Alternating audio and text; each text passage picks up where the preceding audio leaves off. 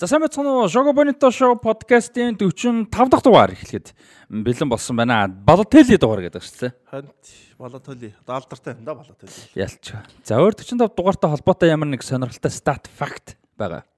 За наадам асахгүй нэртэй байж та. 45 оны наадам. За би 45 оны нэг өөр наадам ярьчих зэ. Хөл өмгтэй холбоотой. За 1945 он гэдэг чинь өөрөө дэлхийн 2 дугаар дайнд дууссан жил шүү дээ. 9 сарын 2-нд те албан ёсоор. За тэгээ Европын одоо ихэнх улсуудын нөгөө лигүүд болоогүй. Одоо 39 онд дан эхэлсэн цагаас хойш тэр ихэнх нь канселтал зогссон байсан. За тэгээ 45 онд нэг ийм сони юм болсон. Би тэрийг уншижсэн. Нөгөө зөвлөлт холбоот улс Их Британи, Америк нэгдсэн улс гэсэн гурван улс нөгөө холбоотон болж ороод яг тэр үедээ бас нэг харилцаа марилцаа бас их давгүй байсан. Тэгээд нөгөө нэг Сталин ихэн хоёр Черчилль хоёр яриад зөвлөлтийн э, клубүүдийг Англид авч тоглуулахаар одоо зөвлөлтийн клубүүдэд л туршлага судлуулах маягтай авиацсан байна л да. Тэгээд Арсенал клуб а юу Динамо Москва гэж тухайн үед одоо зөвлөлтийн хамгийн мундаг чинь мундаг өсөн шүү дээ. Саяхныг болт мундаг өстэй. Мундаг өсөн. Динамо Москва явах болоо Динамо Москва ч яг клубээр явж мэдээж гадагшаа явж байгаа хүмүүс бас нэг өөр өөр клубүүдээс ганц нэг хүн хүчээ сэлбэ. Тэгээд очиод за нэг Оросууд хөлбөмбөг тоглоно гэж юу гэдэг Оросуудыг нэг стан нам хожоод буцаа нэг Челсигээ тоглуулчихъя гэдэг ангилж очив. Тэгсэн чинь авиачаа Челси тань 3 3-аар тэнцээ. Бодоо олгоо тий. Хүмүүс бүр дилдигээд гайхаад Оросын баг ирнэ. Орос англичуудыг сонирн байсан. Дараа нь Cardiff City-тэй тоглосон чинь тэрийн бүр зажлалгүй залгаа хийсэн байна 11. Тэгээ нөгөөдөл чинь гайхаа цааш та Арсеналыг тоглуулж ийнээс та Оросуудыг дарж авахгүй болохгүй гэд. Нөгөө Арсенал нь алдарт нөгөө Стен Мортенсон Стенли Мэтьюсийг авч тоглоод 4-3-аар хожигдоод ирсэн. Оо, хожигдсон шүү. Тэгээд Динамо Москва дөрөв тоглолтоо дөрөвт тоглолт нь юу байдаг вүлээ те хожигдоогүй ирсэн. Тэгээд бас нэг англичуудыг бас гайхшруулаад шокруулад иржсэн нэг тийм түүхтэй. Тэрний өмнө яг хөө энэ дээр нэмээд өвчнөө 1900-аад оны ихээр Оросууд бас Англид очиж тоглож исэн түүхүүд бас их байдаг л да. Одоо нөө шилдэг 100 тоглолт гэдэг шүү дээ. Чи тэр тэрнээс бас амин харж ирсэн тий. Би тэр номыг л уншиж одоо саяны юуг бол Аа тийм үү. Тэр ном дээр харин бас гардаг. 1900-аад оны ихээр тэрс Оросын клубүүд ирж тухайн хаант Оросын клубүүд ирж бас туршлага судалж исэн гэдэг тийм мэдээлэлүүд бол байдаг. Тэгээ тухайн Оросын хөлбөм бол муу юм бол 40 онд бол бас аргагүй юм байлээ л тэр нэг 17 онд засаг унаж байгаа шүү дээ. Хаан засаг. Хаан засаг унаад баруунаас ерөөхдөө зөвхөн спорт гэлтгүү бүх төрлийн тусламж дэмжлэг авсан. Одоо ингээл 69 эсэс эхлэл ихсний сэмпл мэмпл авахлаа авахлаа маш олон төрлийн техник технологийн тусламж орчин тэгж нөө босч байгаа шүү дээ. Тэгэд спорт айгүй хүчтэй орж ирэл дээ. Спортыг айгүй сайн хөгжүүлсэн юм байна л да Оросод. Тэгээд 45 гэхлээр нөө юу хин шууд орж ирж надаа. Майкл Жордны 45 дугаар. Washington Wizards лу 45 нь юу? Чикаго Bulls тоглоо. А Bulls даах 45 байсан юм уу? Үгүй үгүй 23 доо тоглож байгаа анх буцаж зодод тайлаад ирдэн штэ. А тэгтээ 45. Тий 45 таараа тэнд дугаар нь болох гэдэг буцаа 23 аваад. Манай ч нөгөө нэг бейсбол тоглохтой бараг 45 таа байдаг үлээ яадаг үлээ. Тийм баг шүү. Тэр нөгөө өөрийнхөө ахыхан би талд нь хүрнгээл 23 дугаараа авж исэн тийм түүх. Талаас илүү гарна гэж хэлсэн байж. Тэгж түүхтэй л үт юм лээ. 45 гэхэлэр надад бол бас хамгийн түрүүнд Балотоли хөлөмөдөр орж ирсад нь одоо өөр спортоор шууд Майкл Жордан тэр 45 дугаар шууд орж ирд юм л та. За 45. 45 уушлаараа нэг хүн юм санслаа нөгөө Исам Эл Хадари гэж Египтийн алдарт хаалгач байгаа шүү дээ. 2018 оны дэлхийн арга шалралт тэмцээнд яг үндсэн хаалгач биш байсан. Тэгээ сүүлд нөгөө Сауди Арабтай тоглох сэлгээгээр гараад 45-наас одоо хэдэн өдөртэй байлээ. Дэлхийн арга шалралт тэмцээний тоглолтод оролцсон хамгийн ахмад төлөмбөгч болж байна. Рекордыг тогтоосон тэ. 18 онд тэр чинь Египт тэр тэ. Ерөнхий ивент гихч MMS The Future is Electric. Ерөнхий ивент гихч MMS Green Building. За ингээд Шокобринто шоу подкастын 45 дахь дугаар эхлэхэд бэлэн болсон маань ерөнхий ивент тэтгэж MMS-ийн хамт олондоо баярлалаа та бүхэнд мэдээлэл дамжуулан өгсөөр байгаа. За MS-ийн хувьд бол барилга эрчим хүчний салбар цахилгааны бүтээгдэхүүн нийлүүлэлт ирмжлийн анган нийлүүлж байгуулга та бүхэн 7711 19 99 80 10 70 44 гэсэн дугаараар холбогдох боломжтой шүү. Эсвэл source цэг эмэн сайтнаас бас мэдээлэл авах боломжтой байгаа. Шинэ бүтээгдэхүүнүүдийн талаар мэдээллийг бас бид нар өмнө өгсөн байгаа. За тэгээд event тэтгэжээр ажиллаж байгаа Westport Lounge хамт олондоо баярлалаа. Бидэд web-д бичлэгээ хийж байна. Тэгээд сайхан ажиллагаа болыг идчихэд ажлын бол гэдэг шүү дээ. Янзын болт тийм ланч яг гоё ланч гарч байгаа шүү. Тэгээд ланч менюг нь та хэд бас сонирхоор одоо 90 тэгдий 90 30 гэсэн дугаараар мэдээлэл авах боломжтой, захиалах боломжтой байгаа. NBA-ийн плей-оффын тоглолтуудыг гаргаж байгаа тоглолтуудын энэ ч нэ бол гаргаж байгаа юм бэлээ. Бүх тоглолт нь гарахгүй байгааг сонссон. За Тэгээд 45 дээд нэг хамгийн гол стата марцсан шүү. Хөл өмгийн Нэг үе чинь 45 минут тоглолттой шүү. Ээ.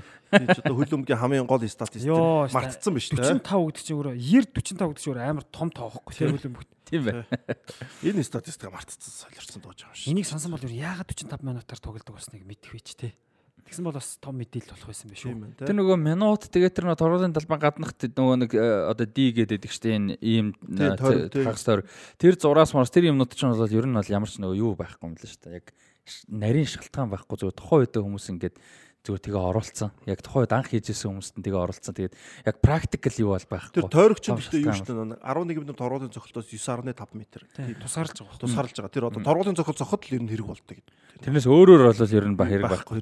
Практикал хэрэггүй. Тэгээ минут ч гэсэн одоо нэг чинь дизайн талдаа их гой харагдуулт юм л да бас. Тэгээ тий. хоосон харагдахгүй тийм. Тэгээ хоосонгоос гадна дөв дөрүлж юм дотор нэг дундан тойрог яг нэг тал тойрог болохоор тэр өөрөө дизайн тал дээр яс гой харагдаж шүү. За аа тэгээд энэ 7 хоногт бол аврагын лигийн шүгэн дөрөв тоглолтууд эхлэн Реал Мадрид, Манчестер Сити, хоёр Миланы тоглолт явна. Аа би андуураагүй болвол түүхэнд хамгийн олон одоо тоглолт болж байгаа тийм Сан Сирод аа, хоёр Милан хоорондоо нэг үлрэлт 5 удаа таарахаар болж байгаа. За энэ бол ингээд түүхэнд рекордын бэлээ Сан Сирог нураахаар усны талаар ярьсан. Дараа жил нураана. За Кампноу цэнгэлдэх бол бас 5 одоо 4.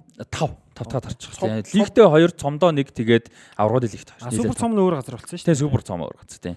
Яг хоо сансиродоо биш. Ер нь бол нэг үлрэлтаа тав. Ер нь дээдлэлт нь дөрүүл болдог юм байна. Удирдаа- Аврал дэлийг дарчаар тий. Удирдлагаа Тийм. зүгээр 6 болж байгаа юм ба шүү дээ энэ жил бол.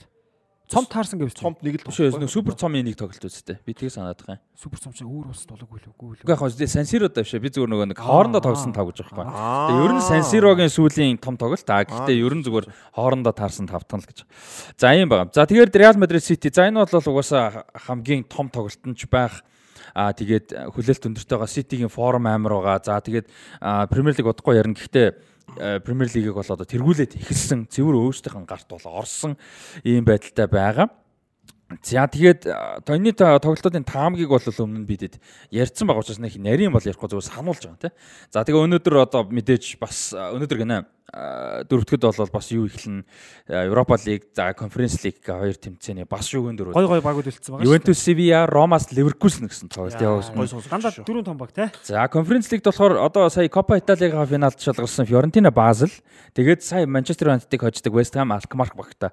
АЦ Алкмар багта. Бас ер нь гоё баг Тийм байна. Тарсан ер нь л их гоё очроо те бүгд Вест Хэм одоо энэ дөрөвдөд тоглох чинь сая юг очичлаа ш. Манчестер Юнайтед очичлаа шүү дээ Тийм дүнгээсээ бид урцсан. Тий. За. Тий. Би сая шал өөр юм сонссон юм чи тэгэл. Энд би сая West дөнгөж цаа West Ham биш Манчестер Юнайтед хождог West Ham гэсэн. За. За ийм байгаа лиг өдрөгөө оръё.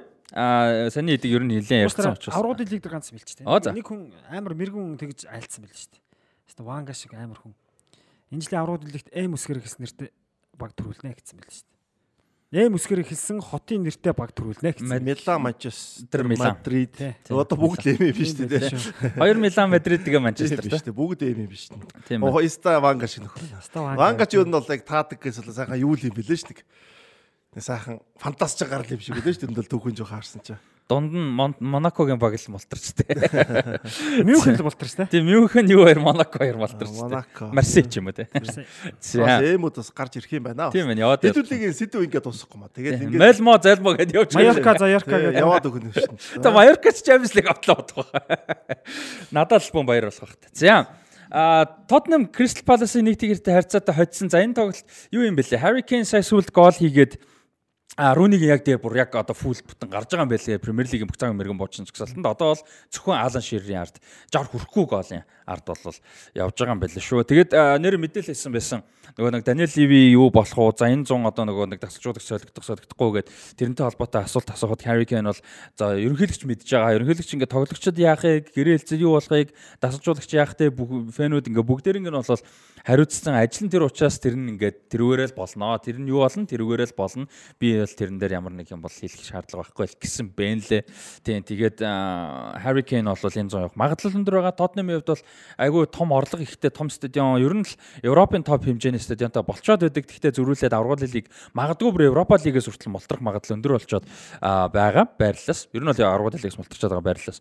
Юу Ийм байгаа. да эвгүй болсон. Яг онлайн үед боломжтой ч гэсэн ер нь л хэцүү болсон шүү дээ. Тийм. Ийм байгаа. За тэгээд Кен дээр юу л гэж бодож байна.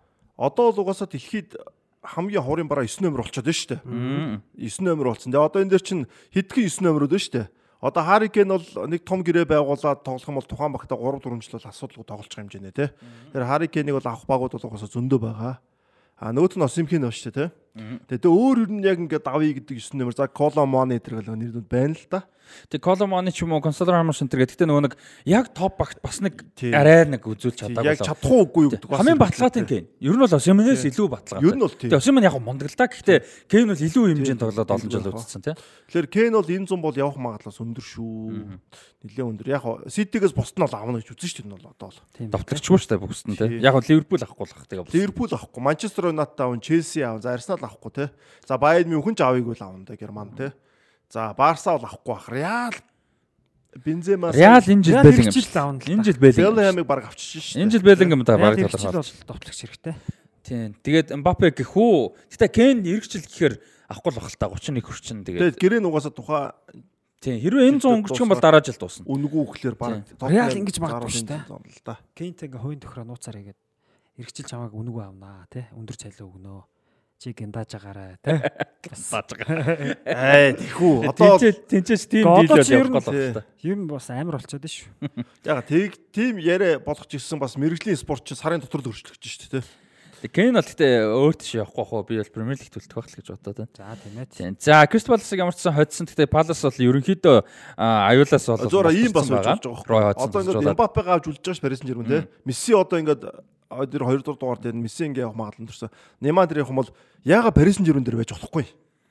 Парис Сен-Жермен за Парис Сен-Жерменийг 2 дугаар хэсэг дээр яриа. За 2 дугаар хэсэг гэснээр 2 дугаар хэсэг дээр одоо удаан яриаггүй ер нь шогагаар баг ярьж байгаа бох Роналдо Мессерийг зориулж ярина. Гэхдээ одоо цаг үеийн өнөөгийн нөхцөл байдал. Тэгээ одоогийн нөхцөл байдлыг. Тэг карьерийн нэгээс угаасаа 15 жил дэлхийн нийтээр ярьсан. Тэгээд нэг үлрэл дээр манай нанж чинь тултал ярьсан шүү дээ тэр хоёрыг юм бас тийм. Зэн дээрс.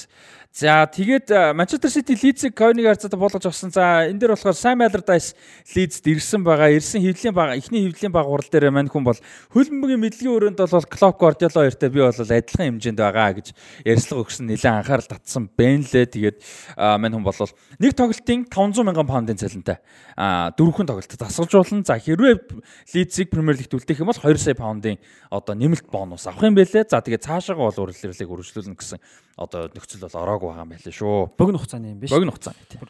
Маш богино хугацааны юм. Сайн малартаа ч нь үлдээдэг л төрлийн хүн л дээ. 100% амжилттай явж байгаа сүлд West Bromwich багтаа унсан. За тэр амжилт нь бол одоо тэр 100% цэвэрхэн явжсан амжилтыг нь одоо үгүй болсон. Унж байгаагүй амжилт юм уу? Тий, унж байгаагүй амжилтыг одоо тол болсон байна шүү дээ. Тий, ер нь бол хар тал болсон тий.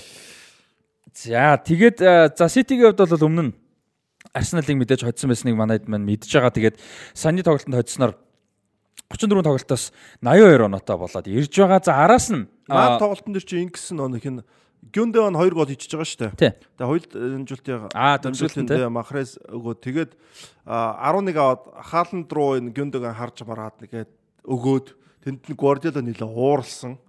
Тэгээ нөгөөх нь шон цогцсон. Тэгээд дараа нь Лидс хийгээд бүр Сити чиг үндэ бол нэг яг тэнцэг мэдсэг ирэх байсан ч гэсэн ерөөд бол Горделиг бол яг өөрөө нөө дандаа тийм профешнл төвшөнд ханддаг те. Тэр тоглогч Эдрик нөө байна уу тэр бол дараагийн асуулт байдаг учраас хааландыг бол зохих гэж айгүй яаж яасан л да. Тэгээд тэр бол жоохон энэ бол Сити өөртөө жоохон нүд рүү ороогаж төгсөн тийм тоглолт болсон. Тийм яг Гундон нөгөө хедрик хийх гээдсэн. Тэгээд хааланд өөрөө Гундонд юу нөхсөн, бөмбөг нөхсөн. Тэгээд яг дараа нь Гордиола ярьслаа өгсөн байсан ингээд дургуулын зохилтыг зохино гэдэг хүн нь бол хааланда тийм анханасаа зааварчлан тэгж гарч ирсэн. Тэгж тоглож байгаа. А хэрвээ сүүлийн 10 минутанд 4 тэгээр хожиж исэн бол хамаа алгаа тий. 2 тэгээр хожиж явж байгаа тийм бол хийж болохгүй гэсэн байсан. За яг энэ тэгээ нэг тийм том алдаа биш зүгээр тэгээ суралцаад өнгөрч болох гайг бах та. Энэ дээр бас нэг үнцэг байна л та. Яг мэдээж бол яач утсан дасгалжуулагчийн зүв те. Угаасаа шийдвэр гаргах хүн дасгалжуулагч дасгалжуулагч одоо багийн нэгдүгээр цогч тэр хоёр нь тэргээд тэрийг зөрчсөн нь бол үнэхээр буруу л та. Гэхдээ бас яг хөлөн бүдэрч заримдаа юм байдаг байхгүй. Тийм тийм байгаа байгаа байлгүй яг. Одоо яг тэр тоглолтыг ингээд яг харахад мэдээж Гүндог нь мундаг тоглолцсон те. Гүндог нь 2 гол хийцэн. А тэнгуут хааланд чинь боломжууд алдаацсан байхгүй. Алдаацсан шүү дээ. Хааланд алдсан. Ёстой алдсан шүү. Ёстой боломжууд. Тэнгуут одоо тэнд бол одоо юу гэдэг хаалан цохиё гэж яхад гүнд он авцсан хэрэг биш те. Тий. А гүнд он зүгээр хааландыг харж хаалан ч өөрөө өгсөн байхгүй. Тий, тий өөрөө өгсөн. Тэгэхээр энд бол бас нэг мэдээж яг эцсийн протоколын дагуу эцсийн юм бол дасгалжуулагчийн зөв боловч яг заримдаа юм байдаг. Үнэхээр гүнд он хийгээгүй л буруу байхгүй тэн дээр. Хийцэн бол а эсвэл тэнд хаалан цохиод алдсан бол хүмүүс Өн хааланд муу байсан шүү дээ. Тэгээ хэдрик хийчихсэн юм доо. Тэгээ муу байсан гэж хэлэхгүй хөө хааланд алдвал. За яг алдлаа гэж арахгүй л үү. Хааланд ч тэгээд сүүлд алдсан шүү дээ. Тэгээд Яг ер нь тоглолтын нэгдүгээр үеч гэсэндээ гой гой боломжтой. Тэр Дебройныг амар дамжуулт өсгөөгөөр гаргаж өгсөн шүү дээ. Тэгээ бас нэг мөргөж штанг цогтөг, бас нэг цохиж штанг цогтөг. Тэгэхээр хаалан ч гэсэн бас өөрийгөө мэдэрч болно шүү. За энэ өдөр миний өдөр бас биш юм. Ба тий. тийм байдэн шүү. Тий, тий, Шууд гүнд онлоо бас ингээд инг Тэр талбай дээр шийдвэр гаргаж байгаа юм бол байж Би болохоор тийж ярьсан. Аа Гордило хожлоо авчиж байгаа шүү дээ. Хожлоо авчиж байгаа учраас 50 байгаа шүү тэр хүн ч тий. Аа тухайн үед бол би Гордилог анзаарч байгаа амар уурсан. Ер нь бол Гордило тим тэр бас амар уурдах төрлийн юм баггүй. Тийм тийм. Тэнгүүд лидс нь хийчихэж байгаа шүү дээ дараа нь. Тэгээд 3 оноогоо авцсан учраас манаа ингээд нэгэнт үйл явдал өнгөрцөн учраас дараа нь заа ингээд юу гээд ячиж байгаа. Тэгээс бол тэнцээ мэнцээдээс бол манаа ч нэг толгоогоо л нэг ууралд шүү дээ. Яг нэг тийм нөхцөл байдал үүсэх байсан болоо л жаарсан. Гэтэ тэр бол бас л аа тэнцсэн болоос эвгүй шүү дээ. айгүй. айгүй. Хөөрхөн талбай дээр ээж идэг байгаа. Тэгэл яаж ч аврагуудын лиг тоглож байгаа тий бас нэг бонусаа хадгалсан шүү дээ нөөцөө тий. Нэг алдах хэрэгтэй. Гэтэ яг тэгж бодохгүй л та.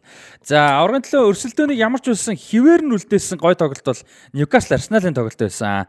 За, Арсенал бол Ньюкасл 2-1 харьцаад хоцсон гэтээ тийм амар хожил бол байгаагүй. Ялангуяа тоглолтын эхний хэсэгт бол Ньюкасл бүр маш одоо сайн тоглосон мундаг тоглоомнуудыг хийсэн. Олон боломж үүсгэсэн. олон боломж үүссэн. За хоёр хаалгач бол хоёулаа топ байсан, мундаг байсан. За Орсон хоёр гол дээр ер нь хаалгачийг одоо буруутгахад бол хэцүү Непо нэг поп хаахад бол хэцүү. Ялангуяа ихнийг бол те амар гол байсан Одигарын гол. За тэгээ хоёр тийг харьцаад болгож авсан Арсенал одоо бол 35 тоглолтоос 81 оноотой нэг онооны ард гэхдээ нэг тоглолт илүү нөхөж юмнаа. Энэ тоглолтыг үзсэн. Надад бол ингэж л бодогцоо. Төгсгөл одоо гол оруулж байгаа төсөл биш үрдэн биш тий. Эн дээр шидэгчүүл гэж харсан. Яг бол Ньюкасл өөртөө амар гоё боломжууд харж ирсэн шүү дээ. Амар дээр Александр Исакийн тэр Вуйсон үлдээгээ тэр цогт. Тэр бол ер нь гол واخгүй юу? За тэгээд тэр тоглолт эхлээд удаагүй тэр Мөрфигийн тий тэр товчхон байна. Ер нь бол тэгээд дундууд нас идэд товчхон байсан. Ньюкасл бол ерөөхдөө яг тэр төгсгөл гол оруулж чадаагүй болохоос тоглолтын юу бол Ирч хүч одоо бүх юм илүү байсан тий. тий. Бас Илүү дээрээс нь тоглолт бол үнэхээр гоё тоглолтсон. Үнэхээр тийм зодоонтой тоглолт болсон. Арсенал ч гэсэн бас илүү ивэл нэг Одигар энэ нэг гоё хаалгачтай гарч ирээ алдаж болсон шүү дээ. Ер нь л гоё Тэр Одигарын гол тэгт үнэхээр амар гол амар. Тэр үстэй амар. гол. Одоо ингээд төлөв мө тоглолт хүмүүс мэдэндээ доогуур алсын цогцолт идэг бол ерөөхдөө хамгийн өнцгөл шүү дээ. Хамгийн Ер нь бол боломжгүй гэж Тий. зөвхөн гэдэг.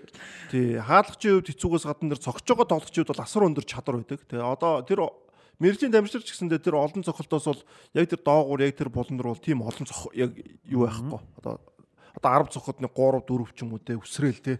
Тэгээд тийш хамгаалагч байгаа урд нь. Тий, тэр бол айгүй хэцүү цогт. Тэгэхээр энэ Одигард идэт тоглож ямар чадвартай угаасаа цогтын чадвар сайн л да манаа бол. Тэгээд би бол тэр голыг харчууд өөрөө босоод ирсэн тоглолт үзэж байгаа. Тэр нөгөө Арсеналыг Сити хождог тэр нөгөө Деброни голыг гэдэг л бас ярьсан шүү дээ. Ямар амар хэцүү гол үү гэдэг тэр Тэр шиг. гэхдээ бараг Дебройны хос хэцүү баха саяны хол те. Зайн ч гэсэн хол. Тэгээ яг жоохон ачаар авах шиг болсон. Тэр бол хаалгачиг бол жоохон толгойг нь жоохон эргүүлсэн баг. Гэхдээ энэ бол тэр цохолттой болно гэхээр ярих юм байхгүй амар. Сая Цохолт болсон доо. тоглолт үзэж байхдаа яг Расти сая хэллээ л дээ, хоёр хаалгач хоёлаа том алдаа гаргаагүй гэ те. Яг гоолн дээр алдаа гаргаагүй ч гэсэн ер нь зөв би хаяа ингээ Ньюкаслын тоглолт үзэхэд нэг Попин яг класс дутдаг байхгүй. Та санаж байвал нэг төврүү нэг эвгүй дамжуулт өгөөд Арсеналын нэг товтлогч авангаа алдсан штэ. Одоо нэг амар муу дамжуулт өгдөг штэ нэг төврүү. Өмгөө баг булаалах хэмжээний урд байсан.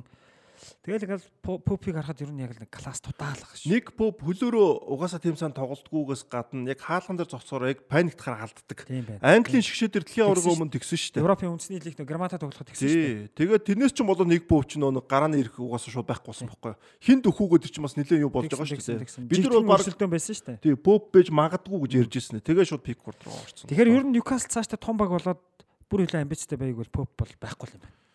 поп юу нь бол жоохон одоо бид нар зөндөө Ньюкаслын бүрэлдэхүүнийг ер нь задлсан дөө тий. Одоо ингээл хэн бас мундаг байна. Дасгалжуулагч Эд яа. Эди хаа бол мундаг. Одоо ингээл Альмирон байхгүй хөтлийн багч нь бус тоглолчдоор айгүй гой нөөцөл. Одоо Морфи бол бүр гарааны айгүй чухал тоглож болчлоо шүү дээ тий. Үнэхээр сайн тоглож байна. Жолинтон бол үнэхээр сайн тоглож байна. Тэгээд анх удаага нэрээ Вилсон Исак хоёр юу байсан? Товтлон дээр хамтдаа гарсан. Исак зүүн зүгүүрийн товтлооны байр дээр товтлогчийн байр дээр тоглосон. Юу нь бас болж илээ шүү. Тий. Тэгээ энэ тоглолтын дээр хин харин их муу тоглож байгаа гэсэн. Ялангуяа эхний үед 2 дугаар эхний үеийг бүр сайн удсан.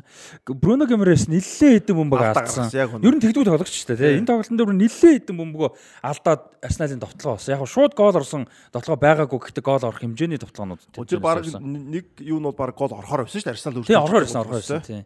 Ер нь бол нэлээд алдсан. Тэгэж харагдаж Бруно байлаа. Гемраш жоохон тааруу тоглолцсон. Тэгээ тийм өдөр үе байдаг л та тий нэг Оф дээ. Буруу үйл дээр бас өдөр. Аа за юун дээр нэмэгцүүлэн Арсенал Ньюкасл. Аа тэгээд юу яасан? Хэдүүлээ нөгөө ярьжсэн шүү дээ. Сити бол удирдлын төгсгөлийг бол үнэхээр сайн хийж чадахгүй гэдэг. 10 дараалал хожицсан байл шүү. Яг сүүлийн 10 тоглолт дараалал хожоод тэгээд тэргүүлээд эхэлж байгаа юм байна. Яг л тэгдэг те. Сүүлийн сүүлийн 5 6 жилийн Сити бүр яг ингэж байна те. Тэгээд ер нь 10-аад 2010-ад оны Сити ялангуяа сүүлийн 4 5 жилийн Сити бүр ямар амар өндөр стандарт тогтоож ийнө гэдэг амар те. Ливерпул 97 8 орто одоо 2-т орлоо. 13 дараалж сүлдээ хожоод орсон 2-т орсон Тэр те. 98 оноотой 2 дордог. 98 тий. 99 100 илүү юу 99 98 билүүний тэр авцаа. Тэр 100 арай өрөөг Тэр байна. өстой амар тий. Амар, Яа, амар. Тэгж оноо авч иж түү. Тэрэн дээр чинь Ливерпул 13 дараалж хождсон шүү дээ. Ууг нь. Тий. Тий. Тэгээд Ууг нь тэр оноо ч хамгийн гол нь авахд өөр их- баг ихэнх үлрэлтэнд нь төрүүл. Тий, төрүүлээ төрүүлсэн багаас бүр тасарсан оноо доо. Тий. Тий. 96 7 онтой 2-т орно гэдэг амар те. Тэгээ Ситиг одоо ийм юмд сургасан баг бол сайн өршөлдөгч те. Ливерпул Ливерпул байсан болохоор э, ингээд чармаагаад чартаагаад ингэдэг хийсэн. Тэгээ одоо энэ ч баг тийм соёл ч юм уу те. Уламжлал болоо тогтчлаа шүү дээ ер нь бол. Тэгээ Арсенал ч гэсэндээ одоо Арсеналын оноог харах юм бол бас л одоо 81 оноотой явж байгаа байхгүй юу. Тэгээд юу гэдэг нь 3 тоглолт дутуу байна. 90 оноо хүртэл авах боломж байна те. 90 оноотой бол энгийн уйлралт хуучин төрүүлдэг бүр тасархаач баг төрүүлдэг байсан үйл те. Юу 86 мургаатай төрүүлжсэн зөндөө. Юнайтед тэр Фергюсон үед тэгэл төрүүлдэг байсан шүү дээ. Тэгэхэд одоо 90 оноотой юу авах магадлал шүү дээ. Арсенал баг сүүлийн баг хэдэн жил үзүүлэг авч шүү дээ. Тийм 90 оноо аваагүй удсан баг шүү удсан баг. 81 оноо энэ гарсан тохиол бас яг тийм их үү гэдэг. Тийм. 80-аас дэш юу. Тий. За тэгээ Арсенал Ньюкасл хоёрын хувьд ганц гоё юм зүгээр энэ үйлрэл ганц дангаараа цорж байгаа биш. Хоёулаа нөгөө шинэ project те одоо Артета эдүү өдөр удирдлага доор тэнцээ бас нэг гоё юу явж байна. А залуучуудтай бүрэлдэхүүн эхэлж байна. Мэдээж дараа жилийн том зорилго аврал лиг цаан төглөөд цом авах. За бас мэдээж аврагын төлөө дахиж өрсөлдөх те. 100 бас 8-ны цонх ганц 28 хийх бах. А тэрэн дээр нэмээд мэдээж Ньюкасл байгаа те. Сайн Ньюкасл дээр сая Эди Хав ярьслаа өгсөн байсан л бид нар бол ингээд юу байхгүй ингээд мөнгөөр зодож од хүмүүсийг авчрахгүй ерөөсөө тийм юм төлөө нь угаасаа байхгүй а тоглогчдыг бид нар авчраад од болгоно тий биднэрт манайд ирээд бид нар бол одоо бага босгонгоо багтаа ирж од болох юм а гэдгийг бол хэлсэн байсан Зөв шүү Эди. Эд од болохоор шүү дээ. Эд яв чадчих шүү дээ тий. Эди хаад бол би айгүй итгэлтэй Эд яв бол чадчих. Тэгээ залуу ч хүн одоо энэ залуу хүмүүс чинь Guardiola Klopp дээр байн харж байгаа суралцж байгаа. Тэгвүнд бол байн сурж байгаа шүү дээ эндээс бол тий. Энэ одоо шинэ юм юу вэ ч үгүй ерөөсөө. Тэгэд яг хөө мэдээж ямар ч мундаг баг байсан гэсэн жижигчүүд брада Брайтон ч юу гэдэг нэг үеийн Ливерпул ч юу яадаг л да мундаг ажиллаж исэн ч гэсэн асуудалтай гардаг те одоо Байер Мюнхен ч гэсэн нэгсэг мундаг ажиллаж байгаа л одоо бас жоохон юу байна.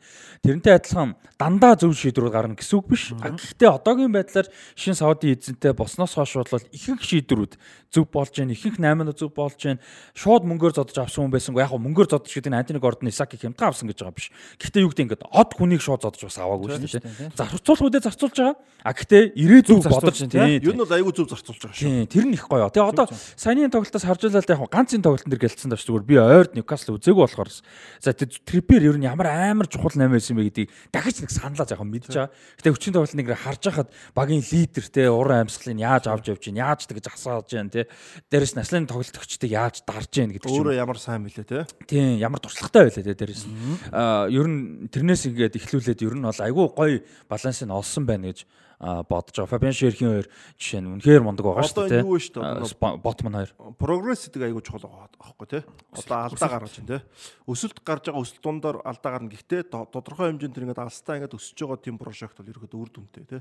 Тэрийг айгуусаа ингээд зөв тодорхойлоо зөв харцсан чухал. Тэнгүүл тэрийг олж хардггүй ч юм уу, тэрийг тодорхойлоогүй, буруу шал буруу тодорхойлсон багууд байдаг шүү дээ. Тэгэхээр Ньюкасл хувьд нөө прогресс нь айгүй Арсенал дээр айгүй ингээд гоё зөв яваад байгаа байхгүй тий. Тэр дунд ч угаасаа ингээд уналт босол зөндөө юм байгаа. Гэхдээ алстаа айгүй хэрэгтэй байж тий.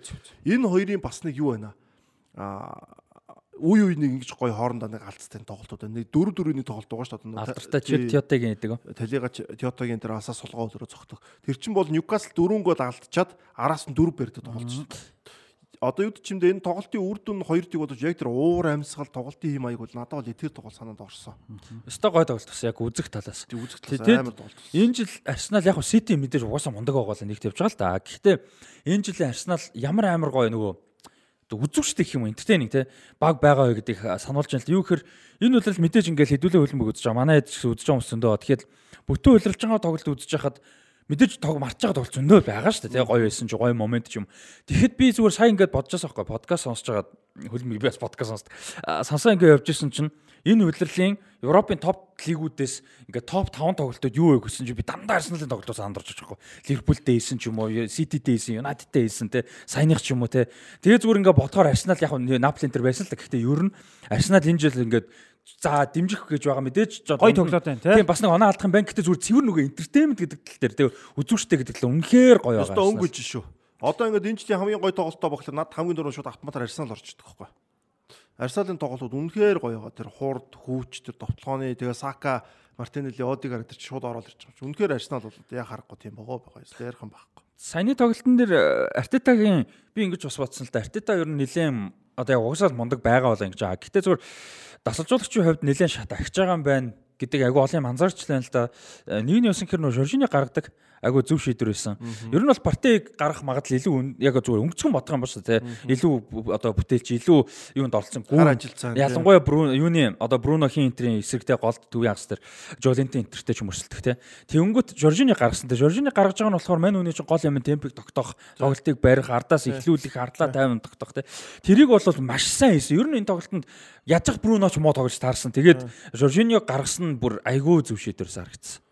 Тийм. Тэгээд Ньюкаслын тэр юунуудын эсрэг одоо юуд чимд яг үндэ бол Жолинтон ихээс нөгөөд нь бол тийм амар бүтээлч бол биш те яг гайгүй л дээ. Ингэл нэг заавал парти шиг ажил хийдэг хүнхээс Жоржино шиг хүн байсан одоо байвал тэгэхээр тэр тоглолт амар мэдэрч инсүг те. Энэ бол амар хэцүү шийдвэр шүү дээ нань та яг гарааны тоглогч нь байдаг. Тэгвэл гарааны тоглогч ард найхад өөр төлөнд тоглож байдаг. Тэндээс сонгоо тоглолтоо мэдрээд ингэж гарганд бол айгүй хүнд байдаг шүү дээ. Тэгээ залуу бүрэлдэхүүн багын бас нэг давуу тал байна. Яг мэдээж туршлага төвчөө хэдүүлээ ярьсан. Мэдээж туршлага нэмэх бах.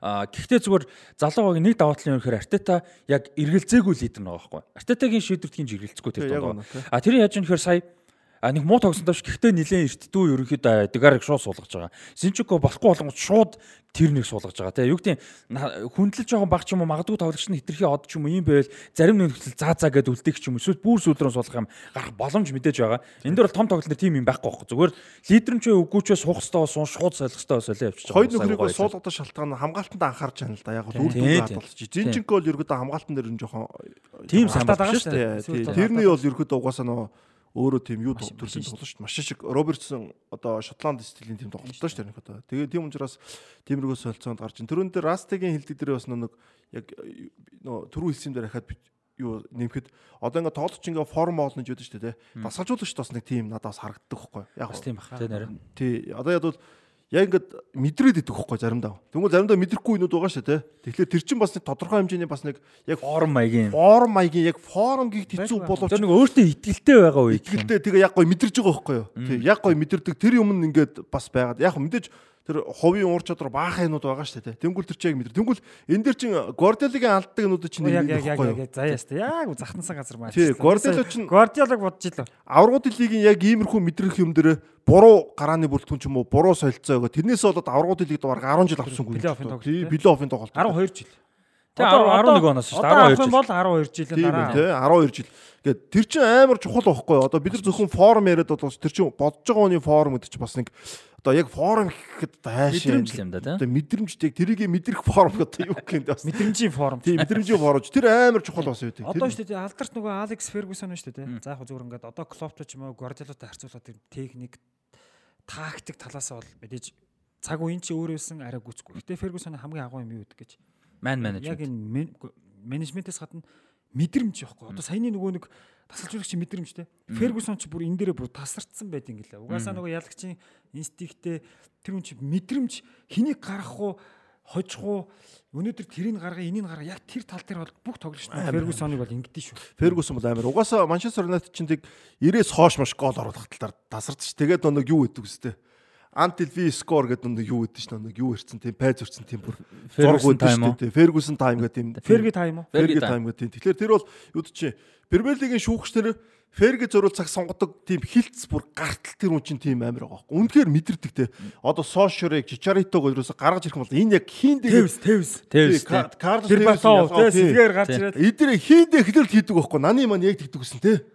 Тэр бол амар мэдэрч. Тэр тэр формыг ингээд удаан хадгална гэдэг бол бас Бас амар шүү дээ. Ванистро энтер гэл те. 30 жил тэр хүмүүсийг өөр өөр хүмүүсийг тэгж Тэр удирдах хүний одоо зүгээр тухайн үед бол мэдээж мундаг тактиктэй байсан. Тэр тактик мэдээж одоогийн хөлбөмбөг бол бас арай өөр л дээ. Тэр хүний энэ энийг бол за ер нь Анчелоти л төхөн шүү яг хэлэхэд. За яг үнэ. Яа, ста ста тийм биш. За тэгээд а, Арсенал бол ямар ч байсан шахаж э, бол хангалттай шахаж л байна ардаас нь. Тэгээ энэ ч бас чухал шүү дээ. Одоо нөө pressure ихтэй ардаас нь дарамттай байх ёстой Одоо наач бол амархан мэрэгжлийн хандлага гарч байгаа байхгүй. Артета гоё ч үг гэсэн бэл. Бидний чадах юм урт тоглолтод бол оноог авах. Чинь мэрэгжлийн хандлага байхгүй. За Арсеналыг бол өнгөрсөн дугаар дээр нэлээд дэлгэрэнгүй ярьсан. За нэмээд ярихад 6 тоглолт 6 үйлүүд 7 тоглолт дараалал хожигдсон байсан Челси Лампард тасаж 6 уулзсан. Тий 6 байс та. За ингээд э, Челси сая юуг хожлоо. Борнмутыг 3-1 ярцаатай буулгаж авлаа. Галагер Бадишил болон Жо Феликс нар гол оруулсан. За ямар ч тач ингээд Лампардын а, Лампардын болон Челсигийн нэг хар амжилт бол зогсож байна. Альбиосо доош унахгүй болсон шүү дээ. Тэгээ бүр. Тэгээ тэр нь тэгээ тоглоом болоод тий. Яг хөө ингээд Челси шиг том баг хожоог удсан байж байгаа хожихоор ингээд хөгжөөд дэмжигчт нь мэдээж сайхан байгаа л да. Гэхдээ зүгээр яг тоглолтын агуулга муу байсан. Нэг нэг байхад ер нь Бүрнмут илүү төгссөн шүү. Бүрнмут нэлээд олон давтсан, нэлээд олон голын боломж үүсгэсэн. Тэгээ өөртөө Бүрнмут хийж чадаагүй. Тэгээ зүрөөд Бадишил мөргөөд дараа нь хин хийжлээ дээ. Жо Феликс. Галагер тэгээ Феликс орж ид баг ихний хүрэл дээр шахав гол шүү дээ тий. А Галагер ч ихнийг болоо гэдэг тий.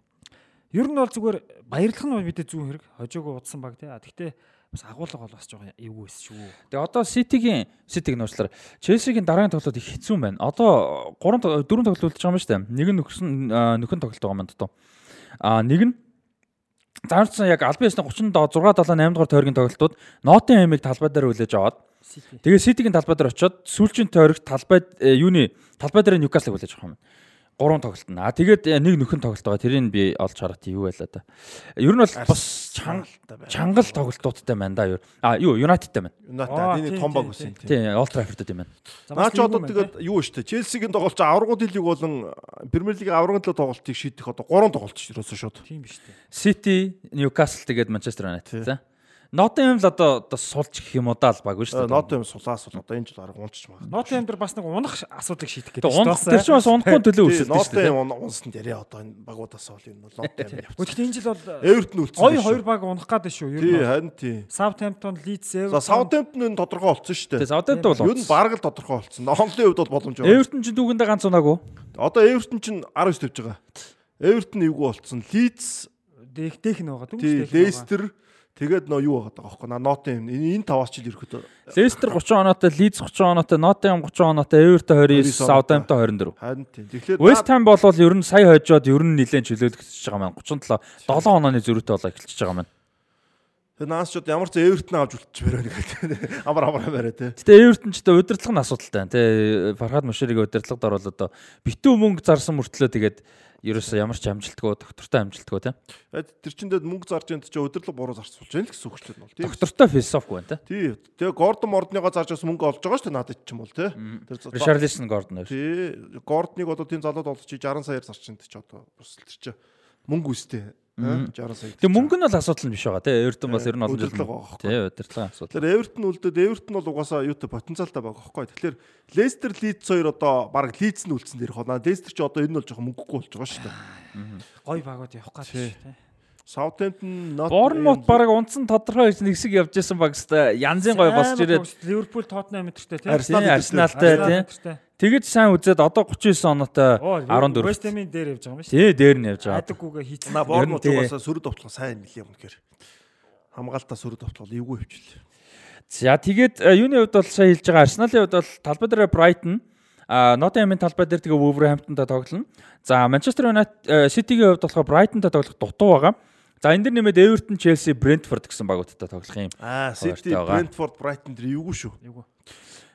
Тийм Brentford Bri- Brighton хэлээгүй. Брайтон ч хоёулын тань тоглоно шүү дээ. Тэгээд дээрэс нь Chelsea бас байгаа. Тэгээ юу гэдэг юм форм муу байгаа ч гэсэн том баг бас Том нэг бас нэг сэтгэл зүй те.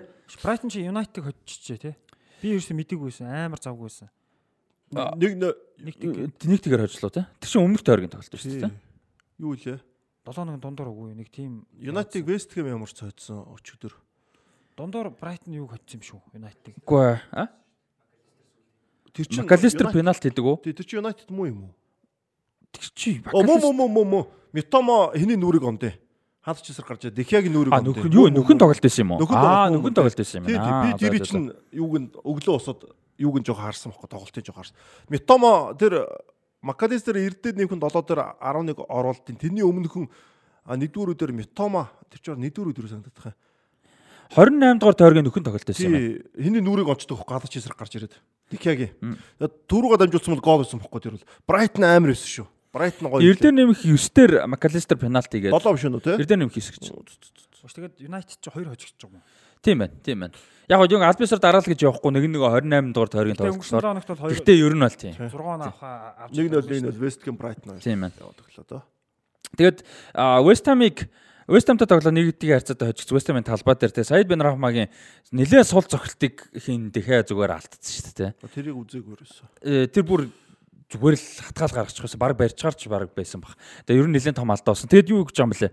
17 18 оны улирал ихснээс хойш Премьер Лигийн өрөөнд аа гол шууд голд оролцсон одоо шууд голд гол болсон гэх юм уу том алдаа гаргасан хаалгач чинь Jordan Pickford 13 алдаа гаргасан юм бэл. Тэгээ ард нь дэхээ 11. Пикгүр ч угаасаа жоохон юу шүү дээ. Хийтэн шүү дээ. Тэгээ энэ улиралд болохоор бүх тэмцээний өрөөнд Премьер Лигийн багуудаас хамгийн олон шууд голд оролцсон алдаа гаргасан хоёр хаалгач нь дэхээ Лорис Алисон бас араас нь орно шүү. араас нь ч юм одоо ямар ч тэр хоёр дөрөв дөрөв Аажсан чи харахгүй ш нь бөмбөг барьдаг байгаа ялгач жоохгүй. Тэгтэл их алдаа гаргасан тийм. Тийм тийм тийм энэ алдаа. Гэтэ шууд голд нөлөөсөн алдаад байсан. Одоо хэдүүлээ нөө өмнөх тойрот нөө Валт Валтсыг нөө хаалгач ингээд сайн муу гэл яриад ингээд пиккурд дээр өгч. Би энэ дээр жоохон бодсон л та хаалгач сэтгэл зүй юу юм дээр. Тэгээд надад бол яг тэгж бодогцоо. Одоо үүд чи ингээд дэлхийд удаан хугацаанд сайн тоглодог хаалгач нар хэлэхээр ямар нэгэн процесс ямар нэгэн бүх төрлийн үйл явдал болно шүү дээ. Тэн дээр хамгийн баг паниктдаг хаалгач нар хамгийн одоо баг алдаа гаргадаг юм байна гэж хараад байгаа. Пиккурд эдрийг одоо ингээ харахаар ингээд паникч алдаа гаргахаасаад ингээд зарим үйл явдлаар ингээд хар дагч очдөг байхгүй юу? Одоо тэр Вандаки гимтдгийг санаж байгаа шүү дээ. Вандак тэр бөмбөгөө ерөөсө харахгүй ерөөсө хар дагч очоод бөмбөгтэй юутэд Вандака хамчдаг те. Гэтэл одоо юуд чинь Буфон ч юм уу, Доннорума ч юм уу, Питер Чик ч юм уу тэгж нэг тийм хар очдгоо шүү дээ энэ бол те. Бүх юмаа ингээд тооцоолдог, бүх юм дээр айгуу нэг танддаг те. Тэгээ ямар ч хүн төрлийн юм дээр нэг паниктдггүй ерөөсө. Тим хаалгач нар одоо Вандер сар гэдэг чинь тийм байсан шүү дээ ингээд харахаар. Тэгэхээр Пиккур ч юм уу би Валтсийн дутуу үлдсэн шалтгаанаа ингээд бас бодохоор их тийм байгаа тоххой. Зарим ингээд тодорхой нэг эвгүй моментууд үүдэн шүү дээ тулж байгаа ч юм уу агаар тулж байгаа айгуу тийм эвгүй нөхсөд айгуу хар очтой. Тэнгүүл тэр чинь нэг паник чинь нөхөхгүй. Паникч байгаа юм чи тэр чинь алдаа гарах магадлал ихсэж байгаа байхгүй. Заримд нь яг ингээд зүв болдог паниктаа тий. Тэгтээ алдаа гаргадаг. Тэнгүүл Пиккур чинь тийм юу айгуу өндөртэй байхгүй. Шигшээ дээр л тань гайгууд байгаа. Яг гарч ирэх паниктах хоёр жоох өөр бах те. Үгүй тэр чинь юу байхгүй да. Гарч ирэх паниктч чинь одоо гарч ирж байгаа нөхцөлдөө зарим нь паникж байгаа бол паниктгүй хаалгач нар чинь сайн хаалгач нар байхгүй да. Одоо миний хэлэх гээд байгаа чигээр бол. Тэнгүүл дэлхийн айдэр бас тэн дээр тийм бас гарагдаад идэм болов уу гэж одоо. Одоо Алисон бол тэр харьцангуй бага байдаг байхгүй бас паниктах. Гэтэ яг паниктах бол гардагчсан. Юу нь бол харьцахгүй ба. Ингээ топ хаалгачдаг бодохоор ихэд яг алдаа гардагчсан паниктах нь айгүй баг. Одоо Питер Чекин дэр нэг суган доор алддаг гол байгаа шүү дээ 2008 оны Турк дээр те. Тэр бол шийдэл паник маник гэсэн зүгээр ингээд юу л байгаа байхгүй нэг аксидент гэдэг чинь нэг спорт төр гэдэг тий. Аксидент. Тэгвэл топ хаалгачтай алдаанууд нь ихэнхдээ нэг аксидент байдаг бол нэг тийм паник гэдэг бас нэг өөр юу байх шиг байна л да. Одоо бид нар өөрсдөө тоглолтог байх тэгдэж шүү дээ тий. Зарим нэг л нүдэ нүдэ арчдаг нэг нүд гарч ирдэ шүү дээ тий. Тэнгүүл яг топ хаалгач нар айгүй тийм дээр баг байт юм болоо хараад байгаа байхгүй. Бид нар нөө хүүхд багт нөө Марио Жардел гэдэг төлөмөгч мэдэгсэн шүү дээ довтлогч. Тэрний талаар би 5 цагаас нэг уншаад айгүй бодож исэн. Одоо ч тэр бодод. Яг л Жардел ингээд агаар дээр үсээ бөмбөгөө мөртөө нүдэ айгүй баг анддаг гинэ. Баг андгүй шахав мөртөг гинэ айгу аянахтаа ингээд одоо тэнгууд ихэнх дамжнаар нүдэ анд дээ энэ бол айгу ингээд би бол ингээд чангаандаг яг үнд бол тэр нь одоо тодорхой нэг одоо секунд тэгэнгүүт л би тэрнээс жардэлэг утсан. Энэ бол амар чадвар байна гэж хүүхд байхдаа бодоод тэгж үзэж чадаагүй байхгүй. Тэгэхээр тэр бас нэг төрөлхийн нэг юу ах шиг байгаа юм те. Давуу тал. Тий нэг давуу тал нэг паниктай холбоотой нэг юм болов гэдэг. Жог ойлгож чаддгүй юм. Ойлгомжтой чаддгүй гэж тоо. За 7 хоног бодож бодж ярьсан чинь нэг жоохон бүтггүй ярьчих ярьчих гэж. Зүгээр зүгээр зүгээр.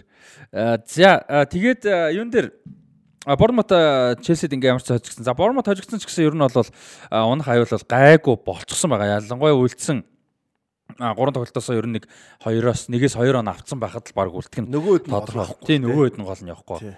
Албан ёсоор бол болоог байгаа. Гэхдээ ер нь бол болчихж байгаа. За тэгээд э, Челсигийн хувьд бол хэцүү тоглолт үлдээж чинь. За Ливерпул Брентфордыг нэгдгийн харьцаатаа болгож усан Мохаммад Салах а царын ганц голыг оруулсан. За ингээд Ливерпул чи хэд дараалал очиж 6 7 дараалал шүү те. Дараалаад хожилцсан явж гин. За одоогийн байдлаар Премьер Лигт аврагууд лигийн байрны одоо аврагууд лигийн сүүлчийн байранд 34 тоглолтоос 63 оноотой Манчестер Юнайтед явж хоёр дараалж хожигдоод. За Ньюкасл Юнайтед болохоор 65 оноотой адилхан тоглолтоос. А Ливерпул нэг тоглолт илүү энэ хоёр угаас а гэхдээ нэг онооны ард. Манчестер Юнайтедаас 62 оноотой. Одоо United Newcastle-д нэг хожигдох нэг тэнцэхийг л одоо Ливерпул ашиглах юутай л болчиход байна л да. Шаардлагатай. За Ливерпул 3 тоглолт үзсэн. За Лестерийн талбай дээр Астон Виллаг талбай дээрээ тэгээ Саутгемптонгийн талбай дээр. Ер нь бол хоёр муу явж байгаа багтаа тоглох нь байна. За тэгээд Астон Вилла Унаа Эмриг нь доо удирдлагад орвол ер нь дажгүй байгаа. Яг сая хожигдсан л доо. Вилла тий. Тийм Астон Вилла бол яг сая нэг хожигдсан. Гэхдээ ерөнхийдөө бол тун давгүй явж байгаа баг. Сая гэж энэ өнгөрсөн төрөгт хожигдсан юм. Тийм энэ төрөгт Wolverhamptonтай тоглоод хожигдсан. Аа тэрний өмнө бас United хожигдсан шүү дээ тий. Тийм United л. Бас хоёр хожигдсан. Wolverhampton 1-0-оор хожигдсан тий. Ливерпул Брентфорд дээр юу гарсан? Аа Джонс Фабиньоор төвд гараад Тэгээд Гакпо, Дарвин Нүнс, Жота, Сала гэдэг энэ дөрөв дөрүлээ урд гарсан. Тэнгүүд нөө товтгооны явц дээр Арнолд чинь төв рүү орж ирээд 4 2 3 1 юм уу? Тий 4 2 3 1 гэж гараад тэгэнгүүтээ товтгооны явцад Арнолд орж ирэнгүүтээ Фабиньо голдоо орж ирээд Джонс Арнолд төвийн хагасууд. Одоо энэ Арнолд ер нь төв рүү бүр яг Албиасор бүр орж тоглодог болчихлоо. Бүр Албиасор орчлоо. Тэгэж одоо энэ бүрэлдэхүүн надад бол анх юуг нь харчаа таалагдсан л айгуу гоё юм тогтолцооны баг те. Головчны 4 4 3 ороод үзээд байгаа шүү дээ. Яг тогтолцооны 4 3 4 3 3-оор 4 4 3 гэхээр гайхалтай. 4 3 3-оор тоглоод байгаа. Тэгээд 4 2 3 1 гарч ирээд аюу гой товтлооны баг. Яг уу ганц хоёр ингэж гарч ирсэнэд нэг сүдтэй болгоо. Тэнгүүд яг Арнолдыг төв рүү оруулж ирэнгүүт товтлооныхоо юу хамаагүй зохион байгуул өөр болол. Дээрэс нь бас юу хэлээ Кертис Джонсыг гимтэл гайгүй болоод уртлын эдийн бүрэлдэхүүн бүгдээрээ фит болж байгааг нь бас том давуу тал бас байна те сонголттой болж байгаа. Гимтэл бэртэл байхгүй Ливерпул бас ямар гоё тоглож чадах вэ гэдгийг харуулж те. Ер нь за тийм ээ тийм. Ер нь бол тоглооны бүрэлдэхүүн бас зузаан байна тий. Тэрийг ардаас одоо Лүст яс хичээл гараагүй байгаа сте нөгөө дүг марцсан баг тий. Тийм. Тэгээ одоо юун дээр баг нь ярьж байгаа дээр ярьж гэж үчэн. Ливерпул дээр 108-ны цогт дээр гол ярьжсэн мэдээж Беллингем байсан. За Жуд Беллингем бол одоо Реал Мадрид дээр явах нь бараг тодорхой болж байгаа шиг байна. А 130-аас 40 сая еврогоор гэдэг гэж байгаа. За тэгээд гол ярьж байгаа хоёр тоглогч нь бол нэг нь Макалистер гэж байгаа. Алексис Макалистер бол хамгийн том зорилго. Макалистер өөрөө ч угаасаа энэ 100 одоо явна гэдгээ шийтцэн. За заавал Ливерпул гэхгүй ер нь карьер нь бас ийм оргил мундаг байгаа дээр том баг руу явна гэж үзэж байгаа. За Ливерпулийн хувьд бол Макалистер гол зорилго. За нөгөөх нь бол Матеус Нүнес шүү эсвэл а өөр нэг төвийн ахс бол яригдал байгаа. Яг Матеус Нүнес нэлээд яригдаж байгаа юм бэ нэлээ. Өнгөрсөн жилээс хойш ер нь. Тийм өнгөрсөн жилээс хойш ерөөхдөө яригдаж байгаа. А тэгээд Брайтны хувьд болохоор нэг нь Макалистер ярьсных. Жао Педрог 30 саяар худалдаж авах бас рекорд юм бэлээ. Брайтны хувьд бол одоо Жао Педро бол бас ер нь нилээн техниктэй нилээн ирээдүйдээ гой товтлогч аваад за би явчих юм уу те.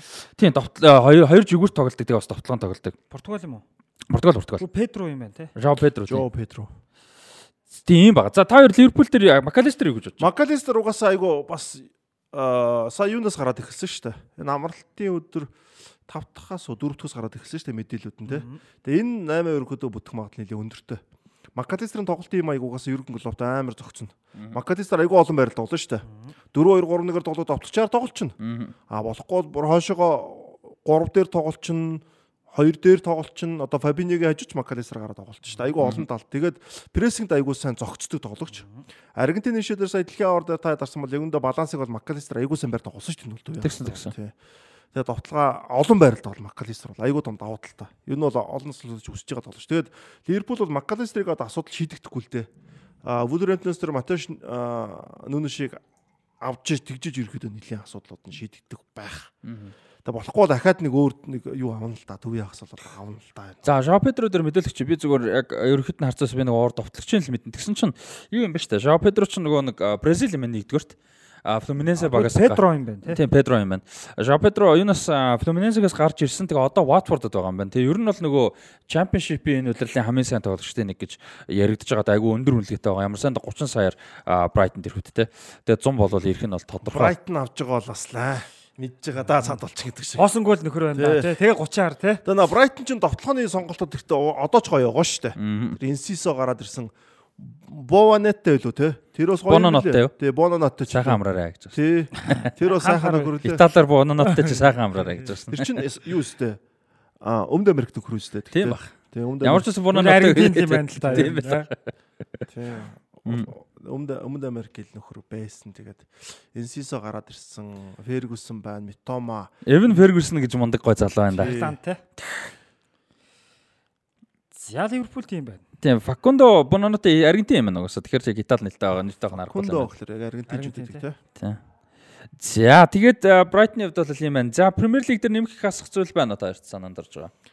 Өмнөд Америк Аргентин гэсэн чинь нөө юу л боллоо. ш. Наа чи бас гаралны Итали Герман. Би сая өнөөдөр ягаад чи нэг юу мэдээл надад ороод ирсэн хөх газар. Тэг чи Өмнөд Америк Итали Германчууд ямар их юм бэ? Сан Пауло одоо анх 19 1900 оны ихээр 37% нь германчууд байсан гэсэн юу гэсэн бэ? Би тийм мэдээл. Аргентинч бол ерөөдөө хүн амынхан бараг 60 оны Итали гаралтай хүмүүс байдэн шүү дээ. Тэ. Тэгээд харчаад би яг гүцэд уншаагүй л дээ. Ингээ харч Өмнөд Америкууд чи Герман Италиуд битүү байлээ шүү дээ. Би Сан Пауло гарч Сан Пауло ч яг одоо юуны хамгийн домод шүү дээ. Тэр твийнхаа. Хамгийн домод нөхгүй Сан Пауло ч. Юу Риомегоос хамаагүй домод шүү дээ. Тэгэл харчаад гайхчихлаа тэгэл. За а Премьер лиг дээр иймэрхүү байна. Тэгээд юуны холбооны цомын финал 6 сарын 3-нд Манчестер Сити Юнайтед болно шүү. Наач гоё тоглолт болно тий. Манчестерын дээр би бас том тоглолт болно. Энэ үед аврагын лигээс бус нь дууссан байна. Үш нэрээ э, бид нар нэг юм ерөөсөө ярихгүй явуулсан юм бэл. За. Сити чи хэтрик хийх боломж байгаа юм байна. Өдөө шүү. Треble үү? Тий. Хэтрик тийм хэтрик треble шүү дээ. Дурдаагүй лүү? Бид нар нэг онцлж яриаггүй юм бэл. Онцлог онцлог үү. Тэгээд За тийм энэ ч бол нэг онцлог үл тээ. Гэхдээ энэ бол мангар мангар өндөр болчих бас жоох. бас гол нь Реал. Реал те. Гол нь Реал. Реалал нухчвал ер нь байх гэдэг А шүү. тэгтээ Юнайтед зүгээр А, өнгөрөхгүй л тээ. А би болохоор эсрэгээр бодож байгаа. Би бол Реалыгаа нухаад аврал лига авчих бах. Би Юнайтед юу гэж хараад. Тэгээ Юнайтед нөгөө нэг яарч муу байсан Сититэйгээ сайн байна. Нөгөө нэг ягаа Сити нөгөө нэг тасраа явж байгаад Олд Траффордод төрүүгөө баттах гэж байсан чинь нөгөө Погба Могба гол хийгээд төрүүлэлээгүй шүү дээ санаж байна Олд Траффордод.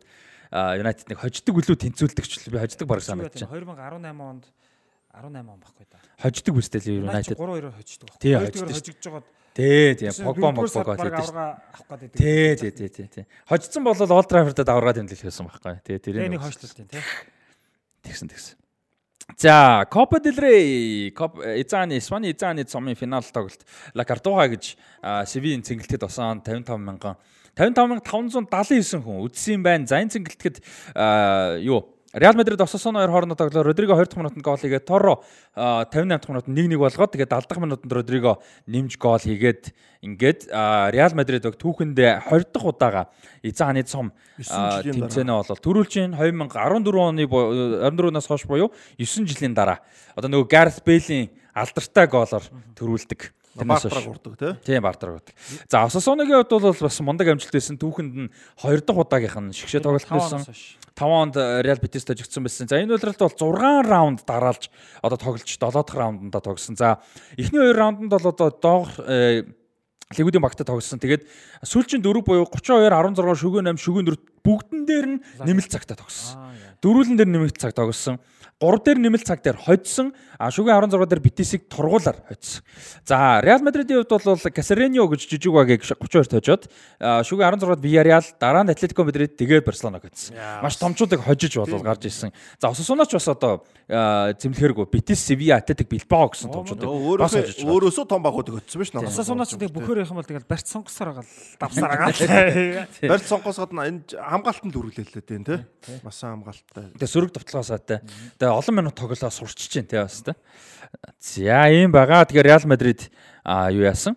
А түрүүсэн тэгээд Карло Анчелоти а юу яасан бэлээ? Бразилийн шоугийн одоо гол юу болвол зорилго болвол Анчелотиг авчих хിവэрэ гэдэг мэдээлэл гарсан. За энэ талаар бол ярихад бол Анчелоти Реал Мадридэд маш баяртай байгаа.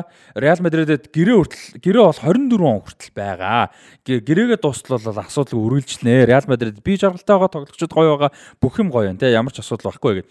Тэгээ ямар сандаа энэ цэнгэлт дууссаны цэнгэлтэд тоглолт дуусаад баярлан баяр нь бараг дуусаад удаж яхад хүртэл үлдсэн цөө өдөр Реал Мадридийнхаа фэнүүдтэй хамт Анчлоти үлдээд хамт ингээ дуу дуулаад ингээ зогсож байгаа. Айгүй гоё тийм дүрслэл бас харагдан лээ. Тэгээд ер нь бол Анчлоти бараг дахиад нэг жил ер нь үлдэхэр л болж байгаа шүү. Энэ үлдэхэр болж байгаа. Тэгээд энэ Бразил баг энэ зүг баха. Эрт авч яах гэдэг Анчелотиг.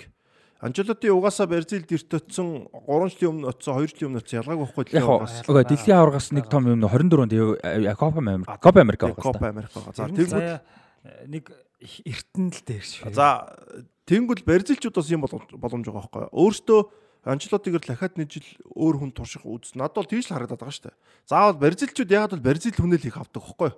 Өөр хүн авдаггүй. Тэгэхээр одоо надад бол Анчлоти угаасаа Реалд үлдээд одоо за Копа Америка дээр барьцилчд өөр нэг барьцил залуу хүмүүсээ турш болж байгаа байхгүй тий. Тэнгүүтээ дэлхийн авар дээр Анчлоти хэрвээ тэр үн муу ах юм бол Анчлоти орсон нөгөөх нь сайн байх юм бол тэрүүгээр жоох явуулдаг. Тиймэрхүү арга зүгээр юм болоо шүү бод. Тэгээд Анчлоти дээр бас нэг ийм нэг өнцөг лээ. Бид нар нэг байнга боддог юм.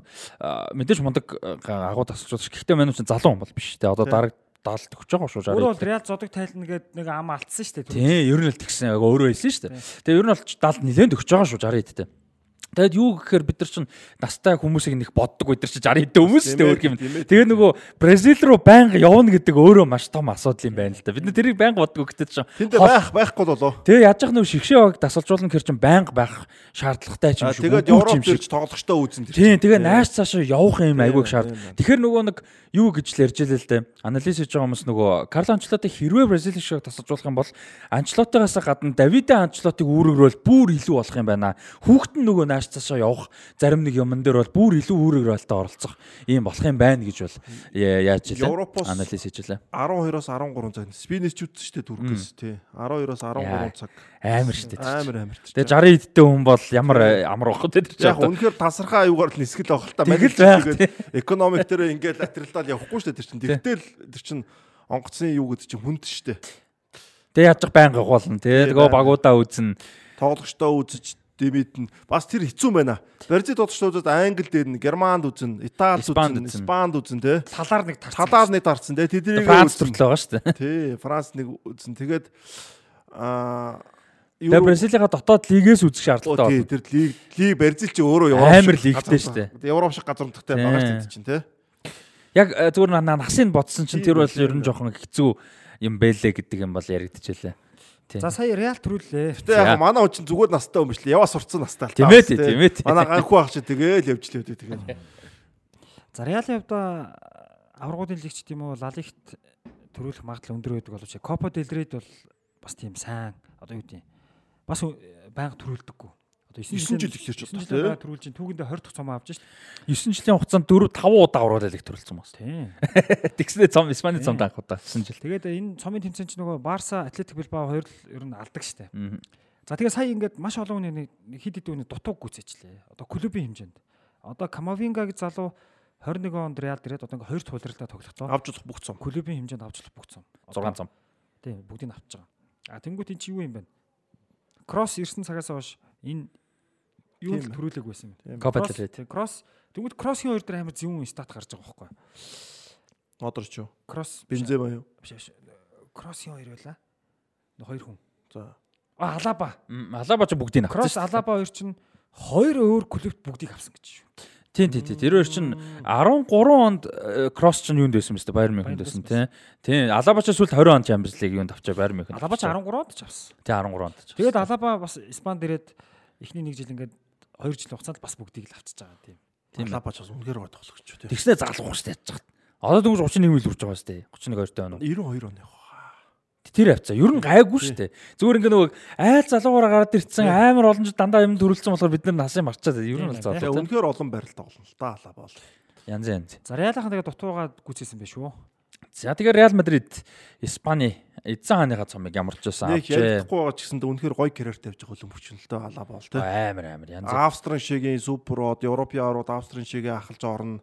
Бүгдийн загнаал тоглуулна тэ тэр чим бол тэ. Найруулагчаа хий. Тий найруулан зүгээр өстой. Хийхгүй Алаа багаар л энэ голын намжуулт голын юунууд эхэлдэж шүү дээ Австри. Тэгээ Байерн Мюнхенд ингэж одоо бүх юм авлаа. Одоо Реал гэдэг бол бас гоё карьер шүү. Олон мундаг тасалжуулагчдын дор тоглолоо тий. Тэгээ өөрөө жоохон эго амбиц баг болохоор тэгээ сайхан тэгээд нэг гараад авахгүй амарч юм даа өөрт нь тэгээ тий. Багтаа айгуугаа хэрэгтэй тоглогч тий. Үнэхээр хэрэгтэй алаа бол. Олон жилээр гэж мундаг тоглогч байна. За а Испани ла лигт юу яасан дундуур 7 өдрийн дундуур тоглолтууд явсан. Изааны цом. Амралтын өдөр нь болоогүй тий. Тийм амралтын өдөр нөгөө Изааны цом байсан гэдэг утгаараа ер нь бол 7 өдрийн дундуур тоглолтууд явсан. Барса Осасунаатай тоглох болсон нэг тийг харьцаатай буулгаж авсан. За Sociedad Real Madrid-ийг 2-1 харьцаатаа буулгаж авсан. За энэ тоглолтод ер нь бол ингээ хожигдсноор бол юу яаж байгаа. Ардаас нь Кадисогийг Атлетико Мадрид 5-1 харьцаатаа буулгаж аваад бас дахиад Гризман бодоолгосон. За тэгээд Хоёр онооны зөрүүтэй байгаа даа. Атлетико Мадрид ингээд нэг онооны дээр гараад ирчих. Хоёрт ороод ирсэн.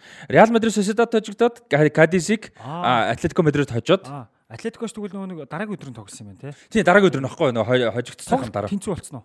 А тоглолт тэнцүү. Адилхан 33 тоглолтоос 68 69 оноотой Атлетико Мадрид ингээд яг мэдээж 1 2-т орохын ялгаа бага яг телевизийн нөгөө нэг ашиг хуваахад жоохон илүү мөнгө олдог. А тэрнээс өөр өөр нэг тийм том үр дүн бол бага. Гэхдээ Атлетико Мадрид мэдээж Реалийнхаа дээр удирдлыг дуусгах зорилго бол мэдээж байгаа. Телевизийн мөнгө ч юм бол хөөрөх бас мөнгө үүдэн шүү те. Тий яг Испанд бол нэг өндөр биш. Испанд өндөр биш бах. Тий. Тэгээд 1 2 байрны дараа бол нэг Англид бол нэг 3 4 сая бол байдэн шүү тунд нь бол багада. А тэрнээс их Англид эхний хэдэн байран дээр бол бүр тэрнээс илүү зөрүүтэй 12 дээр зөрүүтэй тий.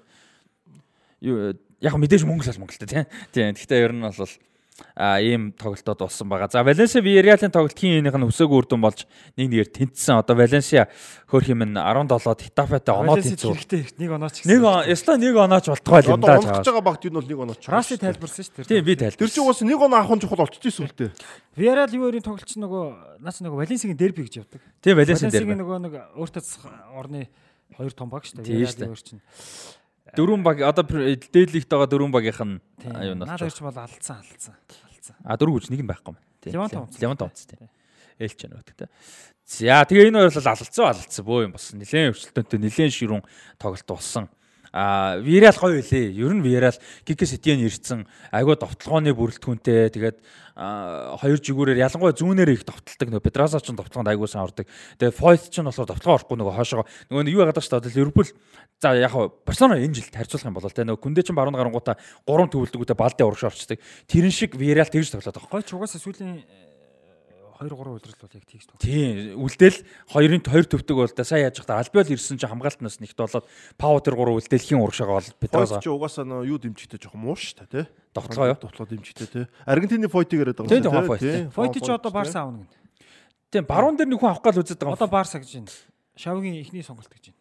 Фойту. Тий. За фойт яг давуу талтай л да төв тоглолч нь баруунд баруунд нэг сайн уу? Дажууд сүүлийн 2 3 удирдал Сайн, яриад сайн. гэсэн. Айгуу болоод Одоо тэр нөгөө нэг Европа лиг төрүүлдэг жил тэгээд тэр тийм нөгөө нэг Манчестер Юнайтед гэх тэр ер нь их сайн тогсон Яг шүү дээ. Барса талаар би ингэж бодох байхгүй нөө. Күндээтэй юу адилхан болчиход ш тоглолтын стил. Харин зүг байхгүй. Тэрний онд бүр урагшаага явдаг хүн зүгээр шүү. Биш биш. Барса ч одоо эгийн тоглолтод зүг гэдгээ олчлоо тий. Балдын урагш. нөөцөл авч ийн гэсэн үг шүү дээ. Балдын урагш аахгүй. Он тийм л юм байна л да. Балдын урагшаага тэгээд одоо нөгөө нэг баруун дээр хүн авч ирэх нэгдүгээр нөөц а хоёрдугаарт илүү адил юм нь күндэхийн голдоо тоглохгүй 12 гол юм. Тэгээд өөр хүн ч алга заяа. Яг. Тийм яг Кристенсен байгаа. Тэгээд баруун дээр нь хүн хэрэгтэй. Нөө баруунд бол хүн байх. А тийм Баруунд бол угаасаа өнгөл. Дестиг явуулна. Бэлрийн чин бэрийн ч одоо гимтэлтэй. Бэр нь явцсан шүү дээ. Бэр нь Явцсан, явцсан. явцсан. Аа тий тий тий үйл явцсан үйл явцсан тий. Португал руу ч үл явцсан шүү дээ. Тийм спорт л байсан санагдаад байна. Би бэрийн тоглолтыг үзсэн шүү нэрээ. Юунд тоглож явах нарчлаа. За тэгээд за ерөнхийдөө товчтой тийм дөө. Тэгээд э, Sevilla оноо авсан 3 оноо авсан Betis а, юу гэсэн Athletic Bilbao гэсэн бас том тоглолт болсон Betis нэгдүгээр харьцаатай хоцсон юм нөхөр тоглолтод болсон. За тийм ерөнхийдөө товчтой тийм. За Serie A. За Serie A-д Napoli 33 жилийн дараа Италийн аваргууд а, болж байна. Түүхэн тоглолт болсон. Энэ тоглолтод бол Napoli 7 хоногийн дундуур шүү дээ тий. Тийм 7 хоногийн дундуур хожил аваа. За сая сүүлд Нап Фьорентинатаа дахиад тоглосон. Фьорентинатай тоглохдоо аваргуудын хүрээгээр бол гарч ирсэн. Нап Фьорентинагийн тоглогчид одоо нөгөө Guard of Honor гэдэг хоёр талтан цагсаа бүгд нь алгадчихад баяр үргээд гаргасан. Неаполь хот бол одоо унтаагүй ийм галзуу бол тоглолт бол болсон. За энэ тоглолтод бол тэгээд Наполи төрүүлсэн.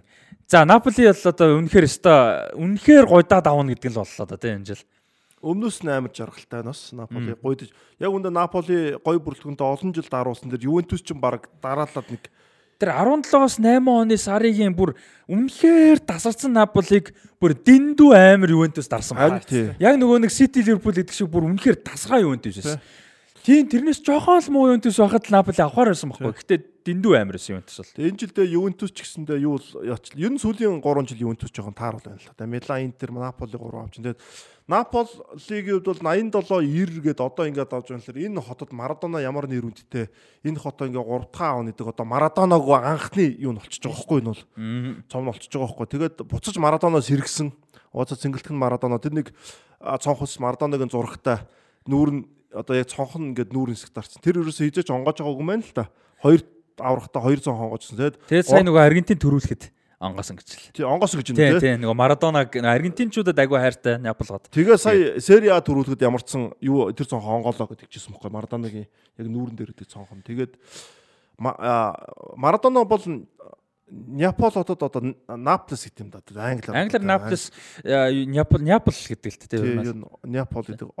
Наполи гэдэг нь одоо тэгээд Наполи гэдэг нь илүү жоохон англисан. Биш Итали нь. Итали Ер нь Наполи шүү, хэлэх хэрэгтэй л доо ер нь бол. тий Напол. За нөгөө иргэдийг Неаполитанс гэдэг. Неаполитанууд тий. Оросууд болохоор Неапол гэж Неапол тий. тий.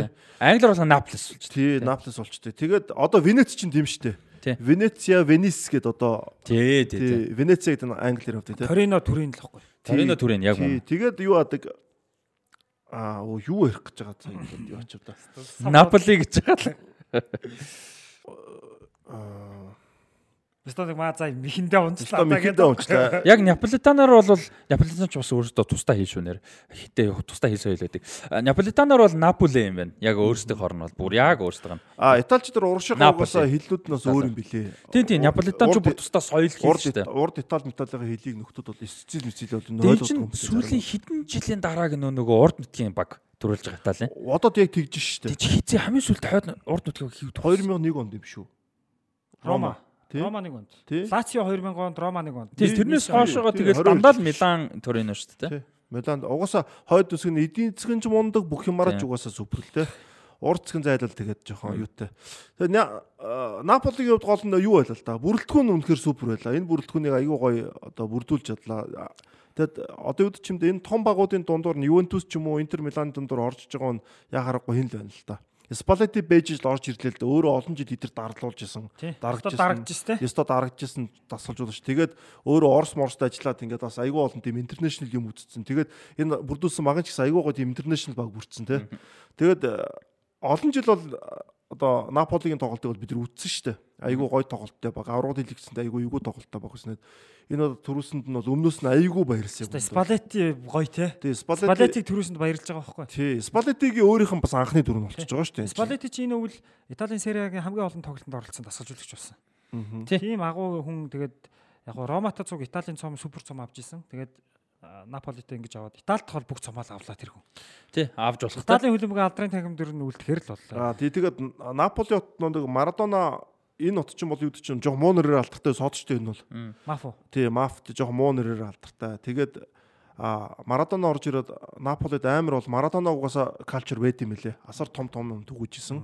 Одоо пиццагаар алдартай байдаг ч юм уу те. Пиццаны одоо жоолон зараг тутам тусам тэр чинь ингээд амар гой гой хийсээрээ бүр лаг болно шүү дээ. Ямар нэг юм чинь те.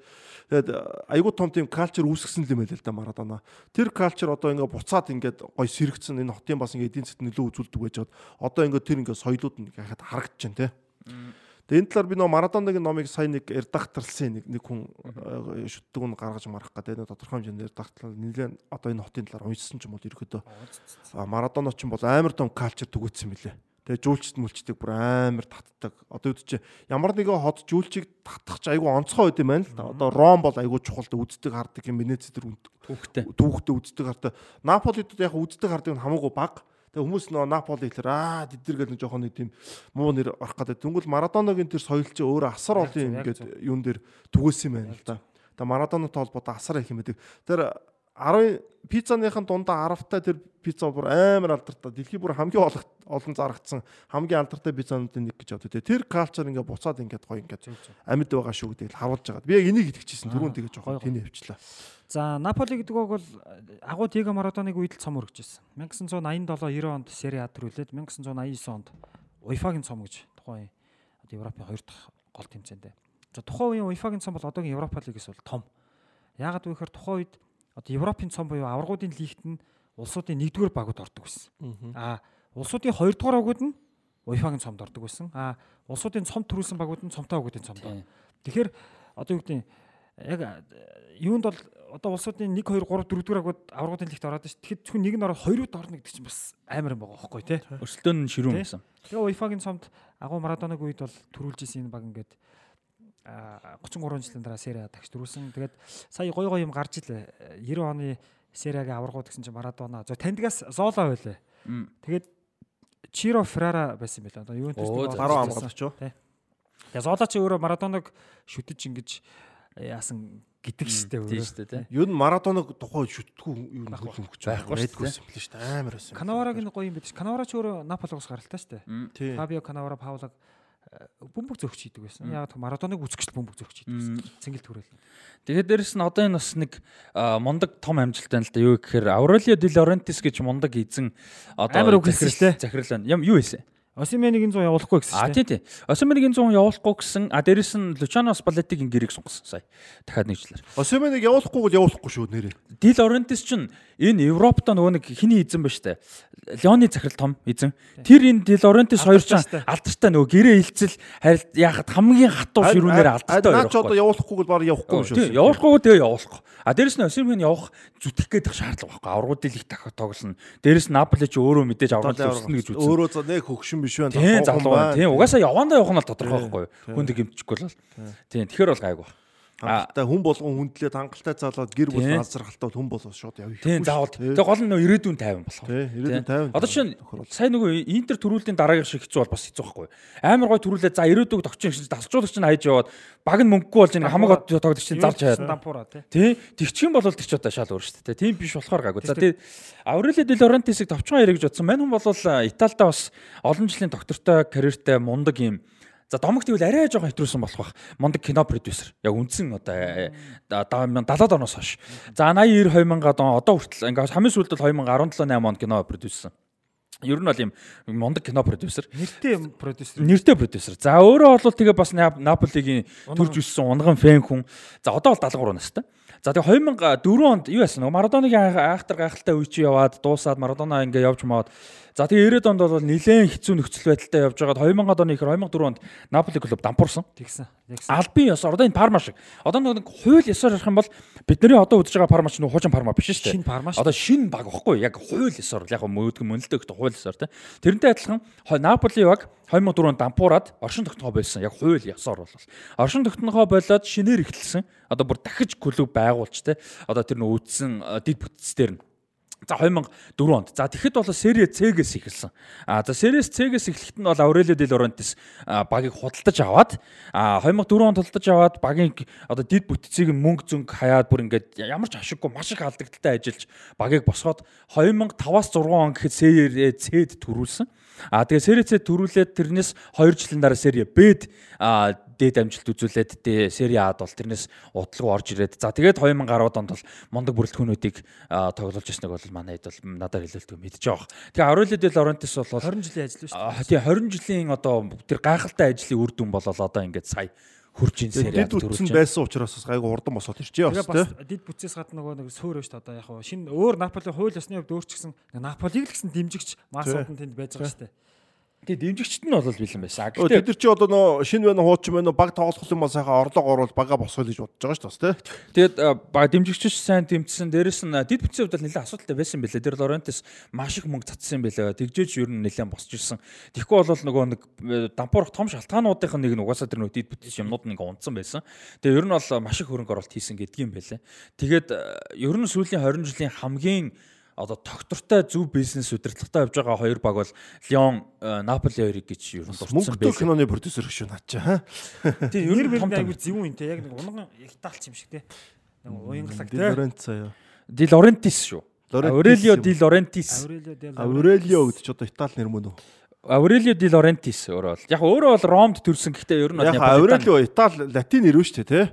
Нөө Маркус Aurelio гэдэг нэг Роми юу гэдэг үстэй. Хаан байдаг үстэй.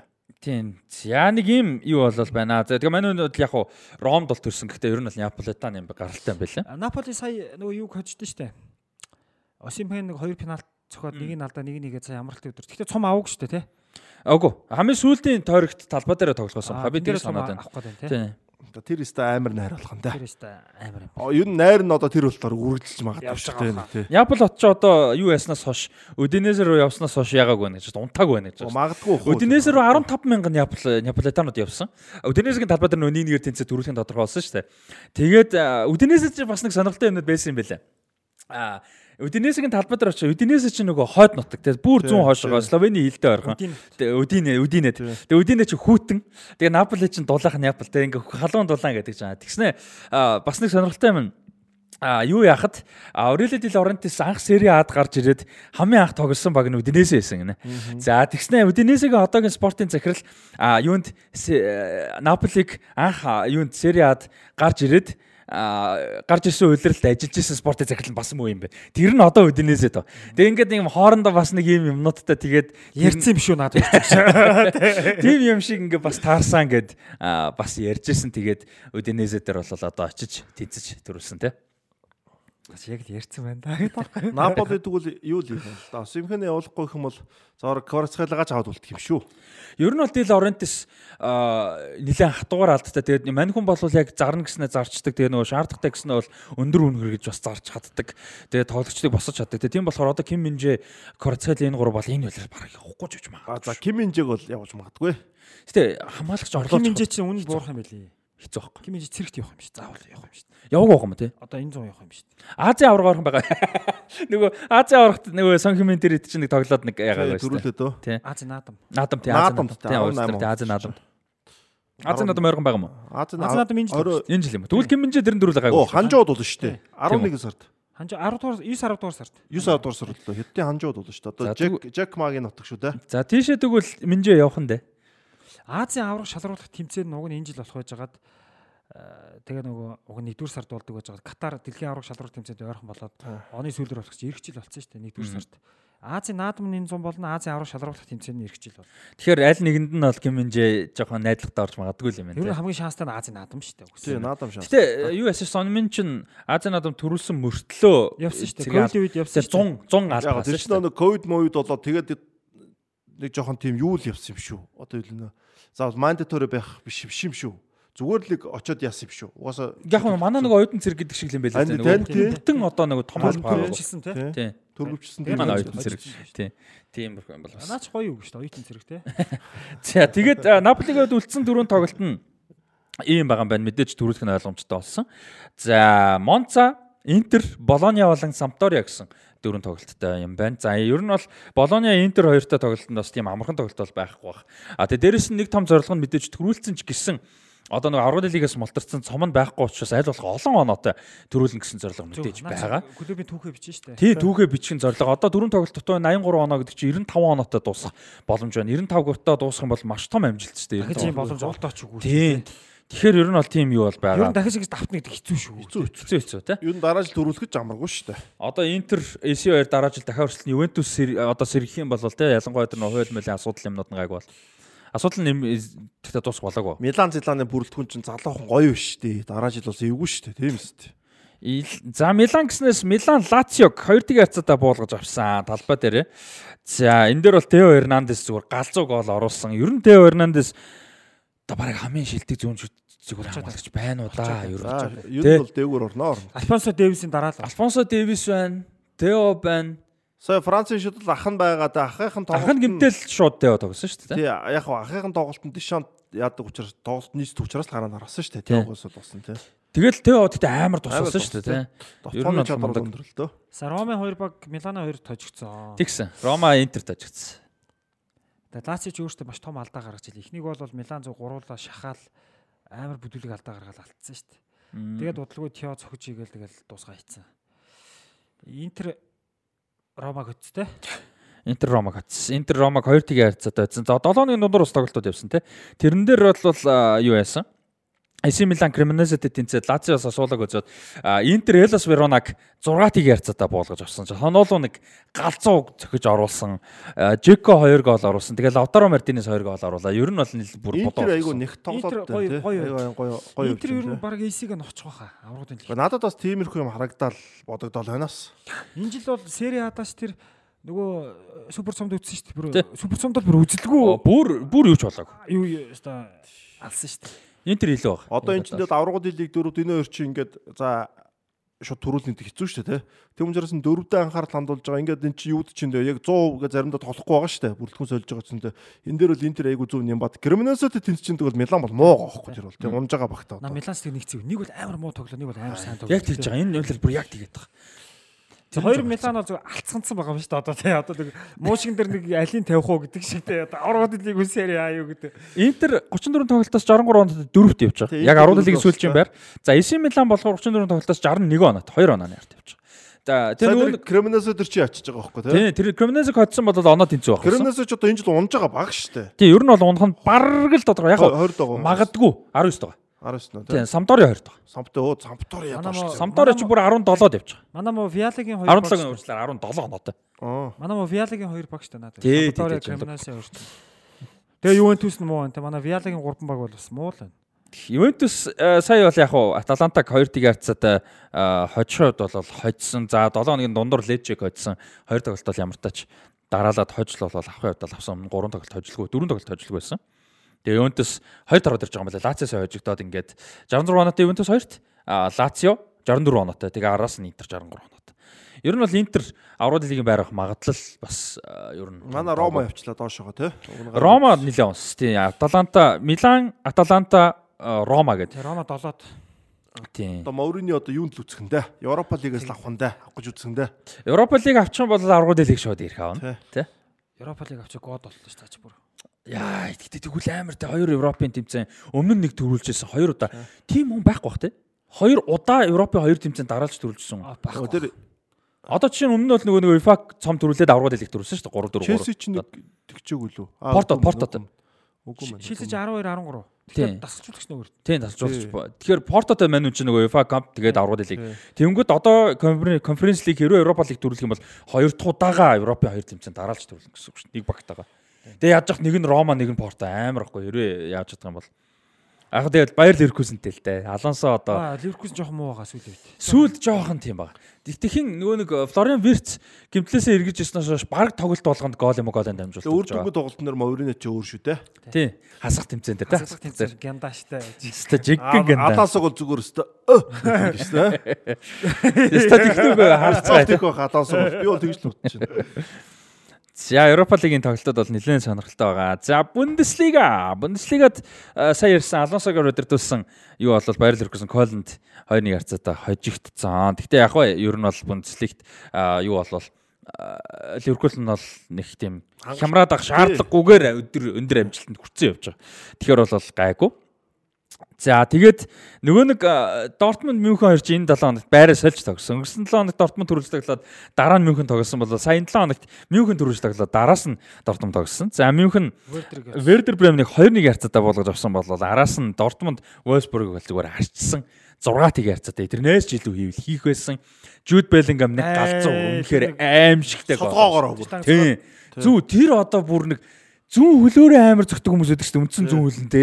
Нэг Рекоба Мекоба өөр хин юм бэ? Адриано Мадрано. Тэд нар шиг зогч байгаа. Тэр шиг те тэр зүүн хөл юу юм бэ тэр зогтолтоо одоо бүр. Гэхдээ үндсэн баруун хөлтэй хүний зүү хүний ерөн солгоо хөлөнд их хүч байдаг шүү дээ. Тийм гэхдээ яг ингэж техниктэй ингэж зохино гэдэг Аа чинь. техниктэй Тийм, байна гэдэг бол тийм, техник хүү- ингэнэ. Хүчүүд байдаг байхгүй Тийм. Тий. Амар. Тэгээ нэг хүчин дарахаар нь дэлб зогтголтоо тэр нь олон биш ч гэсэн. Гэтэ тэр бас чадвар шүү те. Ер нь Белгиум зүйлээр их сайн тоглолдог шүү дээ ер нь. ер нь одоо юуд чи бөмбөг тугаа болохоор зүүнээрээ зүүн тал руу гоох баруун тал руу гоох жууд билэг юм ер нь нэг ойролцоо шүү дээ. Айгуу гой тууж авдаг. Jude Bellingham нэг юм сонирхолтой нэг юм юу гэдэг нөгөө тийм тасархаа хурдан бол биш шүү дээ. Тэгэхдээ ингээд нэг тийм тоглогчтой яаж байгаа амар эвтихийн нэг зидан медан гэдэг гэсэн. Одоо Нэг ингээд ингээд ингээд нэг өнгөрөөд өнгөрөө явчихдаг. юу ахгүй да. Тий. Одоо үд чинь зог тусч өөрөө нөө айгуу тийм зогсчгууд тэнд нь нэг юунууд нь чаддаггүй байхгүй. Тий тэнд нь амар тийм гүсч амар хэцүү байхгүй юу. Хурдан биш мөрт зүгээр хурдан гүдэг бол амар штэ. За хурдан өччихдөг байхгүй. Тэнгүүл Жуд Белиам идэр шиг гүдэг хүмүүс чи эвгүй байхгүй. Амар тийм месси идэр чинь тийм штэ ингээд ингээд дандаа чиглэлээс бол яах гээд байгаа чиглэлээс л тэгвэл яг тэр өөрийнх нь тэр мөрний хөдөлгөөн тэр чиглэлүүд ч ерөөсөө тэр хүмүүсийг хур хамгийн том болчихж байгаа байхгүй. Дээрээс нь Wolfsburg-ыг харж хахад юу яатсан бэл. Яг оо мэдгүй л дээ. Гэхдээ зөвхөн харагдаж хахад Дортмундын давталгаанаас Wolfsburg хамтар ингээ нэг юм айцсан юм бас шийдсэн юм шийдсэн юм. Мал Дониел Мална Але Адеми тэгээ дээрэс нь нөгөө нэг зүүнээр нь гэрээрээ орж ирээд тэгээ хин явангууд Белгиум тоглох ингээд бүгд нь л салж хамгаалах гэдэг байна. Бүгдийг нь ерөөсө сул цаа өгөхгүйгээд тэгээ Белгиум сул цаа өгч. Тэгвэл Белгиумыг очоо ангууд нэг нь ингээ гүйчдэг. Тэгээ нөгөөд нь яаж амар дамжуулдаг гэн тэ. Ерөөсө довтлогоо бүр ингээд үнэхээр янз жүүл ч одоо Реал ч Реал одоо эвгүй болно да. Чоманы наад хоёр ч одоо. Дортмунд ч одоо л одоо авахгүй бол ер нь жууд явуул тэгэл хэсэгтэй хэцүү эвгүй шүү. авахгүй шүү. Тий. А Вердер Бререн Байерн Мюнхен хоёр дээр бас эхлээ гол ороогүй шүү дээ. Тэгээд энэ Дортмундынхаа сайн харж байсан сүүл рүү гоо 3 гол ороод. Баярныхан бас зарим юунуудаар ойлголцлоо жоохон муу л харагдажсэн тий. Баяр нь 2-1-ээр хөдж илээ шүү дээ. Гол алдаж хөдж илээ шүү дээ. Тий. Зарим ойлголцлуудаар жоохон муу л харагдажээ л шүү. Одоо нэрэн гэсэн энэ үйлрэл гэх бол хэцүү тэгээд Беллингем ч явах нь баг тодорхой болж ах шиг байна. А Манчестер Сити бас сонирхолтой байна гэж байгаа. Гэтэ аль биесн санал бол тавиагүй. Реал Мадридын яриа бол нэлээд ойртод эхэлсэн бэлээ 130-аас 140 сая еврогийн санал. Наа чи юу яригдж нэлээд байгаа. ойрхон болцсон юм шүү. Ер нь тийм 4 сард бол Ливерпул болно гэдгээ бол одоо аль биесээр альбан бусаар зарлцсан шүү дээ. Тэгээ өөр баг бол байхгүй. За яг хуу Дортмунд бол юу яаж байгаа юм бэлээ? Йохим Йохим Вацка бол яг хуу гэрээ сунгая гэдэг санал бол тавьсан юм бэлээ. А гэхдээ ер нь тэр бол нэг тийм сунгагдна гэсэн итгэл бол нэг байхгүй зүгээр албан ёсноор санал бол үед бол тавьсан юм бэл.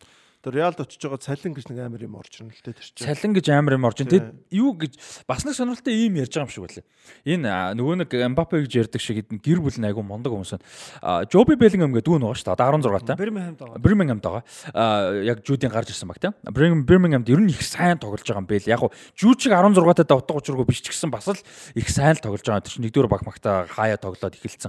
А тэгээд аав ээж нь бол хэрвээ Дортмундтай байх юм бол иймэрхүү юм ярьж яригжлаа. Хэрвээ явбал Реал Мадрид энтергээ явах юм бол дургуцахгүй те ингээд юу гэдэг юм. Дортмундад ашигтай нөхцөл бүрдэх юм бол дуртай те ингээд Дортмундад садаа болохгүй. Яг юм дээрээс мэдээж Реал юм чинь те. А тэгээ тэрэн дээр нэмээд юу яах? Жоби Беллингем карьер нь гайгүй явах юм бол Дортмундад авчрах тий Дортмундад авчраад нэгдүгээр багийн боломж олгох ийм одоо нөхцөлийг бол яригдж байгаа ярилцж байгаа гэж бол бас сураг бол сонсогдсон шүү.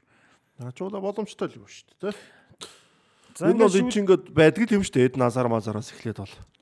Сагсан дээр хүртэл Яны Сантокомпогийн дүү тананаас игээ сайгаас илгээд байж л шүү дээ. Тийм? Тий.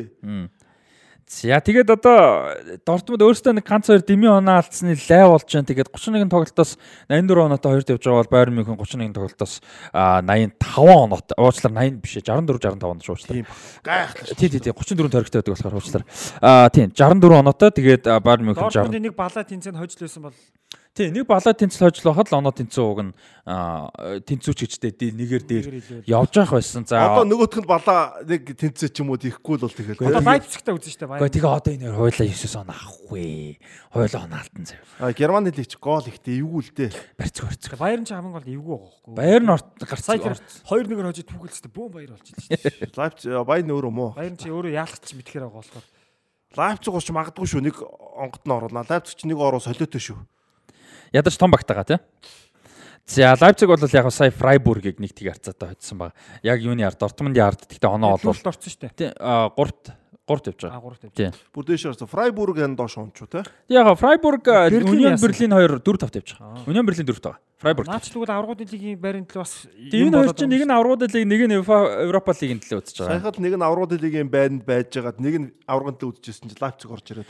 Тэгээ Лайпциг сүүлийн 5 тойрогтой 4 хоцсон. Ер нь л гайгүй юу авчиж байгаа. Форма олоод ирж За энэ ирчээрэл баяртай үзэх юм да. байгаа. Тий энэ ирчээрээ л. Тэнцгэд л Дортмундод бас юу болчихж байгаа байхгүй чинь давуу тал гарчиж байгаа байхгүй те. За өвлцөн тоглолтод би өнгөрсөн тоглолт 7 өнөдөд хальт энэ өрсөлдөөнүүдийг яриа явж байгаа. Дортмунд талбай дээр Мюнхен Гладбах, дараа нь Аугсбургийн талбай тэгээ талбай дээр Майнцыг хүлээж авна. А Баер Мюнхен хоёр дараалал талбай дээр юм байна. Нэг нь Шалке, нөгөөх нь Лайпциг, тэгээ хамгийн сүүлийн дөрөгт Кольны талбай дээр. Шалка нэг зангаргаа удаад гэдэг таахгүй нэг А наа чи юу нь бол Баярны талд бол байна шүү дээ. Тийм байна. Ер нь бол Баер. Нөгөөтлийн 3 бол эвгүй шүү дээ. Гэхдээ Майнц жоохон сул байгаа. Майнцыг аргаж болно. Оксбург жоохон бас Одоо заяа зөв гол асуудал шүү дээ. Дортмунд л өөртөө болно заяа.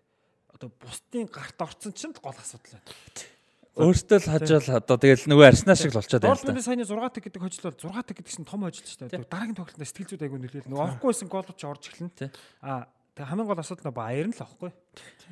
За одоо Баярныг яг үндэ тэр Колн Шалкеөр зогсооноч байхгүй. Шалке унахгүй төлөө урдж байгаа баг бас юу яж магадгүй. уламжлалаа одоод нэг эцсийн сумаад явчихгүй. Би бол Лайпциг л зогсоол зогсон. Магадлан юм одоо харахгүй. За тэгээд Франц лиг рүү орох уу? За тий. За Франц лигт бас сони сони юм зөндөө болсон. За Она Германы лиг чинь. Шалке юу хоёр дөрвөлээ. Аа Яг нэг үндсэн цагт хамгийн сүүлд гол орсон тоглолт болсон юм байл шүү дээ. 113 дээр нүгсэн бай. а тийм үү? Урд нь тим минутанд гол орж байгаа юм байна. Тэр Шалкегийн тоглолт. Сая нөгөө юунд чинь буу юм болсон. Ривер Бока хоёр ч алдсан. тэр чинь бол 110 дээр гуссан байл шүү дээ. Хэр дээр юм 17 дээр ч үлээ. тэгээд чи баах уулаа уцсан тоглолт. 18 минут цугсан байл. Тийм. Шалке дээр нэг тим юу гарч ирээд анхны тохиолдол гэж хэлсэн шүү дээ. Хамгийн хол одоо тоглосон минут гэж хэлээ шүү. Шалка Майнц 3-2-оор хоцсон Яг- яг- Шалка тий. Экстра биш те. Тэгээ экстра биш яг шүүгчийн мэдлийн одоо 90 минут time, тий. 113 чүү юу гэж би нэг 103 103 ч биш байсан баха нэг тэгж нэг харсан шүү мэдээл. Аа. За тэрийг аа, За Франц лиг руу. Тэрийг авах гарцааг үрдэг. За Франц лигт за ямар ч юу бол Paris Saint-Germain тугааг Troyes гэж үчдэг. Тугаа гэж дуудсан юм байна. За энэ багийг бол Troyes-ыг тугааг 3-1 харьцаатай буулгаж авсан. За нөгөө нэг яриад исэн том тоглолт ч юм болсон. Lance Marseille-ийн том тоглолт болсон. За энэ бол нэлээд хүлээлт өндөр байсан тоглолт болсон. За тэгээд Lance Marseille-ыг 2-1 харьцаатай талбай дээр буулгаж авсан. Нэлээд сүртэй юм болсон бэлээ. Тэгээд яг хуу дээр нь бол одоо ингээ гарч байгаа. Ланс Мерсиг хожоод адилхан 34 тоглолтоос 72 70 оноотой 2 онооны дээр ингээ Ланс 2 тараад ирж байгаа. За энэ бол бас нэлээд том юм болж байгаа. Энэ удирлын Франц лигт бол бас га- ганган байгаа багууд энийг Ланс байсан. Тэгээд хамгийн том шалгуур нь мэдээж Paris Saint-Germain байдаг, Lyon байдаг те, Marseille байдаг те. Энэ бол нөгөөэгзэгтэй үе байсан. 20 дугаар байрны төлөө байсан. Тэгээд тоглолтондоо бол хожиж чадсан байгаа. За энэ бол нэлээд ширүүн тоглолт болсон сурагтай. За Нөгөө нэг онцлог тоглолт нь болол Лион Монпелье гэж нэг өстө солиотой тоглолт болсон. За энэ тоглолтод юу болов гэдгийг Баахан покертой. За тийм. Лакасета галзардаг. За эхлээд энэ тоглолтод юу яаж байгаа юм? Лакасет нэг гол оруулж байгаа. Лакасет энэ үлрэл маш мундаг байгаа. 21 голтой явж байсан. Энэ тоглолтод 4 голыг оруулаад а, 25 голтой болж байгаа. Эмбапегээс олон голтой болоод тэргүүлээд ирсэн. За Лакасет 31 минутанд э, голыг оруулаад за тэр хүртэл ер нь Лионч олон боломж гаргасан. Лорен Бланд асууж удагч нэр Лионд байгаа. Аа тун давгүй явж исэн. За тэгээд э, Эли Вахи гэж нөхөр а, юу яаж байгаа залуу давтлагч байгаа. 2 минутын минутын зайтай 40 41 дээр гэс 2 хийгээд юу ачиж байгаа. 2-1 болгочихж байгаа. За 2 дугаар эхэллээ. 2 дугаар эхлээ 53 минутанд Вахи хэтрик хийвэ пенальтаар. Тэг 3-1. За тэгээ 3-1 болчих. Аа тэгээ 3-1 болж яжгаад 3-1 болгосон гоолоос 2 минутын дараа дахиж гол хийгээд покер орол 55 дахь минутанд покер оруулж 4-1 болгоод ирсэн. За тэгээд пок хэтрик хийдэг гол дээр өмсгөл өмсгөлээ дайлаад угаасаа Монпельеч баяраа тэмдэглээ ихсэн. Тэгээд 4-1 болоод бүр хожигч тодорхой болсон. За Лионч ер нь энэ үлрэлд бас орон гарan тоглож байгаа. Ер нь бас хожигччоод байгаа. За тэгээ байжсэн чинь 59 дээр Лакасет хийгээд 70 дээр Ловрен болонгийн зөвлөлтөөс амар мөргсөн. За тэгээ ер нь 4-3. 4-3 болоо нэлээд ихтгэлтэй болж ирээд а, 82 дээр Лакасет 4-4 болгож тэнцүүлээд за тэгээ ер нь бол за энэгээр бараг дуусах юм байна гэд ингээд э, бөөм баяр болоод ингэ байж байгаа. За гэхдээ мэдээж илүү том баг учраас 4-4 болгож гол оруулахдаа бол бөмбөгөө аваадгүй юм тий. 80 дээр гол орчих юм бол ингээд дуусна гэж бодохгүй шүү дээ хүн те. Тий. Одоо ер нь бол нэмийл гэж бодсон шүү дээ. Ялангуяа Лион бол нэмэл гэж бодсон шүү дээ. Яг Монпелье бол одоо юу яаж хэлсэн? Нэг оноогоо зулгах аваад нь тий. За тэгээ байжсэн чинь тоглолт угаасаа нөгөө Монпельеч цагийг хүрсэн. Тэгээ хоорондоо ч бас муудалцсан уур амьсгал нэлээд ширүүн болно шүү дээ ийм үед чинь тий. Тэгээ нэлээд ширүүн болж байгаад олон минутыг сунгасан 12 минутын хугацааг сунгасан. Тэгээд 10 дээр 9 дээр нэмэх биш 9 дээр нэмэх 10 дээр 9 дээр пенальт заасан 9 дээр нэмэх 9 дээр 9 дээр пенальт заагаад за тэр пенальтыг бол вар шалгаад а, пенальт болж а, болж таарад за тэгээд тэрийг Александр Лакасет гүйцэтгээд 9 дээр нэмэх 10 дээр оруулаад тэгээд 5 4 болж. А дууссан. За тэгээ яг үргэлжлэн нэг хэдэн минут тоглож хагаад тэгээд ингээд бас тэгээд э, Францын а юуны дээдлигийн түүхэнд 75 жилийн дараа анх удаага хоёр багаас нэг нэг тоглож 4 4 гол оруулж байгаа юм байлээ. А тэгээд дээрэс нь тэр яг тэр тоглолтоос 75 жилийн өмнөх тэр тоглолтоос хойш анх удаага хожигдсан багт нэг тоглож 4 гол оруулсан. Ийм ийм тохиолдол болж байгаа юм байна. 3 4 1-ээс барьсан бас наа чи нэлээд хор тохиолдол баг шүү те. Нилээн хортын 4 1-ээс нэг тоглолтын дотроо байна гэдэг дотроо байна бол хүнд шүү дээ. Тэгээд Тэгээд ийм олон голтой хоёр багаас харилцсан байсан тоглолч юу байна? 9 гол орсон ба шүү дээ тоглолтод те. Жишээ одоо нэг нэг нэг тоглолч ингээд аль хоёр багаас онцгорчсон. За саяхан ч нэг тиймэрхүү юм болсон. Болоод байсан шүү. Хэдүүлээ нэг ярьсан да шоогоор нэг тоглогч нэг хедрикгээ хожигдож мажигдсан нэг ярьсан юм а. Одоо хэний санддаг вэ? Ямар ч нэг тэгсэн. Сүүлд 9 голтой тоглолт санаад орж байгаа City ч сая сүүлд United 6-3 очсон юм шүү дээ. тэгээд наа Лионы чин бүрэлдэхүүнээс их гоё байлаа шүү дээ. Ловрен, Лаказетийн Толизо өдр явж байгаа шүү дээ. Тийм төлөөс байгаа тийм. Толизо өөр хин юм байлаа. Нэлээд гайгүй гайгүй тоглож шир явж л шүү наа. 2005 онд юм байна. Толизо. Нөгөө Парма, Ливорно үзээзээ. Би яг тэр CCTV тавар гарч ирсэн. Пармагаас Жилардино бас нэг 4 5 хийгээд нөгөө талаас нэг Лукарелли 4 5 хийгээд нэг 5 4 ч л 6 Яа, 4 заваа юм болчихсон. За юунд э, Леонд бол дурдах юм бол гой тоглогч бас байгаа байгаа. Мало Густо байгаа. Нөгөө баруун зүгрийн хамгаалагчтай Франц ирээдүй. За тэгээ Райан Черки, Хосами Овар гэж хоёр мундаг бүтээлч тоглож байгаа. Авар сая Ромро Рома руу явахаар болсон байлээ нэрээ. Гэрэгээ хийж байгаа юм байлээ шүү. Хосами Овар гэж бас мундаг э, тийм бүтээлч тоглож байгаа. Тэгээ Райан Черки бас мундаг тинейжүүд нэг ч одоо дөнгөж хоёр үрж гэнэ үгүй юу? Ер нь их залуухан тоглогчаар тоглолтыг жигүүр тоглоно. Гой тоглогч юм бэлээ одоо би одоо мартаж байгаа. Тальяфико байна. Зүүн дээр. Tagliafico өс, тий. За. Tagliafico ловроо өдр. Тэгээд Лакасет багийн ахлагч. Энэ жил Шууд өрөнгөөр капитан авцсан шүү дээ. Тэгээ угаасаа очоод капитан авсан, очоод гоолоор бөмбөгдөж гэсэн угаасаа мундаг байгаа 25 гоолтой. На Леон чи хит яваад байгаа. Леон их муу баг. Ер нь сүүлд Champions League байхгүй юу те? байхгүй. Энэ сая сүүлд форм олж байгаа байхгүй юу? Сая сүүл- сүүлийн 5 тоглолтод 4 хожиж нэг очгсон. Түүнээс удирдлын хугацаанд ер нь их муу байсан. Лакасет л хийгээдсэн. Түүнээс баг нь моос. Одоо 7 дугаар байранд явчих. Ер нь бол. Ловроо чи сая өвд ирсэн шүү дээ, тий.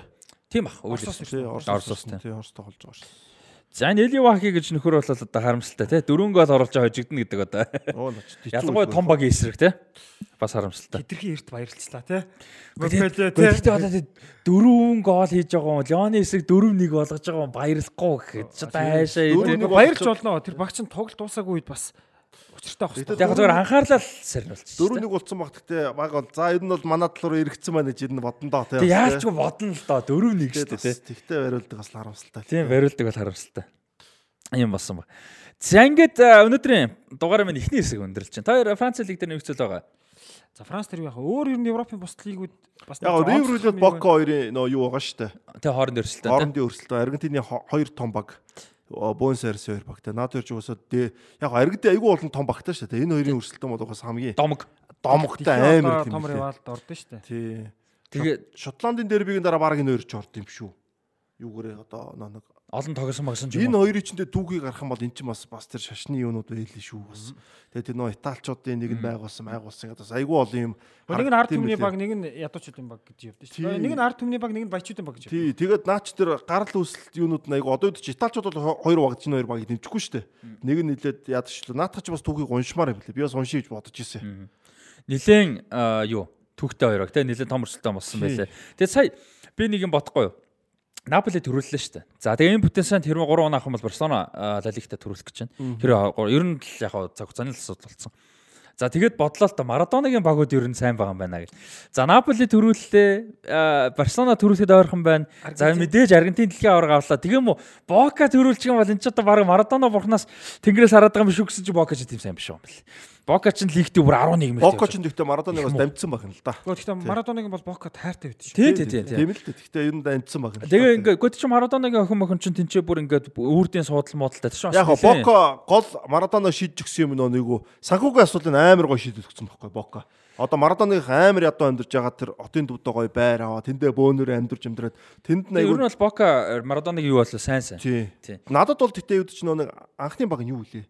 New All Boys. Аргентиноос хүн орсон. Тэгээ Аргентинээс А- хууны Аргентинаас орсгээд хууны тэгэж ингэж яваад би бол Бокогийн тэр юуг бол яг чухалч гисэн юуд чимдээ одоо тийм яг Марадона талаар шууд ингээд Бок надад ерөөс орж ирдэг байхгүй. Надад бол орж ирээд Надад бол Марадона Надад Аргентинээс Бока. хууны орс Барса, Наполи за ялангуяа Наполид амар орж ирдэг байхгүй. Наполи Наполи бол угаасаа хамгийн дом Тийм. биш үү хэний хувьд бол. Тэгээд ер нь Бока ч цаа чи хэд хэд удаа тоглолцсон.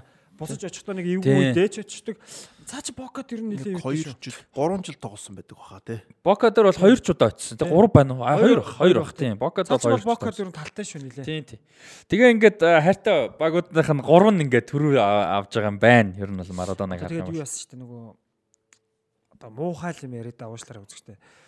Нөгөө мо алдарт ACB 2014 оны ихэр өнгөрцөн шүү дээ. Тэгсэн чинь Португал төрүүлчихлээ гэж байгаа Еврод. За дараа нь бас хин өнгөрцөн гэж вэ? Тэнгүүт нэг баг төрүүлчихье гэж байгаа. Нэг домог өнгөрөнгөт. За дараа нь Марадона өнгөрөнгөт Аргентин төрүүлээ гэсэн чинь Неймар ингээд Пелег ботцсон те. Одоо ингээд бараг л энэ хүн яваад өгвөл бараг авах нь. Тэгээд Тэр бол муухай юм ярьж байгаа шүү. Нэг тийм. Гэхдээ яг хөө тийж бодоогүй л бахал да тий. Тий, бодог. Тэгээд нэг тим юм явж л Одоо наа ч нөө нэг юу гэж харагдаж ш надад нөө ванга манга тоглолтог тоглоом юм шиг санагдаж ш надад нэг зөвхөн нөө таастын хараад идэг. Тэнгүүл чинь таагүй маш олон байгаа ш нөө нэг зөндөө хөл. тий нөө католик шашны наа чи айгуу том юу гэдэг вэхгүй одоо тийм одоо нэг одоо яг энэ энийг одоо тодтогсон тийм юу гэдэг вэхгүй одоо одоо онгооч хүн ч юм уу хүүс таадаг хүн гээд тэгээд нөгөө хүн болохоор чамд охин гэж хэлээд дэвтэр дээр хүүгээ өвчдөг Намайг очингууд хүү гэжлээ дэвтэр дээр охин говч. Тэнгүүл чи үнэхээр өөрөө охинтой болчих юм бол энэ мундаг мэрэгэн хүн байна гэл тэгэж шүү дээ. А тэр хүн алдсан байсан чи өөрөө зүв таацсан. Алдсан байвал тэр хүн өө чи очиж дээ очиод. Өө ингээ та ингээд надаа охин дөрнөс чи хүү дүрцэн байна. Ингээ та ингээ алдсан байна. Таныг уг нь алддаггүй гэж бичсэн чи дэвтрээ гаргаж хэдэн сарын хэдний өдөр чи ирлээ? Тэд дүнг өө би чамд хүү л гэж хэлсэн чи охингаа өөрөө буруу хэлсэн дээ. Хоёр хөлбөртөө тэгээд байнга нэг тааж байгаа л дээ тэрнтэй адилхан нэг юу байхгүй ч нөө. Зөвхөн таасны л зайлуул нэг байгаа гэдэг те а яриад идэг. Тэгвэл таагаагүй асар их байдаг. Тэнгүүдээ тэрнээсээ болоод нэг энэ эн чинь хөгжичтэй мэлэлтэй жоохон залил маягийн ч юм уу те За тэгээд өнөөдрийн дугаар эхний хэсэг өндөрлөд бэлэн болж байна. 20 дугаар хэсгээр. Юу ярихаг байл одоо Роналдо Месси хоёрын Криштиано Роналдо Месси хоёрын талаар ярина. Гэхдээ карьер гэдэг карьер гэхээс илүү одоо болж байгаа Тэ юу болж ийн нөхцөл байдал нь яаж ийн болон ирээдүй тэ мэдээж нэг нь одоо 38 та нэг нь 36 хүрэх байхын зун. Тэг ийм байгаа учраас ирээдүйг нь ярих нь бол бас цаг хугацаа таарах байх гэж бодож чинь. Дээрээс нь бас болж байгаа үйл явдал тэ. За ингээд эхний хэсгээ өндөрлж чинь хэрвээ та бүхэн бидний дэмжих өсвөл 500 556 29 78 гэсэн дугаартай Хасбанкны дансаар донэж нээж дэмжих боломжтой байгаа. Тэгээд ивент тэтгэгчээр ялж байгаа Web Sport Lounge ерөнхий ивент тэтгэгч MMS хамт олондоо баярлалаа. Бид нэр хэсэгхэн завсралгаа аваад 2 дугаар хэсгээр уулзцаая.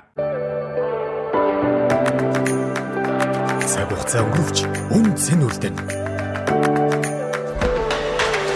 Ирчим хүчний дэвшилтэд шийдэл бүхий бүтээгдэхүүнүүдийг төслийн аль ч үе шатанд эцсийн хэрэглэгчдэд зориулан тасралтгүй ханган нийлүүлж байна.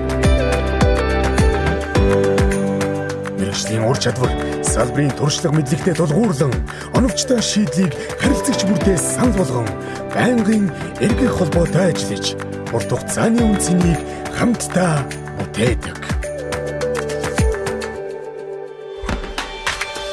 Бид улс орныхон хөгжлийн суурь болсон энэ байгууллагын салбар бүрт дэвшилтэй технологи болон чанарын илэрхийлэл болсон дэвтгүний шийдлийг нэвтрүүлж харилцагч бүрийнхээ эдгээр дан ажилдгаараа бахархдаг.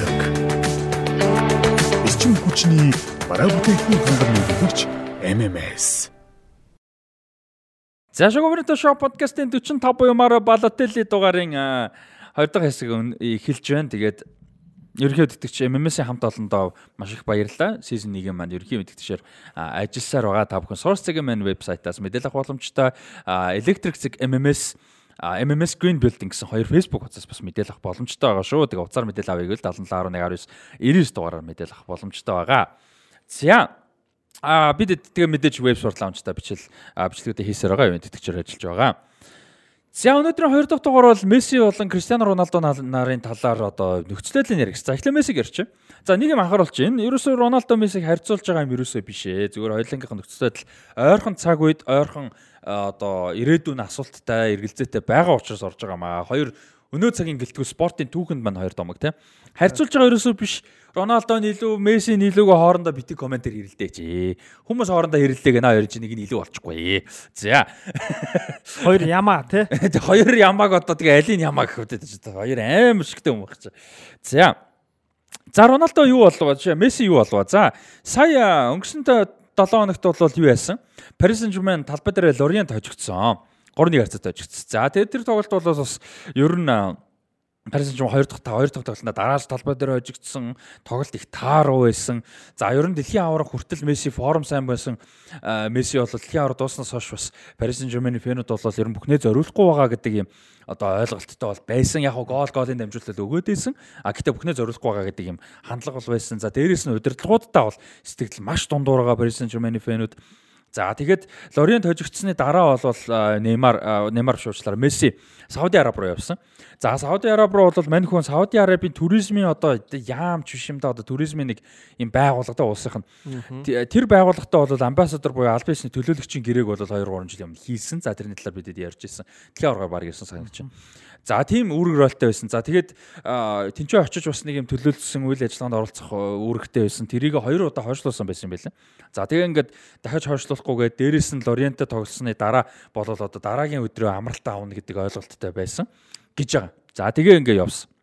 За тэгээ нэг өдөр болоод бэлтгэл хийсэн. За яагаад бэлтгэл хийсэн бэ гэвэл хожигдсон учраас бэлтгэл хийсэн гэж байгаа. За тэгээ нэг гачиртай юм нь болохоор хэрвээ хоцсон бол 4 өдөр амрах байсан гэж байгаа. Тэгээ тэрийг бүр хүмүүс амар шүмжлээд байгаа юм шиг. Галти бүр ингээд ямар баг дөрөв өдөр амардсан Тийм бэ гэд бүр ингээд шүүмжлээд байлээ. А тэгээ яг хожигдсон болохоор бэлтгэл хийсэн юм байлаа. А тэгээ хөнгөн бэлтгэл. За тэр бэлтгэл дээр бол ирээгүй. А тэгээ явсныг бол мдээгүй гэж байгаа. За тэгээд э, Бэлтгэлдээ ирээгүй юм уу те? бэлтгэлдээ ирээгүй. Нийт өдрийнхөө бэлтгэл дээр Лориент хожигдсныхаа маргаашийн бэлтгэлд өглөө Хоцсон бол амрах байсан. хоцсон гэж бодоод маань төлөвлөсөн байна л та тий. Тэгээд угаасаа хойшлуулах боломжгүй хоёр хойшлуулсан байсан гэж байгаа. Тэгээ өөрөө бол хойшлуулахгүй. Тэгээд Дөрөнө хожил дөрөв амралт өдрийн амралтаар л явчаад ирэл гэж бодсон юм байна. Тийм шүү. За тэгээ ер нь бол энэ шийдвэрийг бол явсныг нь бол зөвшөөрлгүй явсан гэж үзээд. За дээрэс нь Paris Saint-Germain-ы олон жил болол ингээд удирдлагын асуудал байсан. Одоо Neymar, Mbappe өөр юу байдیں۔ Одууд байдаг. Тэ тэр одууд нь бол одоо сахилга батын асуудал байдаг. Тэ энэ тэнд өөр юм баг өөр карьертэй хүмүүс шиг явж идэг. Тэ Neymar бол хамгийн том жишээ. Тэ А, тийдүүл ярьсан сая багийн тэнцээ хожигтой явж байсан. Нөхөр тоглож Бразил юм шиг өө. Тий, тий, тий, тий. Тэнцээ нөгөө юу яадаг? Counter Strike. Тэ Counter Strike-ийн тэмцээн юмцэн ингэ явж идэг те. А ийм асуудлууд байсан учраас за энэ удаа бол одоо хатуу шийдэгнэ гэж үзээд Мессиг бол 2 7 хоног цалингүүгээр одоо юу яасан бандсан а торгосон. За тэгээ 2 7 хоног бол цалингуу бэлтгэл хийхгүй талбай одоо Paris Saint-Germain клуб эзэмшдэг нэг ч газарт одоо хөл тавих ч ирэхгүй болгож ингэж бол бандсан. Тэгээд сонирхолтой нь 2011 онд Катарын одоо investment Qatar Sports Investment байгууллага бол Paris Saint-Germain худалдаж авсноос хойш анх удаага тоглогчийг юу яаж юм бэл? Бандж байгаа юм бэл. Анх удаага. Бас сонь тий. Наа чи Месси ч нөө Сауди Араб руу авчиж байгаа хөөхгүй давхар. Бас нэг том асуудал энэ Тий. тэр. А зүгээр зүгээр явсан дээр Катар Сауди Араб ч ямар асуудал. Ээ хоорондоо бөөн асуудалтай шүү дээ. Улс төр юуны зөндөө асуудал одоо. За Катар явж байгаа. Э, Сауди Араб явсан бас том асуудал. А тэгээ дээрэс нь мэдээж сайн нөгөө а юу яаж байгаа Францын эсрэг Аргентин хожиж төрүүлсэн дэлхийн аврах төрүүлсэн тэгээ буцаа Парис шууд ирж байгаа нь бол бас Парисын фэнүүд Франц фэнүүдэд бол бас. ер нь тийм таатай нөхцөл бол мэдээж байгаагүй. За ингээд энэ бол ингээ агай олон юм үүссний дараах асуудал. За ер нь бол мэрэгжлийн бос үйлдэл гэдгийг бол бүгд ярьж исэн. А өөрөө бол зөвшөөрөгдсөн гэж бодож исэн би хэлсэн байсан гэж хэлсэн. За тэгээ өөрөө бол хоёр өдрийн дараа уучлалт гуйсан бүр олон нийтээс одоо нийтэд зарлж бичлэг бол тавьсан. За би ийм ойлголттой байсан. Өмнө нь хоёр удаа хойшлуулсан байсан учраас хойшлуулах боломжгүй ажил байсан учраас бол явсан. Би дараагийн өдөр нь амралттай байна гэж ойлгосон учраас явсан. Тэгээд ингээд одоо буруу үйлдэл хийсэн дуучлаарай. Тэгээд дээрэс нь одоо энэ хариуцлага тооцоход бол би бүрэн хариуцлага хүлээн. Тэгээд Paris Saint-Germain клубын эзэд удирдлага бол одоо шийдвэр гаргахын бол 100% хүлээн зөвшөөрж хүлээнэ гэдэг ийм одоо уучлалт гуйсан бичлэгийг бол өөрийнхөө сурч суугуудаар оруулсан. За тэгээд Кристоф Галтигээс бол энэ талаар асуухад мэдгүй байна. Удирдлагууд бол шийдвэр гаргасан. Надаа нэгд өдрийн өдөөс хойш бол одоо удирдлагууд надад холбогдож Лионел Месси 2-7 хоногийн одоо торгуулсан гэдгийг бол надад хэлсэн. А тэр шийдвэрийг би хүлээн зөвшөөрсөн. А хүлээн зөвшөөрсөн гэдэг нь одоо одоо хүлээж авсан гэвэл илүү зөв тий. Хүлээж авсан. За тэрэн дээр бол би оролцоо байхгүй гэж бол хэлсэн ба. За тэгээд энэс хоошоогоо бол ер нь а Мессигийн гэрээ сунгах уу үгүй юу гэдэг яриа бол баг эцэслэгдэж байгаа энэ үгээр. Ерөнхийд албан бусаа. За албан ёсоор бол Месси 2 жилийн гэрээтэй буюу энэ зун дуусах гэрээтэй байгаа 1 жилийн 30 сая еврогийн гэрээтэй. Аа тэгээд Мань хүн бол Хорхе Месси бол Хорхе Месси бол. Лионел Мессигийн аав бөгөөд төлөөлөгч агентаар нь ажиллаж байгаа карьерийн хугацаанд. За тэгээ Хорхе Месси хэлэхдээ бол Лионел Месси гэрээ сунгахгүй гэдгийг энэ үйл явдал болохоос өмнө ярьсан байсан. Ер нь бол Сурвалжууд мэдээлэлсэн. мэдээлсэн байсан. А гэхдээ яг хүмүүс бол нөгөө төлөөлөгчдийн яриаг 100% тэгж хүлээж авдаггүй. Ягаад гэвэл үн хөөрөгдүүлэх гэж ч юм уу те цалин гэрээгээ хийх гэж янз бүр юм ярьдаг учраас тэрийг бол сериосны хүлээж авах баг байсан бол одоо энэ юм болсны дараа бол за ер нь илүү тодорхой талтаа болж байгаа юм байна гэсэн юм юу яаж байгаа тал руугаа ерөөхдөө орж байгаа. За тэгээ Месси анх Paris Saint-Germain-д ороход клубд нэгтгэд бол за Барселоноос яагаад явсан хүмүүс мэдж байгаа. Анх Paris Saint-Germain клубд нэгтгэд бол эхний 7 хоногийн хугацаанд сошиал медиагийн суугаад нь а, 20 саяар нэмэгдсэн гэж байгаа. За тэгээ тэрнээс хойш? Тийм Paris Saint-Germain. Тийм нийт сошиал медиагийн. За тэгээ тэрнээс хойш бол саяны одоо тэр Лориент хожигдсон тоглолтыг хүр дуусах хүртэл нийт 71 тоглолтод оролцсон Paris Saint-Germain клубд лөө бүх тэмцээний өрөнд 31 гол оруулж 34 голын дамжуултыг бол өгсөн байгаамаа. Тэгээд 61 тоглолтод оролцож одоо 65 голын бол оролцоотой. 61 мó 71 мó. 71 тоглолтод оролцоод 65 голын оролцоотой. Тэгээ 31 гол байхгүй 34 ассист гэсэн.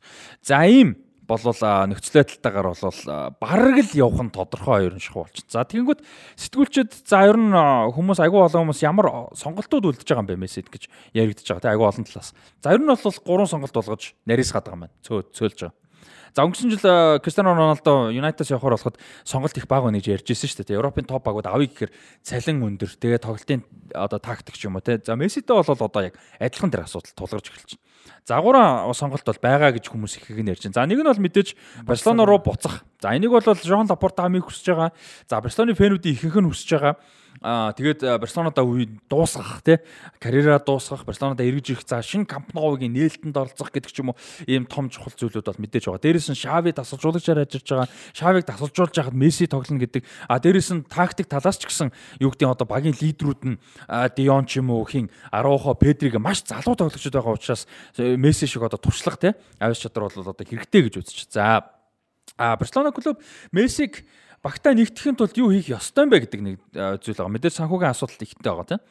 За Барселона клуб цалингийн төсвөө одоо Вэжбил те цалингийн төсвөө бол 200 сая еврогоор багасгах ёстой байна. Одоо дараа жилийн үйлрэлт зориулж. Яа одоо байгаагаас дараа жилийн үйлрэлийн хооронд 200 саяыг хасах ёстой цалингийн югаар. Амар сонсогч. Маш их мөнгө те жилийн 200 сая. Одоо чи Месси жилийн 30 сая цалинтай гэж байна шүү дээ. Paris Saint-Germain те. Тэнчнээс багасгалаа за мэдгүй 20 сая болголоо гэхэд тэн чи 200 саяг хасаад тэрэндээ Мессигийн 20 саяг багтаах хэрэгтэй болох гэсэн. Тэ. Тэгэхээр 200 саяас ч баг Месси гэрээ авмаар байл илүү хасах шаардлагатай бол. Тэ хаанаас асах юм бэ гэдэг асуудал ба. За хэдэн зээлээр явж байгаа тоглогч байгаа те. Өмтити, Лэнгле, Сержиньо, Дест За одоо саанд орохгүй нилээ идэд байгаа те Нико Гонсалес өөр хинчлээ. Эс Абдэ энтер. За эднэрийг олж байгаа. Гэтэ эднэр тунд тийм өндөр цалинтай тоглогч тийм их байхгүй. Ер нь бол за өмдөд дажгүй цалинтай байсан санагдчихэв. Гэтэ ер нь бол ингээд за тэгэхээр Фрэнки Ди хоног ч юм уу те явуулах те за одоо юу гэдэг Ферран Торресыг дажгүй үн хүрээд зарах гэх мэт иймэрхүү одоо 8 минутад хийх шаардлага маш их гарсан байгаа. Месситэй Мессиг. А тэгээ хэрвээ Мессиг авахыг хүсэж байгаа бол бүр нэмээд дахиад дор ээж 20 30 сая. Тэгэхээр Барсагийн боломж юу нь худлаа болчихж байгаа. Маш хэцүү. Ер нь бол Хорхе Месси энэ талаар ярьсан байлээ. Ер нь бол бодит сонголт бодит боломж гэхээсээ илүү романтик сонголт нөө. Тэ романтик буюу одоо хин хүсэж байгаа. Гэтэ бодитоор биелэхгүй. Зүгээр яг практикл бол биш байна гэдэг бол ярьсан юм шиг бэ нэлээ шүү. Ер нь бол. За тэгээ нөгөө сонголт. Заавж аа юу? а Барселона дээр нэг нэмээ нэмээд ярихад Барселона клуб яг одоогийн байдлаар шинэ гэрээнүүдийг бол Гави, Роналд Араухо, Алехандро Балде, Маркос Алонсо, Сержио Роберто нартай тохирсон баг хоорондоо. Маркос Алонсотой тохирч байгаа. Тэгсэн. Тэрийг бас гайхалга. Гайхалга. Тэгээд тохирсон. А гэхдээ Ла Лигийн өрөөнд бүртгүүлж чадах баг энэ гэрээнүүд. А ягаад гэвэл санхүүгийн асуудалтай. Энэ жилийн цалингийн одоо төсөв нь хитэрцээ явчих. Хавьер Тебас буюу Ла Лигаас гаргаж өгсөн хязгаараас бол хитэрцээ явчих энэ жил. Тэгээ яг нөгөө том баг нь болохоор ялч өвшөөгөө яваад. Жорди Алба Бускетч дээр болохоор цалингийн заа нэлээд сулран даагун те. А нэлээд сулран. Пике сая нөгөө нэг зодог тайлаад бас нэлээд сулрсан. Жорди Алба Бускетс хоёр явах юм бол бас нэлээд сулран. Энд чинь бас хамгийн өндөр цалин авдаг гэсэн чинь тийм. Тэгэхээр бас яг Алонсог авж үлдэх гэдэг шалтгаан тэр л ах л да. Баалдагийн сэлгээ болгоо те. Тийм тэгээд Албаг явуулна гэдэг чинь. Алонсо баг цалинтай ах уу? Тийм баг цалинтай. Тэгээд дээрэснийхээ Алонсоч хоёр байранд тоглоно л доо. Нөгөө гурван төвийн зүүн дээр тоглож байгаа байхгүй. Дөрв дөрвтэй ч төв хамгаалдаг. Тийм дөрвтэй ч шаардлагатай бол хамгаалж. Тэгээд зүүн дээр тоглож чинь. Тэгээ чөлөө бас нөгөө даваа талуудтай л да мань чинь чөлөө зохил зохин болгон. Ер нь бол одоо Алба бүскет зөрөд явуулсан нэрээ одоо цалин байлангаас бол бага бодоо тий. Тэгээ энэ жил бол Алба бол дайггүй байгаа бүскет бол муугаа шүү дээ энэ л. Алба бол яг хуу баалтай байхад заавал байна уу тий. Тийм баалтай байхад бол Алба хэрэггүй байхгүй явуулах хэрэгтэй. Явуулах хэрэгтэй. Албагаа ер нь одоо Балтигээ үндсэн тоглогчоо болгож нөгөө тоглож байгаа туршлагыг нэмэхтэй байнга тоглоулаа бодох хэрэгтэй болж байгаа. А эргэл нөгөө ээлжлэх юм бол Алонсон тийм. Тэгээд Гави, Дион энэ Гави, Педри хоёр гоё байна. Дион гоё байна. Энэ гурав байхад заавал бас яг Бускетс байвал хэрэгтэй. Гэтэн чинь хамгийн гол нь санхүүгийн асуудал амар том асуудал байна шүү дээ. Тийм. Тэгээд ганц юм нь Алба Бускетсээр явлаа гэхэд цалингийн төсөөс мөнгө хасагдах болохоос ш трансфер хийх мөнгө олно орж ирэхгүй. Тэгэхээр Ферран Торрес энтрийг зарах шаардлага бас байгаа даа. Трансфер хийж орлого олох шаардлага бас байгаа. Нөгөө хоёр өөр юм байна дээ. Цалингийн төсөв тэгээд нөгөө орлого зарлага хоёр юм байгаа даа. Тэгээ нэг юм асуудал байна. За дараагийн сонголт. За эхний сонголт. Аа за тэрэн дээр та хоёр сэтгэлээлч. За. Ой баг чи бүгдийг ярьчлаа шүү дээ. Сая битээр хэлчихлээ шүү. Аа зээлсэн. За тэгвэл дараа ярих. Тэгэл орлоо доо. Аа за. Би сайн нөгөө ярих нь уудтай болчихсон болов. Одоо бол хоёр дахь Мессигийн За хоёр дахь. За. За хоёр дахь сонголтоо Сауди Араб гэж гайхалтай сонголттой сонголт гарч ирж байна. За бас зөвүүн сонголт. За түрүүн бол бас Twitter дээр нэлээд одоо төгсөн байж магадгүй өнтер гэсэн яриа гарч эхэлж байгаа. За ер нь бол магадгүй те. За Сауди Арабын Аль Хилал гэж баг байдаг. За ер нь бол Сауди Арабын Супер лигийн топ 2 баг бол Аль Наср, Аль Хилал гэж хоёр баг юм бэлээ. Ер нь бол хамгийн их төрүүлсэн, хамгийн их өрсөлддөг. За энэ Аль Хилал баг бол нэг үлрэлийн, нэггүй үлрэлийн санал тавьсан. Нэг үлрэлийн 400 сая еврогийн санал тавьсан. Нэр шүү би нэг бүр маш олон суурсаар бүр бүр итгэхгүй би бүр баттгаж бүр ингээ хайс. Татгалцаад эвгүй санал байна тий. Нэг үлрэлийн 400 сая санал тавьсан. За За энэ юуны бол одоо саналын хамгийн том шалтгаан нь юу юм бэ гэхээр а, одоо Сауди Араб бол мэдээж эдийн засаг а, улс төрийн нөхцөл байдал нь бол ардчсан ч юм уу капиталист ус мэдээж биш. За тэгээд тэгээд тэр хэмжээгүй их таанд болсон. За нэгдүгээр тэмжээгүйр таан тус за Мохаммед бин Салман бол одоо тэмцээ бүх юмыг л ерөөсө өгснээр идэг. А тэгээ нэг том юм нь бол клубүүд нь хоорондоо хамаагүй юм шиг боловч өөр юм шиг боловч ус юу гэсэн тэрийг нь хийн. Ер нь бол тийм клубүүд нь бол тийм ч учраас 400 саяг саналт. Юунаас нэг клубын клуб бол нэг удахгүй чадгуулсан ч ямарч удахгүй байхгүй тий. Ашиг бол болно гэсэн юм байхгүй шүү дээ. А за яагаад за яагаад гэдэг асуулт гарч ирж байгаа. За яагаад юм бэ гэгээд тэгэхээр А Сауди Араб бид нар өмнө ярьжсэн 2030 оны хөл мэдлэгийн орон шалралт тэмцээнийг зохион байгуулах одоо санал болвол хостинг бид зохион байгуулах саналыг бол бэлдэж байгаа. Тэрэнд маш том амбицтай. А тэгээ тэрэн дээр бол Месси яг энэ зохион байгуулалтын биш нөгөө туризмын одоо байгууллагын төлөөлөгчөөр бол олон жилийн өндөр цалинтай гэрээтэй бол ажиллаж байгаа төлөөлөгчөөр нь за Сауди Арабид Кристиано Роналдог авчирсан байгаа. За удахгүй хэдүүлээ Кристиано Роналдог ирнэ. Гэхдээ одоо Роналдо байхад хэрвээ Мессиг аваад ирэх юм бол одоо жиг нөгөө one last dance гэдэг шиг Месси Роналдогийн сүүлчийн хоорондын өрсөлдөөн гэж одоо Сауди Арабыг маркетинг хийх ийм том одоо амбиц бол байгаа гэж. Том шалтгаан нь бол тэр. Түүнээс биш мэдээж 400 сая авчаад ашигтай байна гэж бол мэдээж байхгүй. Яг санхүүг явж шууд утгаараа. Гэтэ яг нөө жүүлчт мүлчт авчирд ашигтай тодорхой хэмжээнд цаагаар нөхөх боломжуудыг харж л. Сауди Араб бол нөхөөс илүү маркетинг чухал байна л да тий. Тийм нөгөө улсаа маркет хийх нь чухал байгаа. Одоо юу шүү дээ. Муу нэртэй улс шүү дээ. Тийм тийм. Ялангуяа нөгөө нэг сүлд юу боллоо те. Тий засаглалын хөв тий. Турктэй. Одоо Руанда гэд юу байгаа шүү дээ. Кагаме. А Руанда гэдэг юг нөө юу хийчихэд байгаа шүү дээ. Арсенал. А, Ру- Руанда хаа тэр чинь. Visit Rwanda мөн мөн. Визит визит Руанда мөн тий. Тэрийг хийсэн Руандагийн аялал жуулчдаар асар их хүн нэмэгдсэн байлаа шүү дээ. Одоо хүмүүс айгүй хөвжүүлчдэг, айгүй их Руандаг мэддэг ус. Тэрнтэй адилхан энэ бол зөвхөн Руанда Арсеналын энэ анцуун дээр хаад тэгж байгаа юм чи Месси Роналдо гэдэг хоёр том нэр бүр очсон тоглож байгаа тул наа чи өөрөө бүр асар том маркетинг болно л доо. Сауди Араб яг үндэ очиж үзэхэд бол үзэх газар ихтэй шүү дээ. Бид нар элсэн цөлөжд болоос тэнд чи элсэн цөл дээр одоо юу чи элсгүй газар дэлхийд ирэх байхгүй. Баян ус чи ихэнх нь элсгүй байхгүй. Тэгээ тэд нар чи ихэнх нь очиж үзэх боломжтой. Тийм. Ялангуяа нөгөө муслим ертөнцтэй бас том юу болох нь шүү дээ те. Мекка. Шин зүйл болно. Мекка байна те. Тэгээ Сауди Араб ч нэг Дакар ралли зохион байгуулж байгаа байхгүй? Одоо сүүлийн баг 3 жил орчим Дакар раллиг Сауди Араб зохион байгуулж байгаа шүү дээ, тий. Тэгэхээр тэр чинь бас бас өөр хүн юмтай л гэсэн үг л дээ. Тэгээд 30 он гол амбицэн те 30 оны дэлхий. Тэрийг бол авч юмчихгүй. Авилгал өгдггүй л юм. Үнэхээр авахгүй шүү хэл дээ. Ер нь авилгал өгөөд авчаад байгаа шүү дээ. Аа, ер нь бол тэгээд байгаа. Гэхдээ тэгэхгүй л бол нэр үнэхээр авахгүй шүү. Тэгээ одоо сая- Яалч өмнөд Америк хамгийн том юу яагаад. сая Катарт өгчөөд Араб өгөө. өгнө гэж байхгүй. Шүү. Тийм яалч юу тийм. Сая Катарт өгдөг нь одоо бүр энэ Араб руу ер нь баг эрүүл хүн баг санал хэдэн жилдээ өгөхөргүй л хаалт хийлээ Маш шүү. их асуудалтай байсан. Хамгийн гол нь те зүгээр нэг болоод. Яг гоо дэлхийн оргон тэмцээн талаас байгаа байсан. Гэтэ асуудалнууд бол дуусаагүй шүү дээ. Тийм. За тэгээ Сауди Араб бол ийм байгаа. Тэгээ Месси Роналдо дээр нэг ийм сэдв гарч ийн л да. А хойлон дээр. А за Роналдо Аль- Насрт байгаа тийм. Тэгээ одоо Месси бол Арабын тэр туризмын төлөөлөгчтэй Араб руу яригдчихэв. Юу ярьж ин хэр энэ хоёр нэрээ алж гинөө гэсэн юм чи карьерг бол угаасаа алахгүй. Тэр бол асуудалгүй. А гэтээ улс төрийн нийгмийн маш том асуудалтай ийм улсаас мөнгө аван байран төлөөлөх шаардлага байсан уу? Ийм өндөр амжилтанд хүрсэн, ийм их мөнгө ийдсэн те. Ийм хүснээ, өстө бараг л хүснээ хийж болохоор шийдвэр гаргахаар ийм хоёр хүн тэг шаардлага байсан уу гэдэг илүү human талаас нь шүү. Амжилтыг нь ерөөсөө хинж үгүйсэхгүй тэр уус утгагүй. Эргэлзэх ямар шаардлагагүй. Зүгээр тийм сэдв бол яриач. Зүгээр өөр тэр талаасаа өөртөөхөө нэрийг жоохон алчуудаа гэсэн юм бол ялч яриад. Тэглээ тэглээ. Би санал нэгдэж байна. Сауди Араб гэдэг улс ч өөрөө хүний эрхийг бас их зөрчдөг улс те. Одоо ер нь дэлхийн нийтээр л хүний эрхийн төлөө л гэж явж байгаа шүү дээ. Одоо тэр байтугай сайхан нэг ийм мэдээлэл гарсан нөгөө Манчестер Сити, Манчестер Юнайтедгийн хоёр алдартай клуб чинь логон дээр нөгөө хөлөг онгоцыг дүрсэлсэн байдаг. Тэнгүүд нөгөө нэг хөлөг онгоц чинь тэр одоо хэддүгээр зууны үед Боолын 8. боолын 8 гэдэг гол цэцэглүүлж исэн тий гол боолуудыг бол мэдээж боол гэдэг чинь хүний эрхийг зөрчиж байгаа л хэлбэр шүү дээ. Яг тэр үед хүний эрх мэрх гэж байсан ч юм байгааг ч юм. Ингээд тийм одоо логог баг авч яхаа гэдэг нэг үндэс үнцэг үнцэг үнцэж байгаа үнцэг гарч байгаа. За одоо үе чинь шал өөр өө. Хүний эрхийг бол амар юу яадаг. Тэгээд яг яг л энэ улсын царай болчиход байна л да одоо. Би бол бас адилхан салж яг тэр бол тухайд бол бүгд л тийм байсан шүү дээ, Тий. Одоо хүний эрх гэдгээс дэлхийн нийтээр мэддэг байхад тийм хийжсэн хүмүүсээс одоогийн дүрмээр бол хүний эрх шаардсан. Яг хаа тиймэрхүү нэг гардаг боловч тэр бол тийм байх. А одоогийн Сауди Араб дээр бол асуудал байна л да. Одоо л яг үндэ хүний эрх гэдэг чинь хүний эрх гэдэг чинь өөрөө ерөөдөө энэ дэлхийн одооны хөгжлийн хамгийн гол юм болцсон шүү дээ. Хүний эрхийг дээдлсэн учраас Англи улс дэлхийд асар урдан хөгжөөд одоо тэр нэг болын 8 дээр чинь цэцгэлсэн шүү дээ. Энэ бол одоо хүний эрх гэдэг чи одоо бид нар ингээд эрх байхгүй юм хийчих чадахгүй байхгүй тий. Тэгээд тэр одоо нэг хэд нөхдүүд юугаар л юм. Тэгэхээр эн чинь хүний эрх гэдэг чухал байдаг. Хүний эрх одоо юу гэж чинь дэлхийн хөгжилтэй улсуудын эхлэлийн ерөөдөө хөгжих эхлэлийн тавьсан те. А Сауди Араби бол тэр хүний эрх хөгжсөн улсуудын техник технологиг ашиглаад газар доорх баялгаа ашиглаад мөнгөтэй болсон байхгүй те. Тэнгүүл тэр чин бол амар ялгаа. Тэгэхээр би энэ дээр бол яхаа харахгүй бас адилхан санал нийлж байна. Энэ бол жоохон манай өрөөд бол жоохон нэг тийм human талдаа human right талдаа бол жоохон асуудалтай юм болчихвол гэж бодож байна юм бол Сауд. Тэгээ хэмжээгүй эрэгт засаглалтаа улс дэлхийд дээр чи Сауди Араб, Бруней өнөө нэг ганц хоёрхан л байгаа шүү дээ.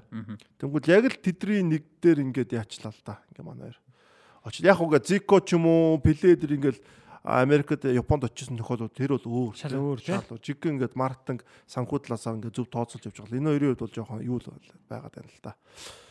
Жоохон тийм human талдаа жоохон асуудалтай. Тэр яа гарахгүй санал нийлж байна л да.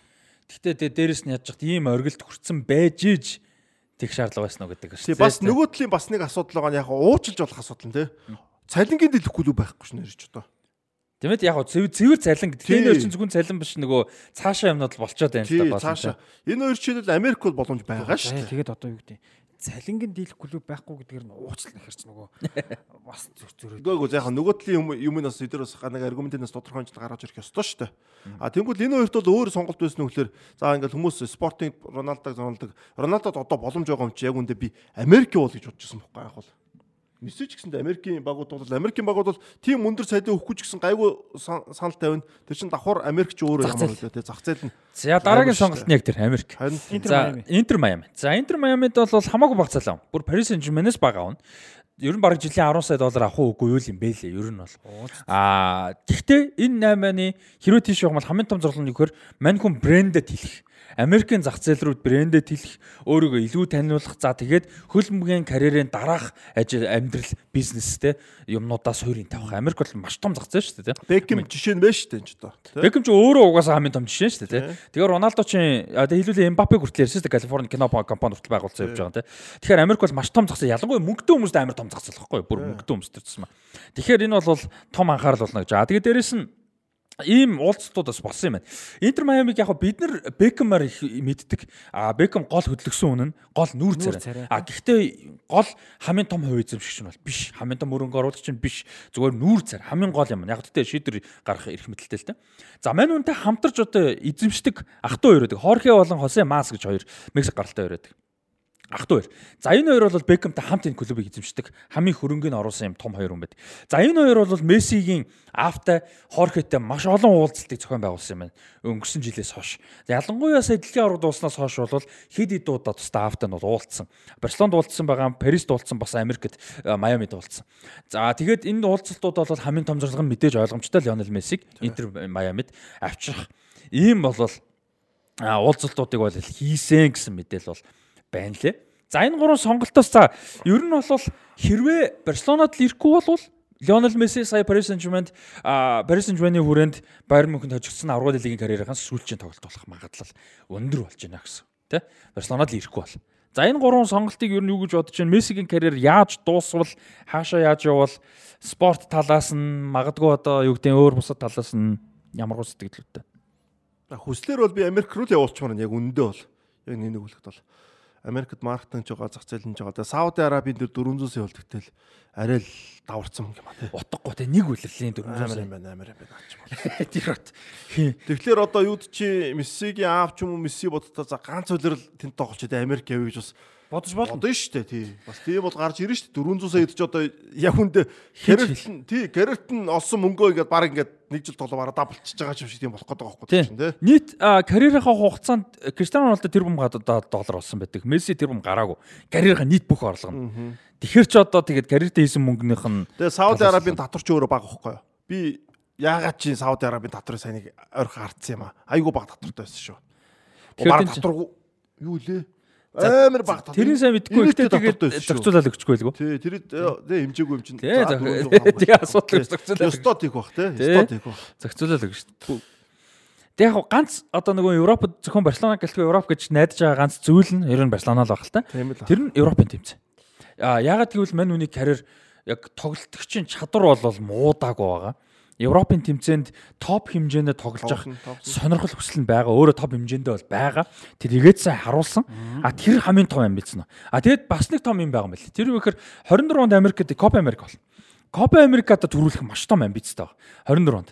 Ер нь бол Лионел Мессигийн сүүлчийн шгшээ оогийнхан тэмцээн гэж өөрөө ер нь бол одоо тооцоолж байгаа гэсэн юм бол яригдчих 24 онд болох Америкт болох.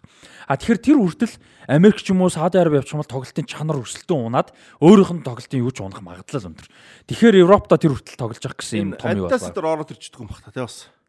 Адас юу гэж? Адидас ч одоо Мессигийн юу штэ спонсор. спонсор штэ. Адидас дээр орж ирээд Барселон ч тэгэхээр Nike болчихж байгаа Тий, юм тий. тий, тий, тий. Бас тийм асуудал. Гиснээс сонирхолтой юм дуулахад Месси анх карьер эхлэхдээ Nike тоглож байсан. Аа тэгээд урт хугацааны гэрээ хийгээгүй.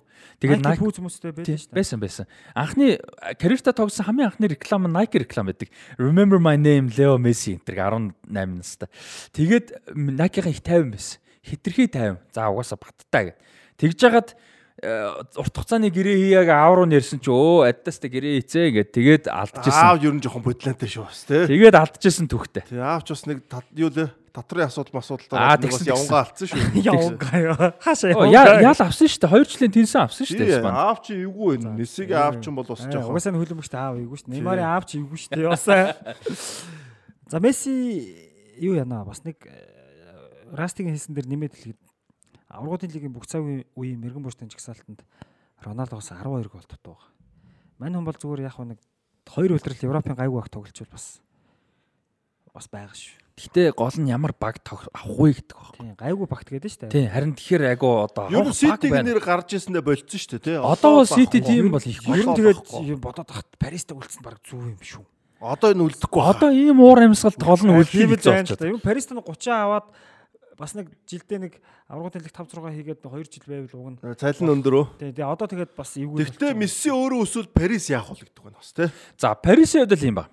А Парис бол одоо нөгөө нэг glamour luxury брэнд бол байсан. За одоо бол Парис нөө хэдүүл ярьсан шүү дээ. Сая 2022 оны дэлхийн аварт орсон бүх тоглогчдоос Парисын suburb одоо Парисын area-гаас 28 тоглогч төрсэн байсан тий. Тэгээ Парисын Saint-Germain академич ч гэсэн дайггүй шүү дээ. Айгүй олон мондод төрж гарч ирсэн. Багтаал баг чадахгүй байгаа нь одууд авчаад байдаг. За одоо бол Paris Saint-Germain том зорилго юу болсон бэхээр Mbappe-гийн эргэн тойронд баг босгоно. Аа ер нь бол За Месси явуулна, Мессиг явуулна. За ер нь болохгүй байгаа одуудыг явуулна.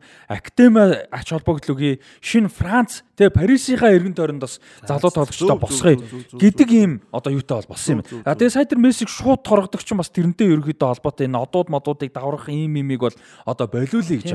А ганц юм нь өөрөөсөө том дохио байхгүй. А тэгээ зүгээр ганц өөрөө өөрөөсөө шийдвэрт ороогдчиход байгаа юм Неймарын гэрээг 26 7 хүртэл хийцэн. Тэгээ нөгөө тэнд яаж ч болдоггүй. Неймар сайхан контрт аваад явж байгаа. Тийм. Неймарын авах одоо Неймарт арай залуу юм да тий. Арай ч хамаагүй залуу. 31. Тэгээ Неймараас юм хүлээх хэрэггүй гэдэг ойлгосон биз дээ. Тэр өмнөх юун дээр чи статистикс Неймарын тоглосон тэр минут Тий. юунуудын тий тэр бол арай гомдмоор байгаа. 6 7 жилд тэгж тоглоно гэдэг тийм. Тийм ч тий юу гэсэн. Тэгээ хэдэн зуун сая еврогийн цалинтай. Тий. Дэлхийн хамгийн өндөр төлөмөгч. Тийм шүү дээ. Тэгээд Катарч байсан, Парис ч байсан тэр чинь мэдээж бизнес мөнгө төлбөр тооцоо утгатай явж л байгаа шүү дээ. Хязгааргүй байсан ч гэсэн. Неймарын одоо авах хаг байна уу? Одоо Челси бол авахгүй байхгүй байхгүй. Одоо Неймар бол явахгүй. Неймар ч өөрөө тэгээд ерөөсөө тэнцэнэ яаж байгаа зодог тайлах үйтэй юм шиг үлээ шүү дээ. Сонирхолтой ч байна. Ямар нэг хэцүү юм дээ. Аа Неймар зодод тайлахгүй Америк Америк явна шүү. Неймар бол мөнгийг сайн хийн шүү. Неймар бол Америк араб руу Имиж мимиж юмдаа Неймар айгүй. Мань хүн хөлбөмбөр явахгүй зэ. Тэгээ хөлбөмбөр зодог тайлчаа тэгээд тэр юмнуудаа. Хөлбөмбөр сонирхол байхгүй. карьерийн дараа сайн түүшүү байна уу? Ална ална. Нөө латин ертөнцийн маш том байхгүй. Хэл байхгүй, англи хэл байхгүй. Гэхдээ латин ертөнцийн маш том. Цааш тэгээд нэг цомог момог гаргач нь тий. Аа магадгүй магадгүй. Өдөр Бразил- Контрын багтаа олчин заа. Тэр контр баг баг өөрөө спонсор спонсор юм биш үү тэр чинь баг. Тэгээ бид тэрийсээ мэдгүй юм. Гэхдээ ер нь бодол юм шиг Интер. Майами дээр бид рүү юм хэлсэн. Интер Майами бас яагаад ингэж Мессиг онлоор Майами ч өөрөө айгүй хөвчүүлчт очдог. Тэгэд ажуутлын дээр Орландо ч нөө юутэй Диснейтэй гэдэг багш Орландо ч. Тэгээд Майами ч одоо Майами хийтгээ цагсан бөмбөгийн баг байгаа шүү дээ. Тэдний фанатууд чи NBA дээр бас хамгийн нэг үнэнч биш гэж үздэг шүү дээ. Яг бол нэг ихэнх нь жөөлчд үлддэг. Учраас дамжиж ирсэн гэдэг. аа ер нь угаасаа хотонд юм учраас ихэнх нь жөөлчд байдаг учраас Баг нь- суугуул цөөхөн байна гэдгээрээ. Тэгээ ингээ баг нь хождоод эхлэн шүү дээ. Тэнгүүд гар авчдаг гэж байхгүй. А суугуудад ч юм бол ингээ тоглолт тус үзэн шүү дээ Май- Майами чинь тэрүүгээр бас юутай байхгүй юу? Алдартай байхгүй юу? Яг гоо суугуудад нь байгаа. Гэтэ Майами хот чинь өөрөө нөө Испанчууд ихтэй Кубуд айгүйх гэдэг байхгүй юу? Латин соёлтой тий. тэгээд нэг жүүлчид амар хэрдэг учраас тэр чинь нэг Мессич тоглож байгаа юм чинь жүүлчдийн хувьд бол асар том бас юу болчихно л доо. Тэгээ дээрэс нь Майами ингэж байгаа юм биш ал өөр салбар юм судалж явж байгаа. Би нөгөө нэг архитектор бизнес бизнесийн салбартай агай туртаа сонирхолтой байхгүй. Тэгээ тэгсэн чинь юу яаж байгаа юм? Одоо нөгөө нэг Дэлхийн том нөгөө бизнесийн төвүүд байгаа шүү дээ. Токио ч юм уу, Франкфурт энэ төр гэдэг явдаг те Шанхай байгаа. Тэгсэн чинь Америк ч Нью-Йорк ч угаасаа тэгэл тэрүүгээр алдартай те домог те. Тэгсэн чинь одоо Майами ч бүр амар байгаа юм. Сүүлийн хэдэн жил барилга салбар, тэгээ барилгын бизнес, офис, тэгээ том үйлдвэр, том нөгөө нэг э, янз бүрийн компани бүгдээрээ Майамид салбаруудтай болсон. Зарим нь бүр төв салбараа нүүлгдсэн. Тэгээд Тэр том татвар гайгүй нэгсэн. барилгын хөгжил яг татвараар бол Texas, Техас бүр хамгийн хурдан хөгжиж байгаа юм байна лээ. Tesla Mesla чинь нүүл нүүлгсэн шүү дээ. Төв юугаа офс. Гэхдээ Майами бол яг тэр нөгөө барилга орчин дид бүтц юу хөгжиж Орчин бол ярих юм бүр байна. алж байгаа гэж хэлээ. Майами бол хөгжлөөрөө бүр алж байгаа гэж хэлээ сүүлийн хэдэн жил. Орчин бол ярих юм байна. А нэрэ Неймар ингээ 25 дуусах юм шүү. Бас 26 болоо бас Бас арай биш. дөгччээ тий. Бас дөгцсөн юм байна. Тэ хаа очиж дөгсөн юм. Хаа очичтэй. Тий, одоо хоёр Тийм. чинь тий.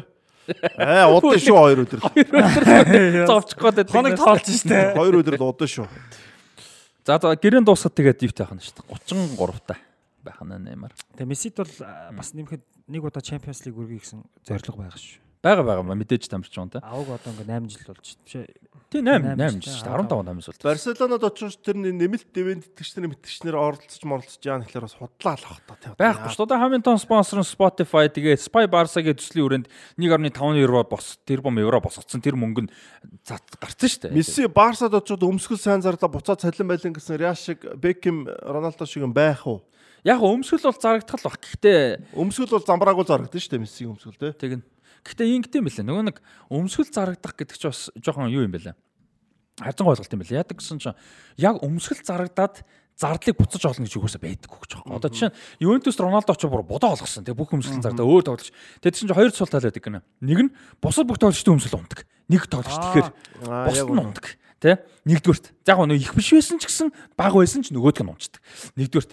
А хоёрдугаарт нөөд яадаг гэсэн чинь хувц үйлдвэрлэгчид айгүй их хувийг авд юм байна. Одоо Nike байлаагт Nike ч маш их хувийг авд. Бараг 70%. Тийм 70 80 маяг Nike ч угаасаа нөгөө ивент итгэгч гэдгээрээ Тийм шүү дээ давуу тал нь баггүй юу? угаасаа зурцсан байгаа шүү дээ. Тийм шүү дээ. Мөнгө өгж байгаа юм чинь өмсгөлнөөсөө хувиа их авах байхгүй. Тэр талаар Athletic Interest гэдэг YouTube суугаа тийм Ер нь бол 70% орчим лээ. Одоо iTunes дээр чинь бас тийм шүү дээ. Яг аудио гэхдээ өөр шүү. Өөр үү, тий? Хөгжим стрим стриминг энэ төр бол бүр Би өөр. яагаад чинь тэрийг нөгөө нэг юу аж харж ирсэн бохгүй. Аа, стриминг төр өөр. Spotify энэ төр бүр амар баг. Тэр бол бүр шал өөр. Тусдаа том. Тэгэхээр бол харьцангуй байна тий. Бас нэг бүр алж хятаад А байдаг юм Spotify тий юу ч өөр ихгүй да нөө. Одоо юу одоо юу лээ. Концепц нь өөр баха iTunes дээрээс. Адилхан адилхан стримингээс Адилхан уу? хуваа тий. Стримингээс хуваа шүү дээ. За тэр л орох. За за. за. Тий. Гэхдээ ер нь бол маш бага аа ийм шүү. За би sorry. Энийг зөөр үзэгчдэд юу гэж байна. iTunes Spotify дээр сүүлд нэг өөр болчихж байгаа. Ер нь бол анх гарч ирсэн юм тийхгүй. Нэг дуу 1 доллар гээд 70% нөө нэг 70 30 гэж явж байгаа шүү дээ. Одоо өмсгөлийнх чи би яг тэрийг нэг харж ирсэн юм аа.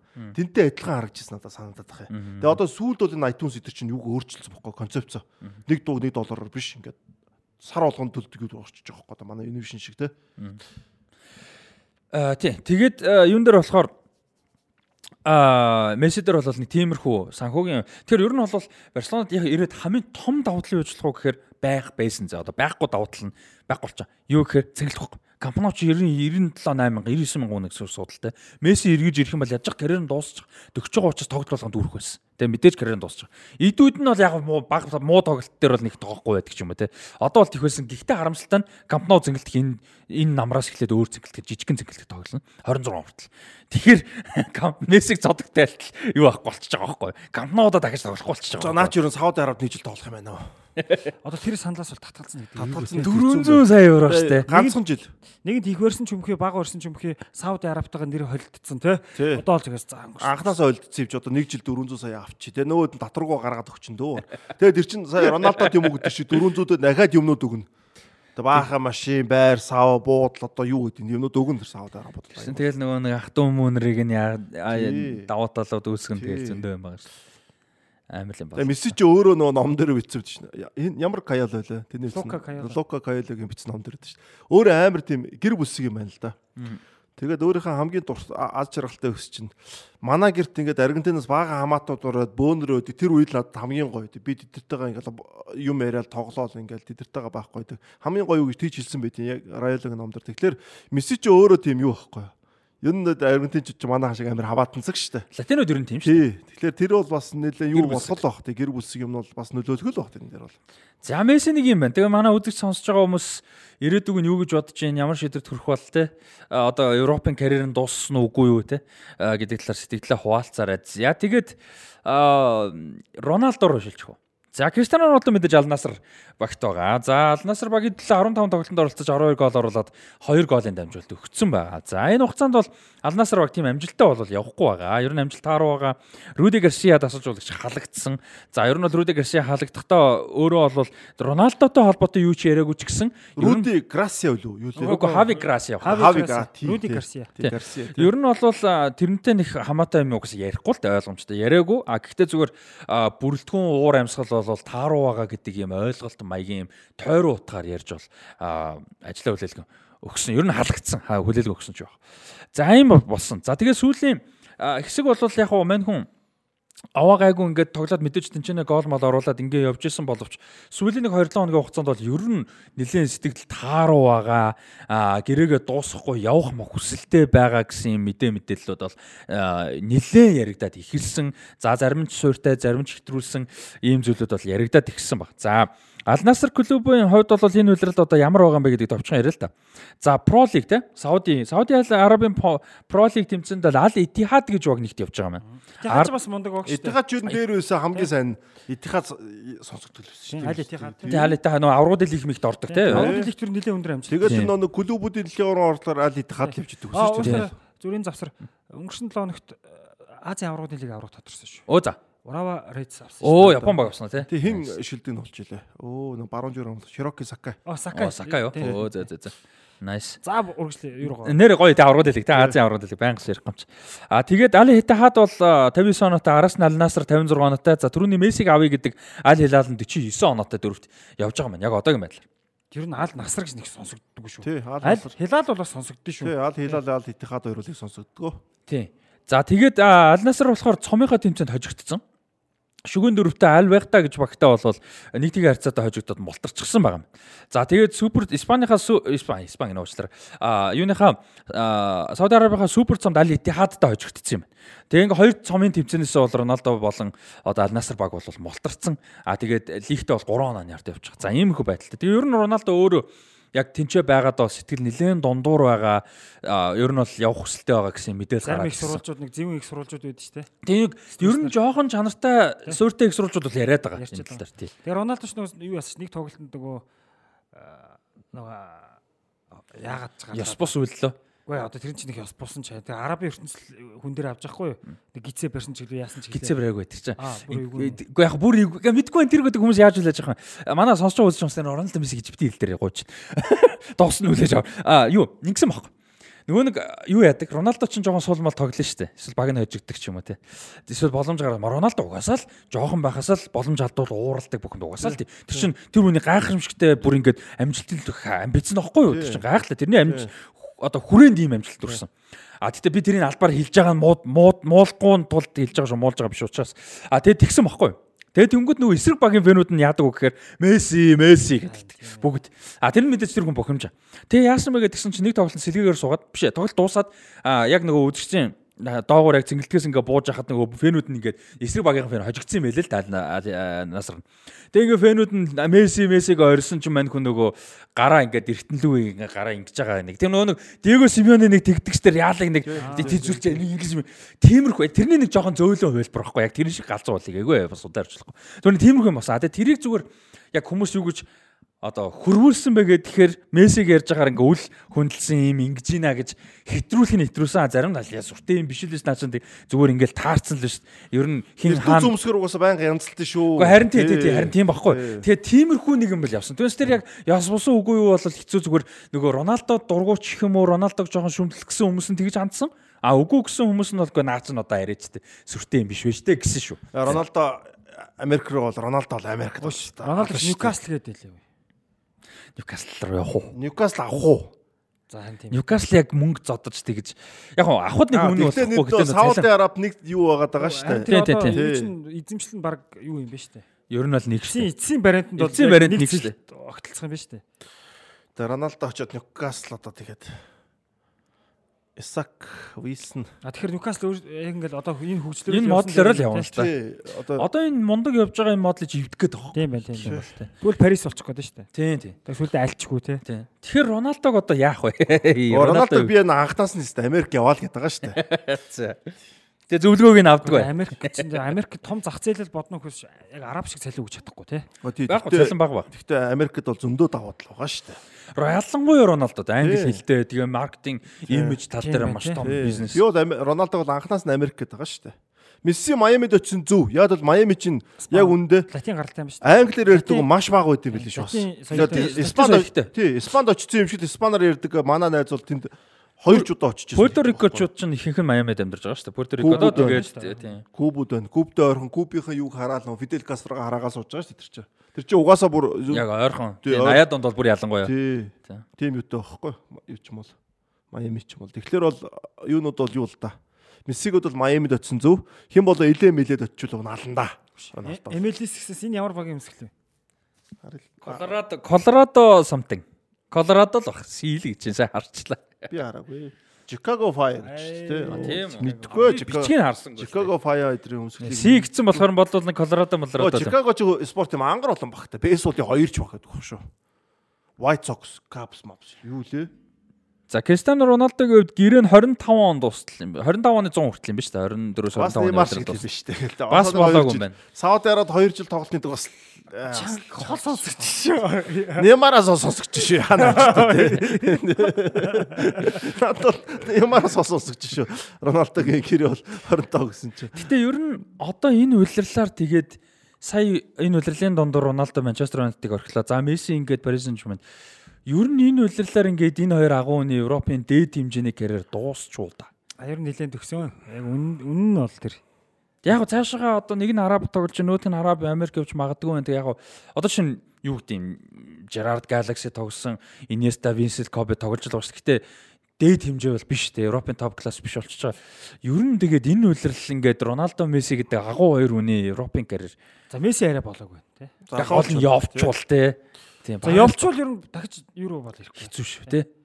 Ер нь За Роналдо нэг спортинг нэг ирж нэг зодог тайлбар. Аа Месси ч бас нас нь гайгүй байгаа шүү дээ. Тэгээд Месси нэг Араб нэг жил алчаад Копа Америк тоглолцоод төрөд Европын Барса Марсан учраа олцдог ч юм уу бас байж болно шүү дээ. Хэд юу ян зүгээр Европын одоо юу гэдэг тийм одоо зөв модалтай баг л авахгүй. Тий. Аа Юу нь Барса бол яг зүгээр нэг үлрэлийн тий нэг бэлгэдлийн нэг юу байдаг штэ нэг нэг үлрэлийн одоо Камп Ноу нээдэг ч юм уу тий тэр үед Камп Ноу нээглээ Месси ирлээ. Тэгээ Месситэй баг цалин. Тэгээ Месси ч нөгөө Барсагийн фанатуудын зүрх сэтгэлд улам домогрно тий. Тэгээ тэр чинь бас нэг Мессигийн сүүлчийн нэг бүүн болно штэ нэг тэгээ тэгээ тэгээ тэгээд нэг За ер нь Араб руу очил Америк л явах юм байна дөө. 26 мургоонд нэг хайлт ирж болох л энэ тийм Месси 90 Яг тоглож байвал. Хагас Э удаа ч юм уу. 39 доо тоглолаа шүү дээ. Ингээд тоглож байвал гэж байгаа байхгүй. Одоо NHL ч нөгөө нэг бэлгэдлийн гэрээ айгүй их байгуулдаг ш. Нэг өдрийн нэг хэдэн цагийн тэгээ амар. Яа юм бол нөгөө 26 онд Nou ч 26-аас 7 оны үйлрлийн ихэнд яг бүтэн ашиглалтанд орно гэдэг шүү дээ. Тэгэх юм бол нөгөө яг тэрний нээлт мэлт Яа дэлхийн авар маар тоглож дараа ирж ирэх дээ нөгөө ч аа. Тэгээ ер нь зүгээр Америк л юм байна дөө. Ягаад тэгэхээр одоо Америк нэгдсэн улс ч нөгөө хөлбөмбөгийн дэлхийн арга шалруулах хэмжээний зохион байгуулна. Тийм. Аа бас яг удаа. Одоо Одоо Сауди Араб Америк орчи тэгээ хөлбөмбөг амбицлаад байгаа байхгүй. Одоо Америк нь амар боддог байхгүй юу? Америк ч одоо хөлбөмбөгт ер нь маш их ач холбогдол өгч байна. Одоо жижигэн жижигэн жишээ зөндөө байна л да. Энэ нэг Сауди Арабыг бодвол улсын тэр чигээрээ бодлоготой бол биш. А гэхдээ ер нь ач холбогдол өгч. Ягаад тэгэхээр маш том маркет гэдгийг ойлгож байгаа байхгүй. Хөлбөмбөг гэдэг те. Тэгээ яаж юм гэсэн чинь за одоо чинь Тед Ласоог телевизэн зураг гаргаж ирэхлээр дуудаж байна. Одоо 3 дахь хуулирлын явж байна те. Ингээ Америк тасалжуулагч Английн жижиг багийг тасалжуулж байгаа тухай инээдмийн шоу. Тэгээ тэрний ачаар айгүй олон Америкууд хөлбөмбөг гэдэг ойлголттой нөө сокер гэдэг ойлголт нэмж нэмэгдэж байгаа байхгүй гэсэн үг шүү дээ. Гэхдээ нэмэгдэж байгаа. Аа тэгээд юу вэ? Нью-Йорк Таймс жишээ нь сая өнгөрсөн жилд Атлетикийг худалдаж авсан. Яг цэвэр хөлбөмбөг яг зөвхөн хөлбөмбөг биш гэхдээ хөлбөмбөгийн хамгийн том одоо мэдээллийн их сурвалж сайтуудын нэгийг бол худалдаад авчихсан. Яг нөлөө бол бага байсан сая нөлөөлж эхэлчихлээ. Дөнгөж сайхнаас Нью-Йорк Таймс реклам энэ төр нэг хаяа гарч эхэлчихлээ. Тэр хүртлээрээс зөвхөн атлетик дээр илүү оролцоо байдаггүйсэн. За энэ төр ч одоо ингээд нөгөө бэлдэж эхлэх байгаа. 26 оны дэлхийн аваргад хөлбөмбөг болно. Тэрний наа ингээд маш олон зүйл ингээд тойруулчдгаар байна, шууддгарч байна. Маш олон зүйл. Одоо Taika Waititi-г мундаг найруулагч хөлбөмбөгтэй холбоотой кино хийж байна. Next Goal Wins нь Америкийн самаа шүү дээ. Австрали 31 нөлдөлдөг. Тэр багийн чинь дараа тэр 31 нөлдөлдгийн чинь дараа а юу яасан юм бэ? Нэг далжуулагч очоод бас нэг яг гэж үтсэн юм байна шүү дээ хөлбөмбөг тоглох гэж үтсэн юм байна тэрний чинь тухай бас баримтат нөөцгөн гарууд өгөө тийм баримтат кино байд юм байна те. Тэрэн дээр кино минь яаж байгаа. Хөлбөмбөг тоглоно гэдээ үтсэн гэж австралид болоо те. Тэгэхээр ер нь бол ингээд зүгээр яг шууд боолон тойроо утгаараа бол Америк хөлбөмбөг гэдэг зүйл. Тэгээ сая одоо жишээ нь ингэ чинь сая дэлхийн. Дэлхийн хамгийн тогтмол одоо нөгөө average attendance гэдэг чинь талбай дээр зингэлдэг нь хамгийн олон үзэгчтэй. Эхний харавт Өмнөд Америкийн 3 4 баг. А тэгээ Европын ганц хоёр Nou Enter. Тэгсэн чинь Америк хоёр баг орчлоо. Атланта United тэгээ нөт нь юу гэж юу? Тэр Атланта ч дэлхийн хамгийн том нэг өмнөдөө цэнгэлт 1.7 8 тэр бомбар. Нөгөө биш биш шүү. Биш баха. Нөгөө нэг юуны Mercedes Benz юу гэдэг бүр амар нөгөө дээдл нь хааж маадаг нэг амар юм аашлаа. Тэр цэнгэлт чинь тэр Атланта юу лээ? Атланта United ч ливчлээ нэг баг байт юм байна. Тэр тоглолт юм байна. Тэгээ тэр мөр чинь бүр тогтмол 70 хэдэн мянган үздэг гэж байна. Америк хөлбөмбөгч бас Америкта одоо бүр нэлээд том болцсон юм байна. Атлантчуудын сагснаас өөр спортын баг байна уу? Тэр Трещерс. Атланта тэр хөлбөмбөгийн баг нь байгаа. Тэр багаа чи харин бүр тогтмол 70 хэдэн мянган үздэг. Яг үн те. Тэр юу чухал бас? Хөл өмгийн соёлоос гадна тэр нэг хідэн багтай вэ гэдэг айгуу чухал байхгүй юу? Одоо Сиэтл отоо шүү дээ, тэ. Сиэтл очоо саксны баггүй шүү дээ, тэ. Тэнгүү хуучин байсан тий. Хуучин байсан Сиэтл суперсэн. Саксны баггүй болгоод бусдууд нь саксны багт бол бусдын үзэгчд нь яах вэ гэд бас юу Тийм тий. Тэр айгуу чухал. Тэгэхээр Атланта гэдэг гот нэг бусад бейсболын баг ч юм уу яг үндэ тийм амар том хот биш шүү дээ. Чикаго, Микаго, Хьюстон энэ шиг биш байхгүй. Одоо Атланта амар хөгжиж байгаа.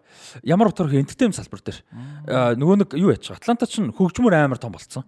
Яг угаасаа нөгөө нэг хипхоп том байсан л да. Хуучин мондгоо зөндөө Атлантаас гарч ирдэг гэсэн. А гэхдээ одоо бүр яг зүгээр нөгөө нэг мондаг хүмүүс гарч ирэх биш тэнчэнээ салбар болж бүр хотно өгч байгаа. Аа ялангуяа хипхоп зөв. Тэр чинь буцаад хөрөнгө оруулж байгаа буцаад ялангуяа хипхоп дээр. Аа тэр тэрэн дээр нэмээд юу яаж байгаа юм бэл. Одоо энэ Холливуд гэдэг чинь ганц Лос Анжелес, Калифорни гэдэг ойлголт ер нь нурж эхэлж байгаа. Яаж юм гэхээр хамгийн том кино продакшнууд, том киноны студиуд, айгүй том одоо юм зураг авалтын саунд стейж гэдэг чинь тайз гэж ярьдаг те. Тэд нар бол бас одоо Атлантад байдаг бас. Жоржо Мууж бол татврын бас хөнгөлтүүдийг их үзүүлдэг бас. Одоо энэ Marvel-ын том кино шүү дээ. Бүгдээрээ баг бүгдээрээ Атланта зураг авалт авч байгаа. Жоржа гэдэг ингээд нөгөө киног нөгөө Marvel-ын киноч хүмүүс кредит үздэг болохоор нөгөө логонууд харна шүү дээ. Тэгвэл Жоржа гэдэг ингээд мужийнх нь юм гарч байгаа. Одоо энэ Тайлер Перри гэдэг нөхөр өгдөг шүү дээ Тэг баахан Мадия гэл кино хийгээд байдаг. Харуул мэтгэл бах та. Жүжигчин найруулагч продюсер аахгүй юу? Тэр бомта. Амар баян. Нөхөр дэлхийн хамгийн үнэтэй хувийн том студийг байгуулсан. 1.5 тэрбум долларын том студи Атлантад байгуулсан. Тэнд чинь ингээ нөгөө том ингээ нөгөө сетнүүдтэй. Тэгээ хүмүүс ирж зураг авах авалтаа тий кино продакшн хийх. Тэгэхээр ер нь бол Атланта яг тэр аргагүй амар том хөгжиж байгаад үзэн шүү дээ тий. Хөгжиж байгаа юм чинь тэр чинь хүмүүс ихтэй хөгжилүүд чинь залуучдыг татдаг. Тэд нар чинь entertainment юм үзэн л аргагүй юм байна л да. Тэгээ дээрэс нь Америкас би ингэж хараад байхгүй. За Месси Роналдо тэр энэ хоёроос төлөвлөж байгаа арабуудыг барахгүй байгаа ч гэсэндээ 26 оноор далимдуулж тэр хөл өмгийг 94 он шиг аягүй том бас нэг өөр төвшөнд авчилж бодож байгаа. Тэгээд Америк хөл өмгийг нэг босчих юм бол энэ бол бас амар том болно шүү дээ. Ер нь Премьер лигийг давна гэдэг байгаа шүү дээ. Алстаа бол маркет бэлэн байхгүй. Зөв хүмүүсийн л хургаж чадах юм бол бэлэн байгаа байхгүй. Яг Английн соёлоор Испани, Италийн соёлыг бол хүмүүс тэр суудсан соёлыг бол яа гэдэг хэцүү л дээ. Тэ тэгтэл Америк бол бас лонзоор штэ. Тэгээд дээрэс нь латинууд айгүй хэрдэж штэ Америк руу. Тэд нар чинь бүгд төлөмбөх байхгүй юу? Тийм штэ. Латин бүгд төлөмбөх. Америк гэрш нэг Премьер лиг ашиг орлогороо давна гэж байгаа шүү ирээдүйд бол. Ер нь ойрхон байна. Ер нь бол тийх бах уу. Ч угаас Америкийн тэр эдийн засгт эргэлт юунд эргэлж байгаа мөнгө нь амар байхгүй. Тийм л дээ. Тэгээ Атланта United юм биш үү? Баг нь. Атланта United FC гэж. Зүйл зүйл яасан байна да. Би хэлээг бах Атланта. Би Атланта United гэсэн. Драст хэлэх ши тэгээгүй. Мэдхгүй би одоо тэгжсэн санахгүй л. Би хэлээгүй. Тэгээ Атланта United юм байна. United билүүгээ чи сая тэгээгүй. Тэглүү мэдхгүй. За ямар ч байсан Атланта үзье да тий. За тэгээ Атланта United нь болохоор юунда конференцтэй хэдэд явж байгаа. Eastern Conference-тэй дөрөвт явж байгаа баг юм байна. Ямар ч байсан гэсэн. Нью-Йорк Сити FC, Nashville, Cincinnati, New England Revolution гэсэн багууд. Манай Miami байхгүй шүү дээ Eastern дээр ч одоо тэгвэл. Интер Miami 10-т явж байгаа юм байна. 14 5 багаас. Сугараад гэдэг. Гэхдээ эдгээр ч тэгээ ямар унах биш дээ. Тийм тий. Америкийн тэр систем бас юу л да. Нөгөө нэг алдарт LA Galaxy чинь Western дээр 14 багаас 13-т явж байгаа юм байна.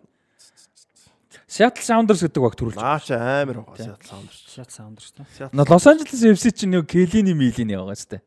Тэ? Оо тийм шүү дээ. Тий. Лос. Анжелес FC чинь 3-т явж байгаа юм шүү дээ. Юунда. Ямар ч үсэн юу юм бэлээ? Америкийн одоо Америк хөлбөмбөгч нөгөө нэг бидний мэддэг хөлбөмбөг Америкта ер нь нэлээд том болцсон юм бэлээ. Дотроо. А яг нөгөө Европын хөлбөмбөгтэй холбож ч юм уу хамаарахаараа өөр мэдээж чандрын хувьд ч юм уу энэ дээр а гэхдээ дотроо бол амар болцсон юм бэлээ. Өрсөлдөө өмөрсөлдөө багууд нь дэмждэг нь ингээд хотоороо дэмждэг. Яг нөгөө хөлбөмбөгийн соёл тийм олон жил байгаагүй ч гэсэн нөгөө хот нь хотоохоо багийг спортыг дэмждэг соёл амар шүү дээ. Америк Тэр бол. Америк. Нөгөө бейсбол ч юм Америк хөлбөмбөг те саксаар бол амар а тэнгууд тэр соёл нь шилжиж байгаа байхгүй хөлбөмбөг рүү. Нөгөө ялангуяа багууд нь олон болоод одоо сургуулийн баг магийг хөр солиод хэлж Оо тэр сургуулийн спорт ч амар юм билээ шүү дээ Америк. Амар Тэнгүүд тэр нь шилжиж байгаа байхгүй ер нь бол тэ хотынхоо багийг дэмждэг. А? Коллеж юу? Тий, коллеж тий, ер нь бол коллеж. Тэр тий. Тэгээ тэр ер нь бол тийм болцсон юм байлээ. Тэгээ Америкт хөлбөмбөг бол нэлээд том болсон. Тэгэхээр Роналдо, Месси хоёр бол явах магадлал өндөр. Тэгээд ялангуяа энэ хоёр чинь нөгөө нэг том брэндтэй нөгөө нэг walking company гэдэг шиг walking брэндүүд байхгүй. Тэгээ амьд брэндүүд байхгүй юм шиг. Тэгээ ард нь бүтэн компаниуд байж Нэг нь баруун очоод нэг нь зөв очоод за тэгэл аа. Тэгэл конференц ингээ хасаар гал А нилээд байгаа ш. Нэг нь элээд очичгоо, нэг нь Майамид очичгоо. очичгоо Тэгээ яг гоё Тэгээ болноо. хоёр конференцээс плей офф Тий. үзсэн шүү дээ. Яа. Тэр Вартигийн санаа манааг Америкт туваалцах юмсан гэдэг. бодцсон боо тэр. Ойлгомжтой шүү дээ. Тоглоод хэлж шүү. Бэкэм Бэкэм наадаж айл дээр төлөвлөсөн байгаа тий. Бекэм Бекэмиг амбассадор болгоо тий. Бэкэм шүүгч. Тэгээ нөгөө хоёртой л 30 он ч хоёроо бүдэхгүй тэр 26 онд Америкт яг болно алнаа гэж хэлбэр их юм гэдэг. Манай подкаст үздэг бол одоо хэлчих юмсан. Үзэж байгаа үзэж байгаа. Тий, ямар ч байсан ийм байгаа мэн. Тэгээ Роналдо Месси хоёрын ирээдүг манайд бас юу гэж бодож чинь сэтгэлээ хуваалцаараа тэгээд яриа бас Америк хөлбөмбөг байнга яриад байдаггүй болохоор бас яриад сонирхолтой байлаа. Тэгээд нөгөө нэг Америк хөлбөмбөгч бас нөгөө гоё юм нь болохоор юу л та бид нар байнга ярьдаг ч гэсэн за дотроо ингээ өртөө мундаг болж та. Тэгээд зөрүүлээ нөгөө Мексик тоглогчд айгүй их тоглолдог. Коста Рика ч юм уу. Хондурас тэ Эл Салвадороос айгүй олонч тоглолдог. Тэгэд тэдний давуу тал нь юу гэхээр А мессенжер очроо гэж байгаа олон улсын тоглогчд ихтэй байдаг. Хөгжих боломж нь илүү их. А тэгээ латин ертөнц тэр твдээ тэр жигээр нь хүрэх боломжтой. А нэмээд нөгөө Gold Cup гэж гой тэмцээн байгаа шүү дээ. Тэгээ одоо Канадын хөлбөмбөг гой болж байна. Мексик хизээд угаасаа мундаг, Коста Рика мундаг. Тэгээ Америк хөлбөмбөг сайжраад ирэхээр Gold Cup гэдэг тэмцээний чанар улам сайжирч байгаа. Тэгэхээр тэр бас нэг гоё юм байна. дээрэс нь Америк бас юм байгаа. Одоо Парагван дээр Альмиро дээр явсан гэдэг тэгж байгаа шүү дээ. Seattle Sounders-аас дамжиж ирсэн. Америк руу чи өөрөөсөө тэр хүмүүс чинь очиж нэг Европ руу явах. Европ руу явхаас гадна одоо зүгээр хөл өмбөгчин талаас нь биш харахаар Америкийн виз авнууд тэр улсуудад асар том юм. Тий. Тэгээд тэр чин дагаад гэр бүл нь гардаг. Одоо тэр Парагвай, Уругвай одоо юу гэдэг нь тэр Өмнөд Америк, Төв Америк. Ялангуяа л төв төв Тий, Америк. Төв Америкийнхан бол ерөөсөө Мексикод дамжиж аягүй хүн галахж ордож. Тэгэхээр тэд нар чинь нэг тоодож гарах юм бол бусад хүмүүсийн виз санхүүдлээ насар том юм гардаг учраас тэр чинь давхар өөр бас нэг юу явж байгаа байхгүй. Америк руу. Тэгээ Америк руу тий. Европ аргаас илүү тэдний хувьд бол арай юу байгаа. Ойрхон. Ойрхон хамаатан саднуулна. Тэгээ дээрэс нөгөө юу л ахгүй да Африкаас хойшоо нөгөө Франц руу илүү дамждаг гэдэгтэй л яг адилхан баггүй. Одоо тэнгуүл чинь Атланта гарч би Сиэтл санд орж байна. Сиэтл чи эдийн нь аягүй хөгжиж байгаа байхгүй. Аа дэлхийн аягүй олон толгой компаниуд тэнд одоо headquarters нь квартер нь байдаг те. Тэгээд Сиэтлотын эдийн чи Америкт хамгийн өндөр өгцөн 5% өссөн өсөнчлөө Америкийн хамгийн өгцөн 5% өгд чинь тэр том эдийн засаг асар хөнгө байхгүй. Манай жижиг эдийн засаг 5% өгд чинь нэг аюу бид ингээл тоохгүй байдаг боловч Америкийн тэр масар том эдийн засаг 5% өгд чинь мангар том. Тэгэд монголчууд Сиэтл руу яагаад их очиж чинь тэр Сиэтл эдийн засаг өсөж байгаа. Аль эдийн засаг өсч чинь тэр хотод нөө юунууд очтөн штэ Цагаачд ажил их гэж байгаа хүмүүс байдаг Ажил их байдаг те. Одоо Дэнер түүх байсан бол Сиатр очно. Англи адилхан Манчестер эдийн засаг амар хөгжингүүд Манчестер битүү Монголтой. Амар. Яг л тэр чинь тэр хүмүүс очиод хийх ажил нь байна, байр нь бэлэн байна гэж Орчин бүрдэж штэ. орчин бүрдэж байна байхгүй. Тэгэхээр Сиатлаас тийм болж байгаа. Одоо нэг NBA-гийн багтаа олон болно гээл те. А Сиатл чинь тэгээд бүр одоо тэр төвдөө тэр нь тоглоно, Seattle Seahawks нь тоглоно, Seattle юу л 2 3 тэр нөө бейсбол Америк хөлбөмбөг бүх багууд нь тойроо тоглож идэг хөхгүй. Тэгэхээр Atalanta Seattle гэдэг ингээд харахаар Америк хотод угаасаа байнга л өсчихэд нь шүү дээ. Бол эдийн өсчихэд учраас Америкт бол хөлбөмбөг бас амар л үүтэй болох юм байна да. Тэ? Хотод ихтэй одоо эзэн засаг нь унж байгаа нь Калифорни л байна да. Калифорни, Нью-Йорк хоёр. Буцаал ингэ шүү дээ. Аа мэдгүй. Калифорни ч юм. Нэг унаад Сая пандемикээс хойш 3.5 сая хүн бүр нүүсэн байл ш Калифорниас. Аа тий нөгөө дууд нь сайн байгаа. Тэгтээ буцаад гайгүй болох уу? хөө? Сан Франциско, тий Сан Франциско, Илэ, Сан Диего гоо том хотод байгаа. Гайгүй. Калифорни бол. За тэгээд Лос Анжелесийн Олимпик нэр амар эсгүүцээд байгаа юм шүү дээ лээгийн. Лос Анжелес Олимп байгаа шүү дээ. 28 он. 28 оны Олимпик амар эсрүүцэж байгаа. Бөө юм болж байгаа юм л. Элэ хот ч нөгөө нэг юуны бүх юм нь хитрхийн үнэтэй болсон. Юмных нь үн бүр утгаа алдсан. Гэрэг орон гэргүй хүмүүсийн тоон утгаа алдсан. Утгаа алдсан, утгаа алдсан. Тэгээд бүр ингээд яг бид нар л харахад нөгөө нэг Калифорни гээд тэгшин ч бүр амар хэцүү болсон. Тэгж яхад нөгөө Олимп Олимп яалаа гээд тэр ер нь нэлээд асуудалтай л юм шиг. Өнгөрсөн жил би ч 10 хэд онд явлаа. Илээгээд нэг явсан штэ. Тэгэхэд тэр орон гэргүй хүмүүс юу баг километр ингээд үргэлжилсэн тийм юунууд байгаа тох. Бараг хэдэн километр чинь тийм. Тэгээд тэр чинь нөгөө ядж хаад зүгээр нэг хүмүүс нь чадахгүй байгаа болохгүй байгаа систематик асуудлууд амар систематик асуудлууд ихтэй. Тэгээ тэнд чинь болохоор нэг харт амхинд ороод яатсан тийм шарууд нуртал өөртөө их байгаа хөөхгүй. Оо ерөөсө бүх төрлийн хүмүүс. Тин ч ерөөсө race issue биш ямар систематик асуудал Аа байгаа. яа тийм ээ тийм тийм тийм л тийм. Амар.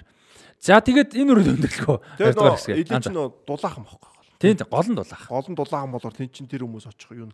Тэнгүүд нэг хойтлын мужууд бол нөө юу багтаа байдаг ч бас тэр ш нөө цаг агаар үүдэн те. Сиатл дээр бол. Тэгээ Майами интерлэж гоё юм тэр шүү дээ. Дулаах. Тэ 70 хэрэг. Аа юу Флорида. За энэ үрээд өөр тэр нь жога дээр ингэж Америкийг нэг яриаг юм. Тэгээд нилээ Америкийг ярьлаа. Тэгээд аа сонирхолтой байсан гэж найж тэр Роналдо Мессиг ой аа за Мэдсэн бол Америкт л жоох юм харддаг байж биш. ярина гэж мэдсэн болоо. Ярина гэж мэдсэн бол. Яста мэдгээрээ шууд ярьлаа. Мэдээлэлд энэ хуцыг өмсөд ирж та. Э, Тийм байна. Chicago Fire. Ингээд хайр 70 юу Best buy my гэдэг. За тэгээд энэ үрээд хоёрдугаар хэсгээ өндөрлийн нэлээд сонирхолтой байлаа бас ойрд яриаггүй сэдвүүд ярьлаа. Баян гардаг сэдвүүд ярьлаа сонирхолтой байсан гэж а, найдаж энэ ерөнхий ивент тэтгэж MS хамт олондоо баярлалаа. Way Sport Lounge ивент тэтгэжээр ажиллаж эхэлсэн байгаа энэ сараас. Тэгээд та бүхэндээ бас баярлалаа. Тэгээд дээрэс нь түрүүнд дурдсан дансаар donation хийж дэмжих бас боломжтой. А, Хас банкны Хас банкны 500 556 29 78 гэсэн дугаартай данс байгаа. Хас банкны тэгээд та бүхэн даг- дугаарын дансаар донешн хийж дэмжих боломжтой байгаа шүү. Тэгээ ивент итгэгчтэй баярлалаа. Тэгээд сонсож байгаа хүмүүстээ бүгдээр нь баярлалаа. Тэгээ өнөөдрийн story time бол Наждхан story time байгаа. Цаг хугацаа өнгөрөвч үн цэн үлдэн. Эрчим хүчний дэвшилтэд шийдэл бүхий бүтээгдэхүүнүүдийг төслийн аль ч үе шатанд эцсийн хэрэглэгчдэд зориулан тасралтгүй ханган нийлүүлж байна. Мэргэжлийн ур чадвар салбарын туршлага мэдлэгтэй тулгуурлан оновчтой шийдлийг харилцагч бүртээ санал болгон байнгын эргэх холбоотой ажиллаж урт хугацааны үнцнийг хамтдаа бүтээдэг. Улс орныхоо хөгжлийн суурилсан дэм байгуулалтын салбар бүрт дэвшилтэт технологи болон чанарын илэрхийлэл болсон бүтээгдэхүүний шийдлийг нэвтрүүлж харилцагч бүрийнхээ итгэлийн дан ажилдгаараа бахархдаг. Эрчим хүчний бараа бүтээгдэхүүн хангам нийлүүлэгч MMS За ингээ шоу бонто шоу подкастын 45 дахь дугаарын Балотоли. яаж манай нөгөө нэг киноны подкаст байдаг. Би одоо 2 3 5 6 жил 5 6 дахь жилдээ явж байгаа. Rusty Fox подкаст. Тэр бас яг 40 дээр яваад байгаа. Би тэр дугаарыг хийхээр 40 хит илээ. Тэгээ дуусахтаа за ингээ шоуга оо бишээ шоуга шүү дээ. Тэр шиг тэр нь сая 45 гэсэн юм. Одоо ингэ 45. 6 жил 45 гэсэн үг те. 6 жилд 145. А 140. Аа. Тийм. 100 тайм уу те. Тийм 100 дунд нь яг зогсоо зогсоо явцал та. Гэтэ 145. За дэрж байгаа. Кино хөлбөмбөгч уус киноч 7 хоног ярих дугасаа жоохон тохиромжгүй бах те. Угаа уулын 7 хоногор явдیں۔ Тэгээ дунд нь зөндөө зогссон. Anyway. За ингээд подкаст 45 дахь дугаар үргэлжилж. А 3 дахь болон story time. Яа, манай нанч янзын ли бэлж ирсэн те ойлгомжтой. За сайхан сонсон да. За энэ юу байгаа? Их чухал үйл явдал байгаа. Тэгээд Монголын хөлбөмбөгтэй холбоотой. Оо. Манай үзэгч нөгөө Монголын хөлбөмбөгийн тухай те, лигийн тухай шгшог. За энэ бол их чухал үйл явдал. Яг 30 жилийн өмнө. Бүр яг 30 жилийн өмнө. Өдрөн ч ингээ бараг таарж байгаа. 1993 оны 5 дугаар сард бүгд найрамдах хятад ард улсын Шанхай хотод одоо анхны зүү Азийн наадам болсон. За энэ тэмцээнд бол Монгол улсын шгшог бол оролцсон. За энэ оролцсон бол түүхэнд бол маш том гавьяа байгуулсан. За ямар учиртай вэ гэдгийг эхлээд нэг баг зэрэг оршил яриад тэгээд Шанхай руу орё. За Монголын Монгол улсын одоо хөлбөмбөгийн шгшоог бол анх 1956 онд байгуулсан байдаг. Тухайн үед одоо одоогийн биеийн тамирын спортын улсын хороо бол одоо улсын биеийн тамирын спортын хэргийг эрхлэх хороо гэсэн нэртэй байсан.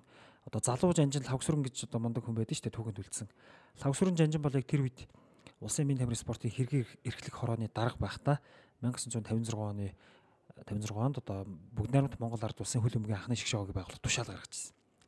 За тэгээ зөвлөлт холбоот улсаас Паул Александра Севастьяно гэж одоо спортын гавьяат мастер буюу гавьяат тамирчин хүн одоо нэлээд ахмад настай болцсон байсан. Энэ хүн ирж Монгол улсын анхны шгшоогийг удирдах.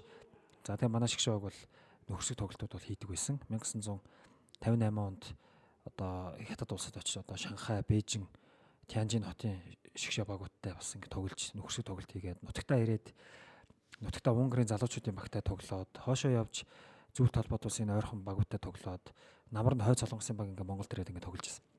За тэгтээ яг энэ багууд бол юу байсан бэхээр Эстоног заяа нэг дээр хийсэн дээ. Тухайн улсынхан бол нэгдүгээр багууд бол байгаагүй. За манай улсын шгшоог бол яг өөр улсуудын нэгдүгээр багтаа тоглосон анхны тохиол хизээ байсан бэхээр за 58 онд бол тэгээ Себастьяно багш нутаг буцаад 60 онд одоо нөгөө нэг домог юм шиг байдаг та нэг Азийн социалист дөрвөн улсын тэмцээн бол Вьетнам улсын Ханой хот болсон юм байгаа. За тухайн үед бол хоёр Вьетнам байсан. За аль Вьетнамын жилээд Ханой хотод бол болсон. Хойд Вьетнам За хойд Вьетнам тий. За тэгээд тэн тэмцээнд юу болсон бэхээр хойд Вьетнам, хойд Солонгос, Хятад гэсэн одоо тухайн социалист Азийн дөрвөн улсын шиг шогтой манай Монгол бүгд найрамд Монгол ард улсын шиг шог ингээд яг дөрвөн улсын яг нэгдүгээр багууд бол яг яг Монгол гэдэг нэрийн дор өөр гурван улсын нэгдүгээр багтаа тоглож яг Монгол улсын шиг шог тухайд гурав хожигдсон хожигдоод манай нэг домог таалагч Чомбууга бэлгэдлийн шиг шогт бол багтаж нэг тийм Монголын хөлбөмбөгийн түүхэнд бол бичигдсэн байдаг. Энэ бол одоо яг монголчуудын хувьд бол аа шиг шог багтаа тоглосон анхны тохиол байхгүй. За тэгээ үүнээс хойш тухайн нам засгийн зүгээс одоо хөлбөмбөгийн дэмжих дэмжлэг бол эрс багассан. Тэгээд одоо арчлал гартал 1990 он хүртэл манай улс бол одоо нэгдүгээр өөр улсын ямар ч нэгдүгээр шиг шогт бол тоглоог. За яг ингээ Орсын холбооны улсын эрхүү, улаан үд, читийн багууд ирж тоглодог байсан. Гэхдээ эдгээр бол нэг армийн клуб ч юм уу те. Эсвэл нэг нийгэмлэгийн баг ч юм уу тийм байдаг байсан. За Солонгосын багууд бол 1964 73 онд ирсэн боловч эдгээр нэг бас нэг клуб те нийгэмлэгийн тийм баг. Хойд Солонгосын. Тийм хойд Солонгосын. За нэг төмөр замын багч байт юм уу, армийн багч байт юм ийм багууд байсан. За манайд ирсэн одоо хамгийн том баг нь гэх юм бол 1976 онд үтэй. Одоо зөвлөлт холбоот улс чи өөрөө 15 республик байгаа шүү дээ. Зөвлөлт социалист бүгд найрамд холбоот Орос улс. Одоогийн Оросын холбооны улс гэж хэлж болно. Зөвлөлт холбоот улсын одоо энэ 15 улсын нэг Оросын холбооны улсынх нь залуучуудын шгшөөг бол 1976 онд Монгол төрч манай шгшөөгт бол тоглож исэн. Яг го манай шгшөөг тухайн үед яаж тоглодог вэ? Монгол гэж тоглодог байсан. Нэг бол алдар нийгэмлэгийн нэрийн өмнөөс тоглодог байсан. Нэг бол Улаанбаатар хотын шгшөөг гэж тоглодог. Хүч үү? За хүч бол нэлээд сүүлийн явдал байгаа. За ингээд ингээд ингэж тоглодог байжгаад манайх ч ерөөсөө нэг А багтаа тоглохгүй байжгаад за 90 онд арчлал гарлаа. За тэгээ нийгэм чөлөөтэй боллоо.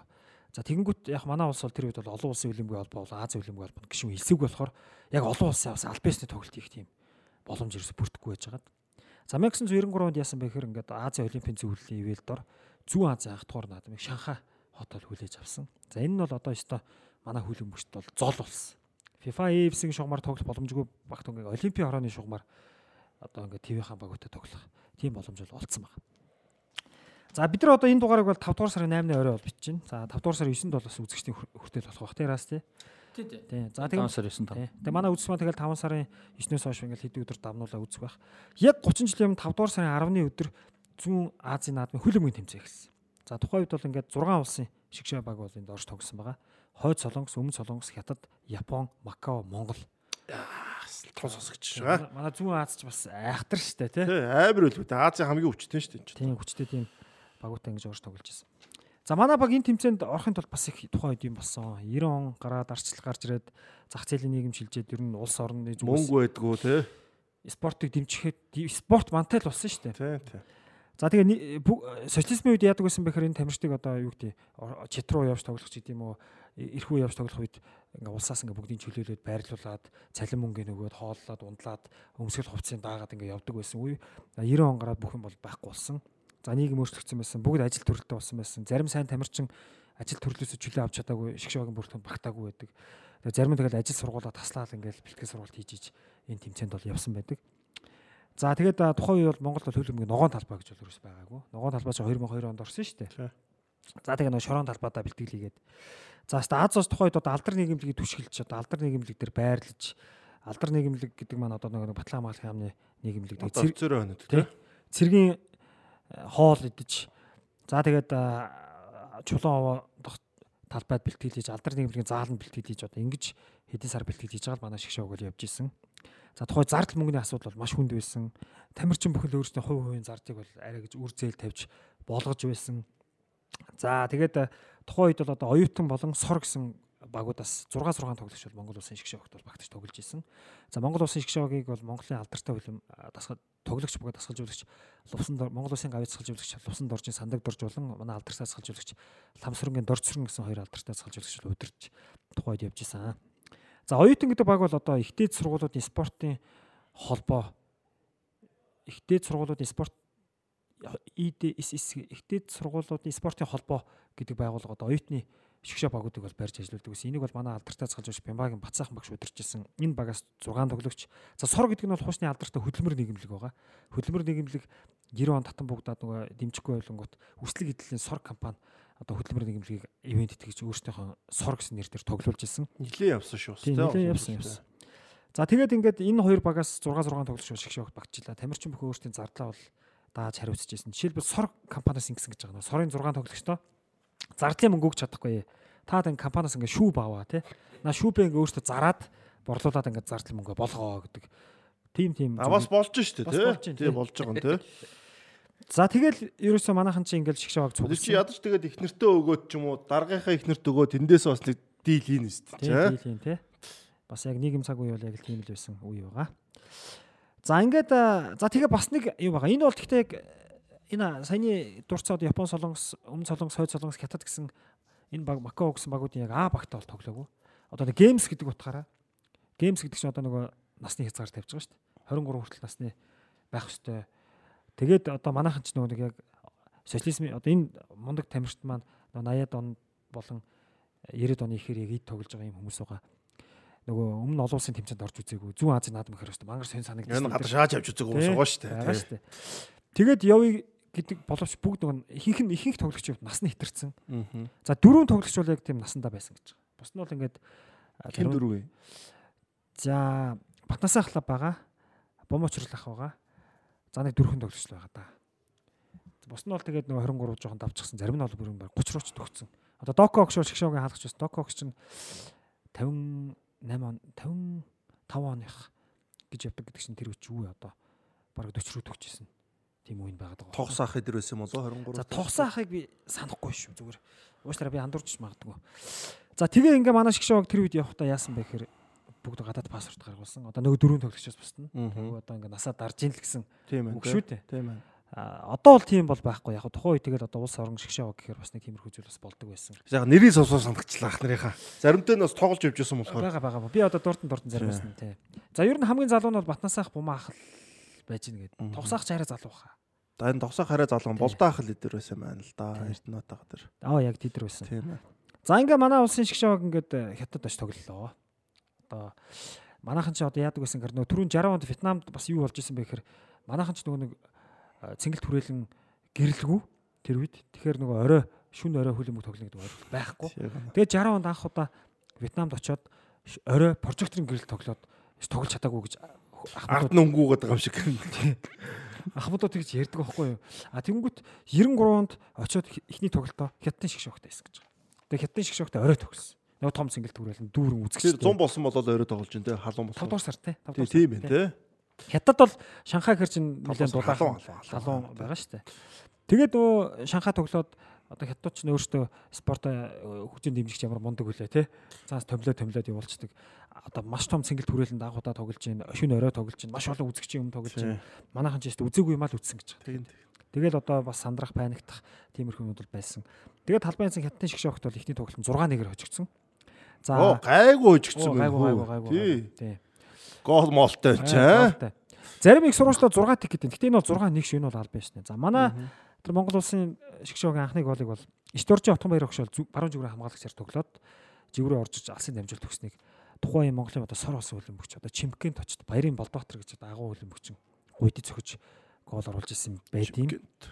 Чимкент болдоо гэж бол одоо тухайн үедээ за за хэтрүүлэх юм бол одоогор Роналдо Месси шиг тийм ганган уур чадвартай ухаалаг. Чимкент гэдэг чинь юуны хот штэ. Казахстаны хот. Казахстаны хот штэ. Заяа сайн мэдэж байна. Энэ үчирөө тэр Чимкент хотод одоо коллеж гэдэг юм одоо спорт темст Темс сурдаг. Чимкент темс сурдаг. Кентау, Чимкэс, Чимкент гэдэг хотод темс. Яг зөв, яг зөв, яг зөв. Аа заяач одоо яг яг яг хэлж байна. Тэгээ Чимкент хотод ингээд зүйл толгойд улсын нэг Казахстанд энэ хотод сураад ирсэн болохоор Чимкент гэдэг хотод очтой. Тэгээ Чимкент болдоо гэж одоо Монголын хөлбөмбөгт бол цуутай байсан энэ хөлбөмбөгч манай манай аав нөө Кентауд нь очиж байсан байхгүй. Тэгээд нөө Кентау Чимкент дээр чи темс мэмс юугаар сурд. Яг их сургууль бид биш байдаг байхад тэр чинь мэрэгч дэвшлүүлэх ч юм уу темс маягийн юмнууд Тийм. гагнуур магнуур хийсэн болсон юмнууд тийш өчтөг гэсэн юм л. За ингэж манай бол ихний тоглолтод бол хятадын багт 6-1-ээр хожигдчих. Яадаг ч бас ихнийг олтойгоо Тийм байна. ингэж. За ерөнхийдөө бол 1960 оноос хойш ингээ 33 жилийн дараа л ерөнхийдөө альбеснэл тоглолт хийж байгаа байхгүй яг шгшээгийн хуваар бол. Аа. 33 жил. 33 жил. 60 93 33 байсан. 93 тийм 63. А 33. За тэгээ Монголын шгшээг цааш тоглолтоо хийсэн. Хоёр дахь тоглолтоо хойд солонгостой гэдэг 7 тэгэр хожигдсон. Гурав дахь тоглолтоо өмнө солонгостой гэдэг 10 тэгэр хожигдсон. За тэгээд тав дахь тоглолтоо дөрөв дахь тоглолтоо Японы шгшээгтэй хийж 9 тэгэр хожигдсон. За ингээ манайхан ч одоо үхсэх шийдэх одоо нэр төрийн ялт авах сүүлийн тоглолтоо. Макаоч баг үгсэхээ үгссэн бохоо. Хоёул хоёул угаасаа оноогүй байсан. Тэгээ ингээд хамгийн сүүлийн тойрогт одоо 5 дугаар сарын 18-ны өдөр Макаогийн шиг шогтой ингэж сүүлийн тоглолтоо хийж 4-3 харьцаатай хожиж нэг анхны ялтаа байгуулж ирсэн. За энэ тоглолтод бол манай одоо алдартай хөлбөмбөгч болтын бомбо учрал 2 гол сандаг дурж Эрдэнэт Дамбижовын Тэрбатар нар 1-1 гол хийж ингэж түүхэн ялтын бас хувь нэмрээ бол оруулж ирсэн. Тэр их зүүн хагас байсан баг те. Би бол байрлал мэдхгүй нь батах ер нь баруун хагас дээр орох байсан баг. За би бол өстой хэлж мэдэхгүй. Би яг нь тоо тоглож ирсэн шүү дээ. Тэр яг өдөр чинь нэг лигд орондоо өрсөлдөж тоглож. Тэр яг ч ерөөхдөө ихэнхдээ зүүн тоглолдог гэсэн. Батах бол бараг л баруун дээр үтсэн баха. Тэр үед бараг 3 4 3 хөлбраар. Тэгэхээр нөө бумаа ах голдоо тоглоод тэр яг тэр 3 4 3-ын тэр нэг дөрвөн полын зүүн дээр урдаа нэг ардаа нэг хамгаалагч та урдаа нэг юутай. Батах хан тэр үзүүрийн тэр 3 батах ч айгу битдэг шүү дээ. Хөгшин байхтай чинь биер амар байсан. Амар амар. Тэгэхээр батах хорог тэр баруун дээр нүдчихсэн бол би бодож юм л да зүгээр яг хүмүүсийн тоглолтыг бодохоор. За энийг бол э, удахгүй нэг тодруулаа. Би ч нэг хүлэмжийн түүхийн ном бичиж арай 90 он ороогүй байгаа байхгүй. Тэгэхээр бас нэг жоох ингээд а түүнээс яг нэг 60 70 80 оны тухай ярих юм бол бас оо мэдээлэл цуглчаад байгаа юм тий. За ингээ манай улсын шгшээг бол амжилттай тоглож анхны ялтаа байгуулсан. Анхны бас гоолуудаа хийж Зүүн Азийн наадамд оролцсон. За энэний одоо түүхэн ач холбогдол нь юу байсан бэ гэж. За нэгдүгürt бол Монгол улс хүлэмбэг бас тоглолтын шүү гэдгийг Аз Зүүн Азтай бол зарласан гэж. Өмнө нь бол одоо үүдээ Макаогоо тусч जैन те. Тий. Одоо нэг хойд солонгос хятадч баг мэдхээ болж байгаа шүү дээ. Тэр 60 оноос хойш төглөөгүй харилцаа их муудсан. За хойд солонгостойгоо ч а, 73 оноос хойш төглөөгүй байсан. Ер нь тэгэхэд баг зүүн Аз манай Монгол хөлбөмбөг мэдчихгүй. Манад чи гэлтэж Тий. байгаа шүү дээ.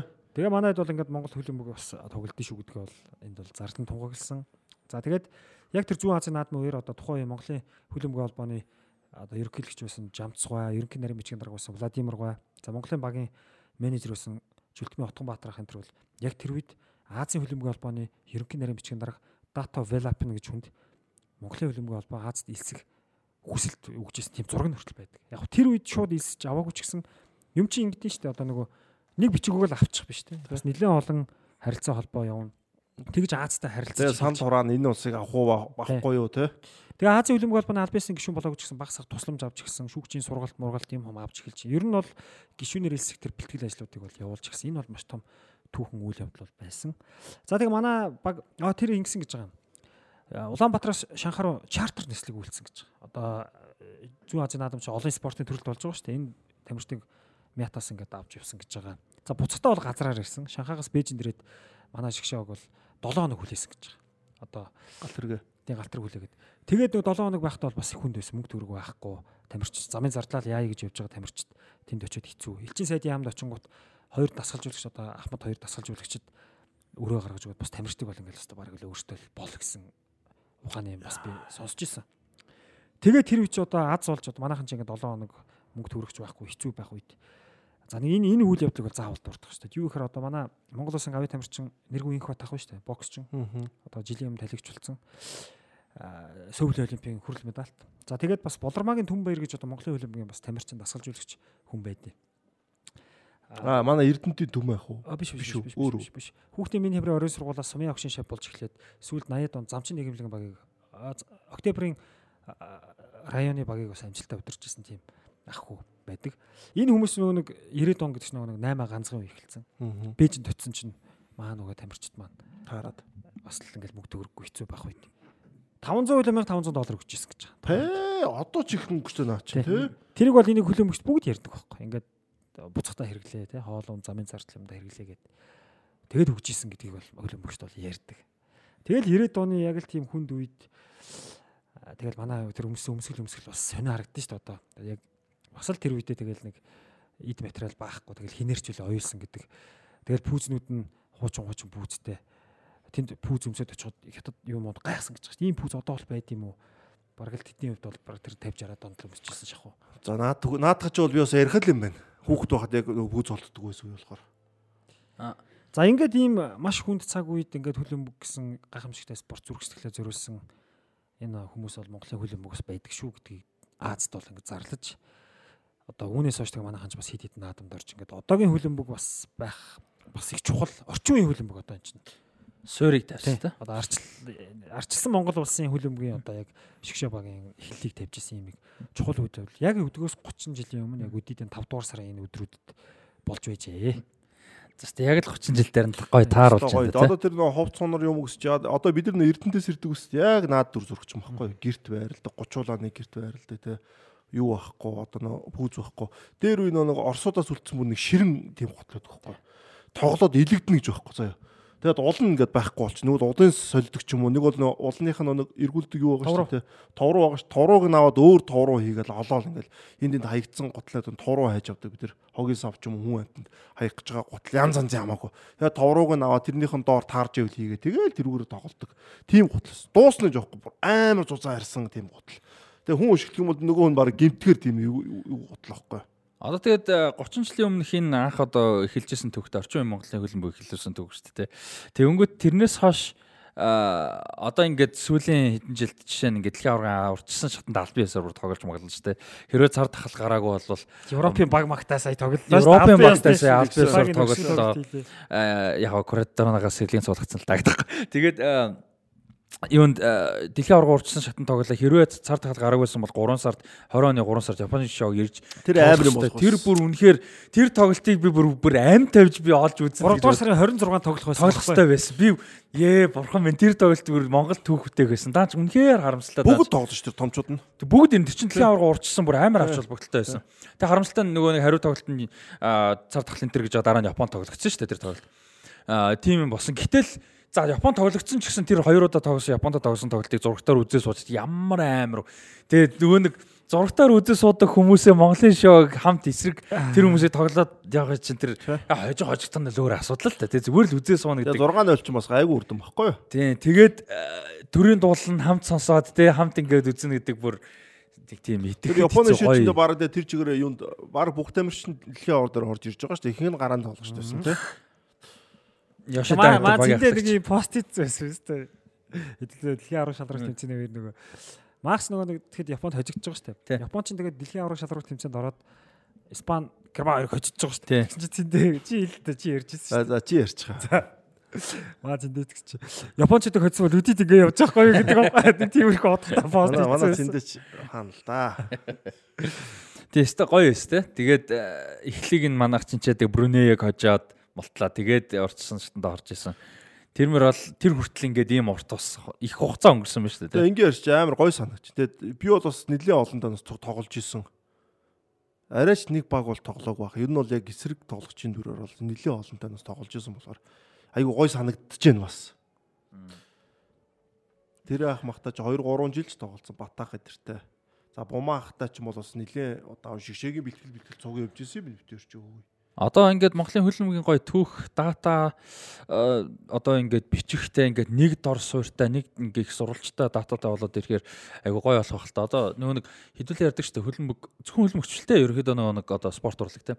А юмн дуртай болоход айгу чухал юм тэр юм дангаараа байдаггүй те. Иргэнд хойронд тон одоо хэдүүлээ нөгөө видео тоглоомыг ярьсан, хөгжмийг ярьсан, дата за яг Википедиан дэрэг байгаа. Гэтэ одоо трансформер маркет юм юу ч юм те. Жишээ нь сая ингээл нөгөө нэг дата ярьсан шүү дээ. Месси Роналдогийн статистик. Тэр чинь ингээл нэг сайтнаас л авч байгаа байхгүй тий. Тэр нь хэр үнэмшилт одоо их сурвалж баталгаатай их сурвалж гэдгийг бол яг хуу судалж яж болно. Гэтэ баталгаатай их сурвалж бол тэр маш хэрэгтэй мэдээлэл байдаг тий. Тэрнтэй адилхан Монголч гэсэн ингээ Монголын хөлбөмбөгийн саяны ингээ дүүхнүүд Википеди ч юм уу эсвэл Монголын хааны Монголын хөлбөмбөгийн холбооч юм мэдгүй тий. Нэг сайтаар ингээ дугаараар бүх мэдээлэл нь ингээ байж байгаа бол амар гоё байхгүй. Бид нар ингээ олж мэдих. Тэр чин цээжэр мэдгүй өчнөө байгаа. Бүр болж ирсэн ч мэдгүй. Одоо ингээл анх удаага сонсож байгаа. Яг би сургийн нь бол яалтчгүй сонсож ирсэн юмнууд байл та. Гэхдээ тий цээжэр бол жишээ би мэдгүй байхгүй асуухад. Яа сургийн аа нэрээ тийшл гэж байгаа болохоос. Тэгэхэд тэр ингээ бэлэн хайхад бэлэн сурахад бэлэн байвал үнэхээр гоё ялтчихв. Тэгэд би сая нөгөө нэг ном бичаа гэдэг яг мэджилээс л да. Гэтэ яг подкаст нар анх удаага дурж байгаа санагдчихээн. Тэгээд сонсоод бас айгуу гоё санагдчихээн. Би тэгээд яг Нанчтын саяны юм яриад яаж жоохон боцож байгаа сонир болчлоо. Яг бол нөө шигшээ баг гэхлээр надад нэг эмзэг сэдв байдаг байхгүй. Би ч 21-т зодод талцсан шүү дээ. Одоо айгуу залуудаа гэсэн. Тэгээд дээдлийг мигийн бүх медалийг авчаа. Тэгээд надад ингээ шигшээ тоглох боломж байсан байхгүй би одоо бодох хамгийн миний амьдралдаа харамсдаг зүйл гэх юм бол сая ирсч бүр бүр айгүй сонирм болчлоо. Шигшээ огтаны тоглолцоод ингээд болдог байжтэй л гэж одоо одоо амар их боддог байхгүй. Тэгээ одоо ягаад ч ингээд урд нь ингээд залуу байхад боддог ч хөөч залууч шүү дээ 20-д байх бод. Одоо ингээд сүулт ингээд ягаад ч тэр амар их бодогддог байхгүй. Шигшээ огтаал нэг тоглолцдог байж. Одоо шигшээ гэрс чи бүр гоё санагдаад байгаа байхгүй тий. Яа харахгүй тэгээ сонир болчлоо тэрийг нанчтын нэг ярьсан ч юм уу. Тэг ямар ч гэсэн тэр нөгөө юу мөг л би сайн санаж нөгөө хэмэл зүйлэгтэй анх болдог өдөр мөдөр би тэг чинь жоохон ч байсан тэгээд очиж мочилээс би тэрийг бол айгуу сайн санажлаа. 2002 оны 10 дугаар сарын тэр чинь 24 байхаа. Тэр үед чи тэгээд 120 энэ минь амар хоосон босон зилүүд тэгээд амар зилүүд мэдээд үдээс юу яадаг нөө 2003 оны улсын авраг тоглож байгаа шүү дээ. Ногоон цулыг гаднаас сарч гайгаа пүү баа гэж. Энд тест урдан тоглох юмсан. Тэр чин зайлвал одоо нэг юу байхгүй зүгээр л ногоо. Хашаатай. Яг торон ногоо хашаатай тий ногоо ашаас. Тэрийг бөмбөг давж тэрийг очиж явах гэж гөөми их дөөлгаараа шалбалдаг гэж үлээ нэг давуул цохоо те. Тэгээ давуул цохлоо тэр чинь нөө гардаг алган зөвхөн нэг талдаа нэг нөгөө талдаа тэр Тэгээ тэн цогсон гарна. Тэгээд тэр чиг гөөми би тэрнээс аягүй унжсэн бохгүй. Дундаас нөө нэг би нөө товруу орчоод үсэрхлээр товруунда нөө нэг тэглээд тэглээд унцдаг гэсэн бохгүй. Зөндөө тэгж ундаг гэсэн. Тэгээд Аа. Нөө сургуулиуд дурсгалтай. Дүүргүүд дүүргүүд сургуулиуд дунд байдаг талбай ч бүгд шороо шүү дээ тий. Зөвлөгтэй гэж бол байхгүй зарим нь баг зэмэдэж. Тэгээ манай тэр өсвөрийн улсын аврагч нь 15 дугаар сургуулийн талбай дээр урц шатнд болж жагаад за 15 дугаар хороолын талбай 15 дугаар хороолын талбайд эсгийн шатнд болж жагаад хэсгээс гарах юм бол зүлгэн дээр тоглоно. Зүлгэн дээр тоглохын тулд хэсгээс гарах гэж алдцдаг байсан шүү дээ. Би нэр конкурстэй жилжээг тэр өгөхгүй. Манай юу атсан? Тэр чинь ингээд талбай нь багтахгүй ингээ хуваач тоглолдог ч үлээ. Тэгс чи манай Эрдэнэтийн баг гурван шорон дээр тоглохоор болчихдог ч үлээ. Яадаг үлээ. Тэгээд ингээ сүүлийн тоглолт нэр айгүй чухал. Энэ дээр очиход манай дараа нь шатж ялгана. Гэтэ бас зүлгэн дээр тоглоно. Бид нар ч анхудаага зүлгэн дээр тоглох гээд. Тэгэж одоо юу чинь тэр зүлгэн дээр тоглоно гэдэг чинь бас бидний хувьд бол асар том бенефит юм. Хожоод ингээ тоглоно. Тэгээд тэн дээр тоглоно гэдэг бол за тэгэл. Тэгээд бүгдээрээ тэр нэг юунаас нь авч кермалаад өвсдөө нэрдэнтэд очиж хүмүүс хүмүүс үзүүлнээр кино шиг юм болдог. Одоо тэгээ Монголын хөлмөг санаашилт шиг ингээд түүхэн нийлүүлэх хэрэгтэй. Яг мэдгэн мэдгэл байх л та. Гэтэ ингээд нөгөө хүн болгон амархан одоо судлаад уншиг гэхэд дийлэв шүү. Паблик байх. Тийм паблик нөгөө нэг судлыг гэсэн хүмүүст. Тэрнээс ч мэддэг хүмүүс нь бол мэдж л байгаа. А тэгэнгүүт ил болох хэрэгтэй те дата статистик нэгдүгээр чухал. А хоёрдугаарт яг босод хүмүүсийг дуртай болох. Одоо ингээд Монголын хөл бөмбөгтэй хүмүүс хэр дуртай байна вэ гэдэг маш чухал шидэв сэдв байгаа шүү дээ. Монголын лиг шиг яваг те хэр мэдж яг юм дээр би шиг явагийн тоглолтод нэрлэл гэрэл яг хэдийг нэрлж чадах уу те гэдэг ч юм уу. Тэрэн шиг юмнууд чинь энэ энэний яг миний хичээл зүтгэлийн дутуу байгаа. А гэхдээ зөрүүлээд нөгөө мэдээлэл хэр их бэлэн байх вэ гэдэг ч бас айгуу чухал. За тэгээ Монголын хөл мөхт мэдээж хөгжих хэрэгтэй мэдээж зөндөө байгаа. Тэ сая одоо ингээ 30 жилийн түүхэнд эргээр ботход бас гоё юм зөндөө байна л да. Сая ингээл зүлэгчгүй шипэжгүй гэж ярьж ирсэн. Заяах сая тэн чи нөгөө эрдэнтээс эрэхтэй гээл те мэдээж тэр зүйлэг талбай гэж зөндөө зүйлүүд ярьж байгаа. Тэгэд нэмээд мэдээж одоо хөгжих зүйлүүд мэдээж байгаа. Тэгээ нэгэн тийм сэдв ярьсан дээр хэдүүл бас товчхон бас ярьчих гэж байна. Тэ сайн яг би нөгөө товчхон дурдлаа л да. Дата мата статистик юу гэдэг. За яг бас сайн ярьсан. Тэгэхээр энэ дэр нэмээд бас Монголын хөлбөмбөгт нөх клубүүдийн үрэн лиг ч юм уу те бас мэдээ шиг шиваг гэдэг тал дээр яг зүйл юу гэдэг энэ тал нь хөгжчихөөсөө ингэсээ гисэн зүйлүүд юу байна боломжууд нь бас юу байна за зөндөө олон зүйл бол байлгүй яах вэ расти маа сая хэллээ шүү дээ те манай энэ хөлбөмбөгийн одоо дата мэдээллүүд бол илүү паблик болох хэрэгтэй тий хүссэн хүн бүхэн бас ороод үзэх хэрэгтэй. Энийг мэддэг хүн байгаа бол цөөхөн байна. Тэд нар маань бас хорвоогийн жаваар зарим нь ингээ бурхан болж гин, зарим нь ингээ нас өгшөрч шалангуй тий. Тэгэл ингээл сарамсалтай шүү дээ тий. Цаг хугацаа ирчихсэн бол бүдгэрж байгаа шүү дээ. Тэгэхээр одоо юу гэдэг манай Монголд бол хөлбөмбөг сонирхдаг маш их мас байгаа. Одоо Европын хөлбөмбөг үздэг, аваргуудын лиг үздэг, Премьер лиг, Ла лиг одоо тэгснэ тэд нар маань яг Монголын хөлбөмбөг гэхээр жоохон мэдлэг мэдээлэл жоохон дутуу байдаг зүйл бол байдаг. Энэ тийм тийм байгаа байгаа. Үнэ үнэ. Сурвалж нь байхгүй. Үнэ үнэ. Би бас тэрний жишээ. Аа тийм байгаа байгаа. Тийм. Аа тэнгуут одоо юу гэдэг юм мэдээж үзэгчгүй спорт гэж юу ах уу? Аль болох үзэгчтэй байж энэ спорт чинь өөрөө хөгжинэ. Тэгэхээр одоо юу гэдэг юм те бас Монголын хөлбөмбөгөө бас ингэж нийт түгээх тал дээр бас илүү нээлттэй ажилласаа одоо магадгүй зүгээр бид нар өөрийгөө дүүлгэж юм шиг бид нартай бас ажиллаж болно шүү дээ. Манай комментэн дор Монголын хөлбөмбөгийн тухай, лигийн тухай, тамирчдын тухай гоё яриад өгөөч гээд тэгээ бид нар нэг цаг зав юм бас арай болдгоо. А үнэхээр одоо юу гэдэг Монголын хөлбөмбөгийн холбооч гэдэг юм тийм яг тодорхой байгууллаганд бид бүгдээ хамтраад яриад бас энэ хөлбөмбөгийн илүү одоо Монголын хөлбөмбөгийг тэр Европын хөлбөмбөг сонирхдаг тэр хүүхд залуучууд руу илүү таниулъя, ойртуулъя гэвэл бас бид нар бол Монголын хөлбөмбөгийнхөө төлөө бас чаддаг зүйлээ хийхэд бол нэг татгалзаад ах зүйл байхгүй гэж Одоо шийдвэл чи энэ өдөр энэ сэдвийг гаргаж амар том байхгүй. Амар олон залуучууд нь чи ингээд яг үндэнд битүүрч гэсэн гоё байхгүй наа. Амар гоё. Чамд бас баярлалаа нэ ч та. Яг бол битүүрөөсө бодог байхгүй. Тийм, тийм, тийм, үнэн, үнэн. стори оруулж ирим ирж чадахгүй шаал өөр дараагийнхтай нь заа футбол сокер хоёрын түүхийг оруулах уу яах уу гэл ахаа дэлхийн аваргын мэр хүүгэл явж байгаа. Одоо тэ чамаа гэрэнгүүд би үрд бодож байхгүй. Нэрэ Монголын хөлбөмбөгтэй холбоотой гой түүх зөндөө чи тэдрээс ингээд ярил яад юм гэдэг тийм юм орж ирж байгаа байхгүй надад шил. Наа чи өөрөө одоо ингээд манай үзэж байгаа энэ 100000 одоо хэдэн үзэж байгаа растер мэдэх баг тий. Нэ 15 мянга тогтмол шүү дээ. Аудио нийлээд. Тий. Тэгэхээр энэ хүмүүс чинь болохоор энэ асар том аас шүү дээ. Энэ хүмүүс чинь сонсно, энэ хүмүүс чинь фэйсбુક дээрээ би чинь хүмүүстэй хуваалцсан гэдэг энэ чинь түүнд чинь амар чухал гоё юм болчихж байгаа. Тэгвэл нөө 2002 оны дэлхийн аварга урсан шатных чинь бас сканал шиг юм байна шүү дээ. За чи тэрийг илүү гоё хийх. Тэрийг бас дараа нь гоё дүүх төр ярихгүй да тий. Тэгээ тэгээ. Тэгээ дээрэс нь яг мэд хүн ярьж байгаа. Та хоёрын нэг л яг тэрийг ярих байхгүй. Би бол шал өөр юм ярьж Оо, Би бол нанчиж гэдэггүй. Би яхаа 2002 оныхыг яг бүгдийг нь яриулаад ингэж ирсэн. Нанчиж бол одоо ном бичиж судалж байгаа болохоор Тий, тий, бүр тий. илүү юутай болчиход байна. Тэснээс тэрэн дээр ямар нэг мэдээлэх боломж байгаа юу? Тийм Нэр ном. А ном уу? Яг нэгэнд дурдсан юм чинь те яг ямар төрлийн ном юу болж байгаа хүмүүст хүрх юм уугүй юу яг ер нь юу юм бэ? За ер нь ийм байлээ. 2019 онд Монголын хөлбөмбөг холбооны 60 жилийн тохиосон. Тэгээ 2019 оны 12 дугаар сарын 12-ны өдөр нэг алтан бөмбөг болдог өдөр. Тэгээ 19 оны намрын 9 дугаар сарын 5-ны өдөр Монгол нөгөө Мянмарыг хождсон шүү дээ. Нэг тэгэр хожоод дэлгөөн гол хийгээд тэр өдөр хөлбөмбөг холбооны удирдлагууд над санал тавьсан л да. Яг албан ёсоор яг өмнө нэг албан бусаар нэг сонсогдож ирсэн. Гэхдээ яг албан санал биш. Монголын хөлбөмбөгийн 60 жилийн болгосон Монголын хөлбөмбөгийн түүхийн ном хиймээр байна. Тэгээ би тэр үед а, гайгуудээ гэж дод саналын зөвшөөрөд авсан байхгүй.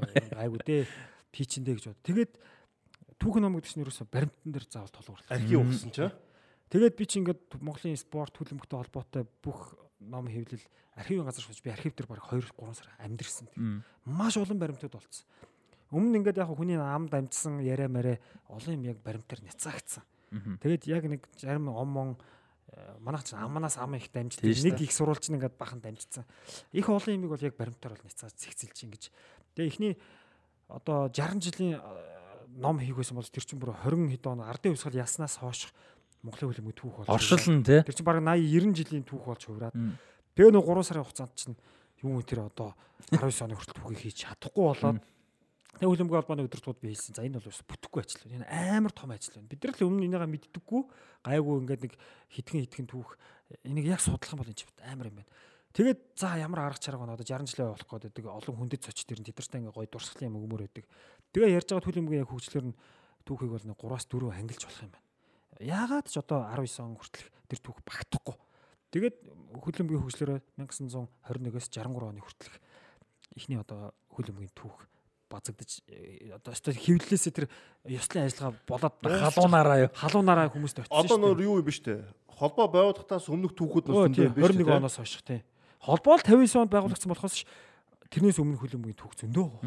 Тэгээд тийм ном бол гарсан. За дараагийн ном нь бол 90 оны хүртэлх одоо нөгөө зах зээлийн нийгэм шилжих нийгэм солигдох үеийн хүртэлх түүх явж байгаад 20 онд гарах байсан болооч нөгөө алдартай ковид цар тахалчин болоод тэгээ 21 онд болоод одоо бол нэлээд дөгцсөн байгаа. Тэгвэл нөгөө нэг цаг хугацаа наашлах тусам одоо амьд зэрэг хүмүүс нэх байгаа. Үйл явдал нэгсэн ингээд ингээд ер нь бол одоо эцсийн бариант руугаа орцсон байгаа. Энийний дараа одоо 90 оноос хойш гэдэг л нэг түүх орно. Одоо энийг э, хүмүүст хүрэх боломжтой өдөр номонд сонголт дуудлаж авах ч юм ямар нэг байдлаар. За эхний номдор хөлбөмбөг холбооч өөртөө нэлээд олон хэвлүүлээ. Тэр нь одоо нэг 60 жил бэлэг дурсгал одоо хөлбөмбөгтэй холбоотой ойрхон байдаг. Багш дасгалж явж хүмүүст ингээд яваад ер нь тэг дуусчихсан. Одоо энэ номыг бол миний хувьд бол яг хаа зүгээр зохиогч. Тэгээд аль биесны саналаа тавина. А тэнд юу гэхээр паблик те аль хүссэн хүн бүх нь бас мөнгө төлөөд худалдаад авах. Тим хэмжээнд түгээхийг хөлбөмбөг холбооны удирдлагч бас ойлгож байгаа гэж бодож байна. Тийм шүү дээ. Яг энэ мэдээлэл бол бэлэн хүмүүст хүрэх хэрэгтэй байхгүй юу те. Аа энэ ч одоо тэр нэгдүгürt их хөдөлмөр байна. Хоёрдугаарт аа яг мэрди сурыг судлыг гэсэн хүмүүс мэдээж зөндөө байгаа шүү дээ. Мэдээлэл шүү дээ. Тийм шүү дээ. Дээрэс нь чинь тэгээд тэр нэг хүн ингээд маш их хөдөлмөрөө амар юмны судалгаа гэдэг чинь би бол жоохон эсгэл ойлгож байна. Судалгаа гэдэг. Юу нэг хүн гэдэг чи асар том одоо манай сандаг багш бол асар том гавь байгуулсан шүү дээ манай хөлбөмбөгт бол. Тэр анх тэр 60-аад оноос хойш 50-аад оноос хойш баг бүгдүүхийг өөр бараг бичээ өвчсөн шүү дээ амьд архив шиг те. Тэгэхээр ялч түүхийг нөгөө бичнэ гэдэг, буулгана гэдэг, дамжуулна гэдэг аюулгүй чухал те. Маш том үүрэг. Тэгэхээр энэ ном болж өгвөл хүмүүст хүрээсэ хүмүүс тодтолж авах хүрэх боломжтой байгаасаа магадгүй ирээдүйд нөгөө өмнөх нь өмнөх нь ч гэсэн гараасаа те бас. Дараагийнхтар аваад ирнэ юм шүү. Тэгээ тэгээ. Тэр харуулаа те. Манайхан зүгээр хүсэж байвал эхний тэр одоо 63 оны хүртэлх түүхийг одоо хамгийн боломжтой хөлбөр ихээр үндэсний номын санд яг хүлээлгээд өгсөн байна. Аа за ямар ч номын санд бол байгаа. Номын санд үнэхэр хүн очиод сонирхох юм бол тэнд ороод үзэж болно. Номчлогын танхимаар үйлчлүүлээд үзэж болно. Оо за за ямар ч байсан тийм сонголт бол байгаа юм те. Гоё шүү дээ. Тэгээ жогийн хоёугаар сурчилчмаар биш бас ийм ном байна гэдэг гарсан марсан гэх те. Манай нанжтын ном зам гоо те. Тийм байна. Тэгээд нөө нанжтын дээр хэлдэг үнэндээ нөө хүмүүсээр няцаагдсан гэдэг. Бидний чинь жоохон багт ерөөс дандаа намар Jordan 9 секунд Агаар тэр тогтсон. Пилегийн баруун үлийг хорьсон тэгээд юу юучлээ ерөөсө дандаа кино шиг тэгээд тэр чинь энэ нөхөр жоохон фантаста нөхөр зохиож байгаа шүү дээ. Тэгвэл тэр нь ингээд яваад ингээд үнэн ингээд бодлоо сүүлдээ 9 6 болоо 6 бас хантай маа тэр тэгж ярддаг байсан шүү дээ тэр чинь. Би ч бүр ингээд нэг тоолоод тогтож үзгээ тоолдог Тэр чинь хүн болгоо үтсэн. Хүн болгоо үтс. Тэгээ би чи анх тэр 9 секундлээ сони юм да одоо Морис Грин гээд одоо тухайд Морис Грин, Мэрен Джонс гээд хоёр амир гүгч байсан шүү дээ Америк кино. Сидней Олимпиа алдаг гэдэг. Тэгээ би Морис Грин одоо гүүгээд 100 м барайнд орж явахт 979 дэлхийн рекорд тогтоос тэгэхэд Жордан бууж сони юм да. Тэгээд тэр чинь ингээд эхлээд нэг фантази юм чи хүмүүс ингээд боддоо нүлээж аваа сүулдэ ингээд за 9 биш юм байна гэдэг ярьж эхэлж шít. Энэ хараа залсан байна гэдэг одоо хүмүүс яд. Тэнгүүт нэг нь 6-ыг гаргаад ирчихсэн. 6 6 хамтаа байна гэдэг. Тэгээ 6 дээр явж тэр чинь 6 бас биш удаа явж байгаа хот чи. Дахиад хэдэн жил ингээ хилцүүлдэг тэр чинь бараг хилцүүлэх шиг юм явж байгаа шүү дээ. Ингээл тараагаал тараагаал. Тэнгүүл зарим нэг жоохон сериос авдаг. За 96 бас биш юм байна. Өсөрч үтсэн байгаа шүү дээ. Би бол өсч зөндөө үтсэн. Би ч бүр ээжигээ шалсараа Jordan пүүз ахуулаад заа. Jordan пүүзтэй үсэх юм бол тогтчих байх гэж бодсон. Тийм л домгийн байгаа шүү дээ. Тийм байсан. Нөө секундэ цаг үүдэн шүү дээ. Секундэ цагтаа болцсон. Тэрийг үсрэхтэй дарна. Үстэй дараалаа секунд өрөхгүй. Гайгаан ч яаж гэж үсрээд идэв ингээл. Тэгэл ингээл зөндөө тэргүүр зөндөө үсэрч гэртээ үсэрч байгаа, готалтаа үсэрч байгаа, зүлгэн дээр үсэрч байгаа. Юу юун дээр гараад өө гаражнууд гэдэг үс гараж нэр гарч гараж нэрээс үсрэхтэй дараад ёо игээ бөөр өвдөж байгаа юм тэгэл зөндөө юм болж байгаа. Тэгээд дайжс л ахнар чинь 6 биш шиг сүулдээ тэгэл манай нэг ах чи 4.1 хитэнтэй картер тэгсэн мэгсэн гэл бас нэг баах юм давслаа. Тэгээд нэг юм 2002 он моноос 3 оноос ерөнхийдөө бас нэг арай учиртай болж эхэлсэн шүү дээ мэдээлэл чинь нэг манай энэ чандамныхаа одод студийн 5 цагийн ахнар шиг бас айгүй том нөлөө үзүүлсэн шүү дээ энэ дээр тий. Их сурвалжтай мэдээлэл хүрэж ирчих те. За яг хаа зарим нэг сурвалж жоохон баг байсан л байх л да. Гэтэ боломжоор те. Тий тодорхой хэмжээнд тэр чинь бас нэг эн чинь бас ийм шүү те. Бас арай ингэж болдгоо юм шүү гэд. Тэгээд нөө тэр чинь гол нөө чандамнаар нөө нэг одод студ дээр Жордан яг тэр нөө хамгийн гол өсөрж байгаа. Сторкн дээр дандаа гардаг Тий те. тэгвэл Сторкэд болохоор яагаад ус үрдгүү те. Яагаад 6 үрдгүү те. Тэгээ яасан болдоо молдоо гэл. Тэгээ яж чад нөө Space Jam аим гараад ир чи бүр ингэ сэвэгдэг Үнэн ч юм уу те. Space Jam дээр чи бүр гацдаг үстэй. Гацаа гар мараа суу. Арай нэг жоохон бодит мэдээлэл рүү очижсэн Space Jam гараад иргүй ч юм уу те. Тэгээ тэр чинь бол энэ ах нарын бас юу байгаа юм л да. Яг 9 секундыг тамирахыг гаргасан гэдэм билий. Би бас сонсоогдаад. Яа. Сүү, ихлүүсүү. Тэгээ тамирах чи сүлдө өөрөө бас ингэ яа санилцж байгаа шүү дээ. Тэр хүн чи өөрөө ч мэдэхгүй шүү дээ. Хүн тамирахыг бурд гаргахгүй байхгүй те. Өөрөө ч мэдэхгүй. Анх удаага тэр одоо энэ мөнх хөргөлгөд сайд өгдөө шүү дээ. Энэ чинь сагсан дуртай одоо хөрөнгөний биржин зулаан хатар чинь нийлж байгаад нэг CD кассет массет ягаал тэгэл одод модоор гараал тэгэл ихсэн. Тэгээд бүгднгийнхүүд анх юм байгаа тэр чинь. Тэгэхээр тэр анх гарсан хүмүүс нь ч адилхан анх гарсан мэдээлэлээрээ л одоо хэлж байгаа шүү дээ тий. Тэгээ сүүлдээ тэр чинь ингээд өөр болоод ингээд бод байдалтай ороод ингээд явж маа. Тэгээд гоё болсон. Тим дүүхс яасан бол тэр олон няцаагц гэдэг үнэн бохоо нэж тэр стандараа. Тэгээ яалч нь олон ам дамжсан юм донд нэг факт нь өөр юм байж л байгаа л да. Тэгээ нэг нэг амнаас дамжихаараа тэгээ олон дамжсаар байгаад өөр болчихдог шүү Бүр дээ. анханасаа шал өөр болчих. Нэг тоглоом байдаг шүү дээ. Чихэндээ үг хэлээ явдаг. Тэр шиг юм болж байгаа байхгүй юу ер нь. Манай сэтгүүл зүйдэр манай зайл талига чойсон багш айгу ярьдаг байсан шүү дээ тий. Яг энэтэй холбоотой мэдээлэл айгу гоё. За ингээл манайхан ч бас ингээд бид ч ингээд их сургуульд ороод тэгээд бас ингээд амар сонсноор харин тэр үчи яаж яах нөө урт чиг сэрүүлэг мэрүүлэг гэд ямар ч амар Сэвцэн байсан шүү дээ. шар хилжиг сэвцэн тий. Одоогийн сошиал сошиалаас амар амар Жиг тулгадаг байсан. Жинки итгэдэг. Тэгээ сэрүүлэг дээр тэгжсэн, уртчиг дээр тэгжсэн ингээл Тэгээд баахан юм ядаг. Тэгээд нөө бид нар чи их сургуульд орж ирэл нөө их сургуулийн багш нартай уулзаад багшаа тэрэн дээр ингэжил энэ дээр ингэжил ингээл манай багш чинь тэгэл бүгдийг ингээл тэр чи юм юм ингээл тэгээ ярьж тэн дээр яг тийм ч ярьдаг гэсэхгүй. Нэг хүүхд жишээлбэл ингээд орцоор гараад ингээд тэгэлдэд ингээд янгууд нэг юм өө миний хүү зүгээрээ гэл тэгэл энэ үхчээс то яг унанга унанга алдлаа гэл тэнгуул дараагийн хүндээ нөгөөт нь нэртэ өстө яг арга унсан байлээ гэл тэгэл нөгөөт нь унтсан байлээ гэд тэгээ нөгөө чи ингээд явсаар байгаа шүү дээ унаад тэ бэртэнгээ алдсан байлээ гэл нөөд сүлдээ бэр сүлдээ нөгөө үхэнгээ алдсан байлээ Тэгээ сүлдээ эмлэг эмлэг орж сэрсэн болоод. тий. Тэгээд ир чинь нэг нэлийн олон тойргийн дараа нөгөө нэг өвгөн дээр очсон мэдээлэл байгаа шүү дээ үхэнгээ алдсан байлаа бараг тэр чи одоо бараг үхсэн ч гэж магадгүй ухааны бос чинь нөгөө хөхтөн зөв зүгээр гараад ирсэн. Нөгөө нэг өвгөн бараг ингээ харангаа алдсан. Чамаач үхсэн сонсогд энийг манай тэр талиг чойсон багш яриад бид нар энээс нь айгүй юу авчихсан байхгүй. Яг жишээ гэдэг чинь бол амар чухал байдаг шүү дээ. Манай талиаш балж Тэгээ байгаа бод жишээ тий. Тий. Манай талиаш балж байгаа чи амар гой гой чинүүд авдаг хүмүүс айгүй гой хүрдэг те. Хөрсөн дээр буулгаж өгчих та. Хүрснээр болгож гэж байгаа те. Мэдхгүй за энэ цэнгэлтгэл манахаар яармагт өд юм а гэхэлэр хүн шууд хүрснээр буучж байгаа хөөхгүй те. Роналдо бол хүзрийн тамга нэм а гэхэлэр ямар ч мэдхгүй ойлгож байгаа хөөхгүй. Батэрдэн авраг юм а гэхэлэр хүн энэ ч ойлгож бүх мэддэг. Тэгэхээр Хойд Лондонын дербиг манайхаар бол долоон буудлын хоёр баг тоглож байна да тийм үү тий. тий, тэгэл хүн ойлгочихж байгаа хөөхгүй. Тэрнтэй адилхан манай тэр багш яг тэрийг хэлж өгөө те. Бид нар яг хөрсөн дээр байсдаг бууж эхэлчихсэн байхгүй. Аа нэрэд юм байна. Тэгээд гой учрын нэр. Тэрнтэй адилхан одоо юунууд байна л да наад ч юм бол. Тэгээ одоо тэрэн дээр бас нөгөө нэг гоё найруулга майруулга контекст орж ирэхээр өстой гоё болох байхаа гэж. Нэрээ хоёр яг хэл хин хэлсэн сошиал шиг гэдэг яг үнэн бохгүй. Амар Тэгээ ядж хахад одоо сошиал чи ядаж хүн болон сууг те тусдаа те. Тэр чин тэр үедээ ганц цөөхөн идэ сууган тэр. Тэгвэл бүгдээрийнх нь анхаарал нь тийш. Тэгэхээр чин нөлөө нь илүү байсан байгаа байхгүй.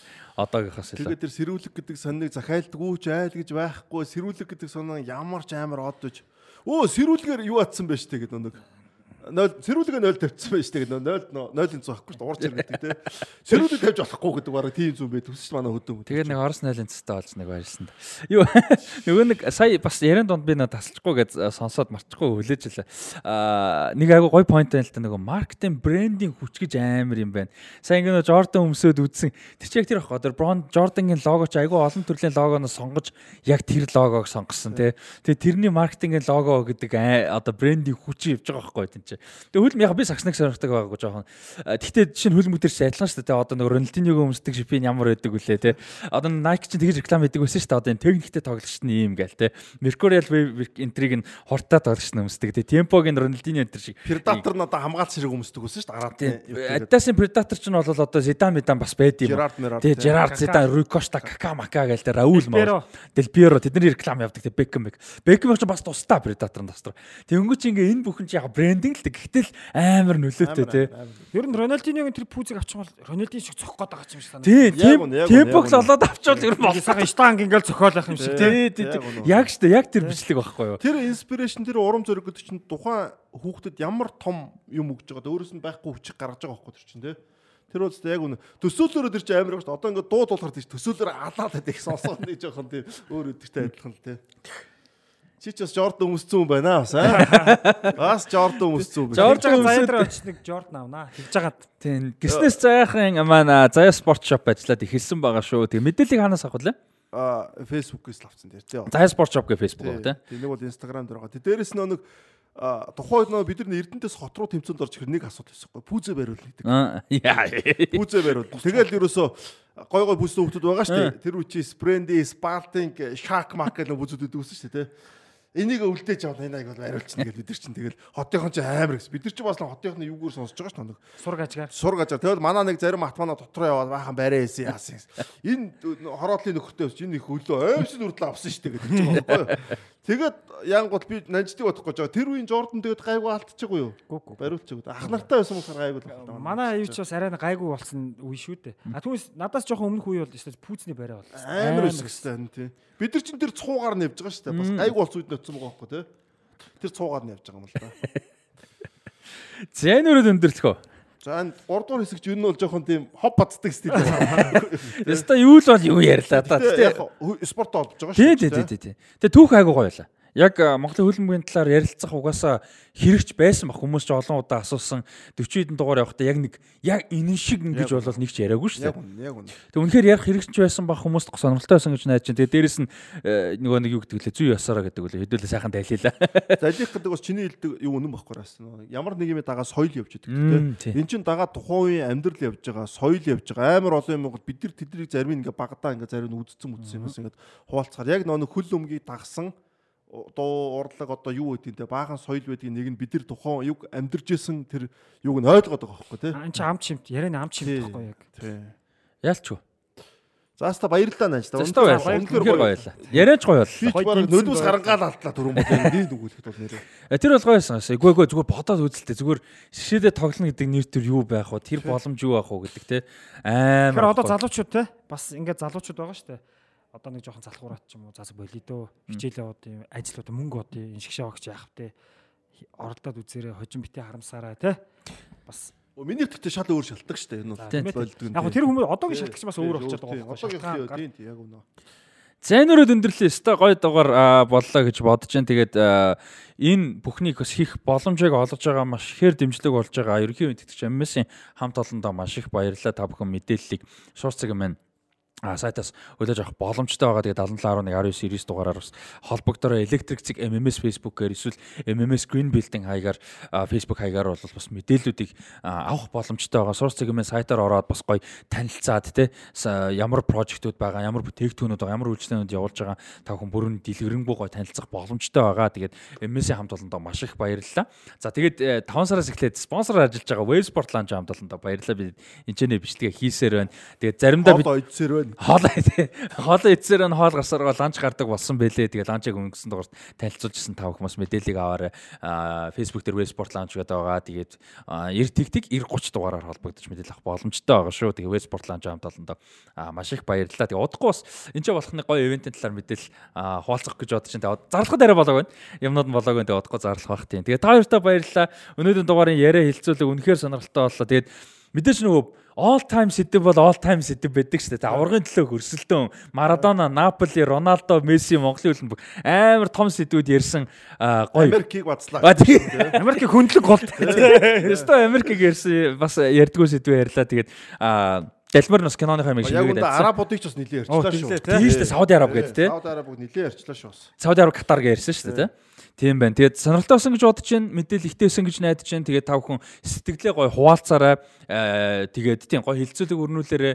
Тэгээд нүг юу яадаг хүмүүс ч юм нэг сэдвүүдээ сэтгэл хуваалцчаад нөгөө бусан дээр мартчихдаг. Тэгээ болж өгвөл олон сэдвүүдээр сэтгэлээ айл болох олон удаа ч хамаагүй бичээд хуваалцаараа. Тэгээ сэтгэл хуваалцахтаа болж өгвөл YouTube дээр комент бичээрэй. Хэдийгээр хүмүүс бол Apple ч юм уу янз бүрийн аудиогоор сонсдог. Гэхдээ сэтгэл хуваалцаж байгаа бол YouTube дээр ирээд сэтгэл хуваалцаараа лайк дараа subscribe дараараа бид нарт бас тэр нь хэрэг болдог, нэмэр болдог байгаа шүү. Тэгээд ивент итгэгч, ерөнхий ивент итгэгч юмс, ивент итгэгч Web Sport Lounge хамт олондоо баярлалаа. Тэгээ та хоёртаа баярлалаа. Ярианы сэдв үнэхээр гоё боллоо. Тэгээд сүүлд нэг юм байгаа. за. Хоёр нөө подкаст ахаа сонсдгүй нь. хаяа.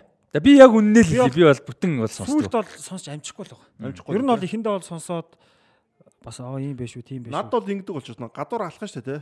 Гадуур алхаад ч юм энд явж байгаа. Буцаад ингээд сонсоор ахаад ингээд шинэ мэдээлэл ч юм уу. Амар гоё урам авдаг Тэгээ шүү. процесс хийх юм бас тий, шүү дээ. Саяхан би нэг юу яасан нэг хэсэг хугацааны өмнө нэг жоохон зав гараад хуучны дугаараа сонссон. Мм. Яг тэр тэр үеийнхэн биш нэг хуучны одоо өнгөрсөн зууны ихний юм. Тэр бас их сони юм бил.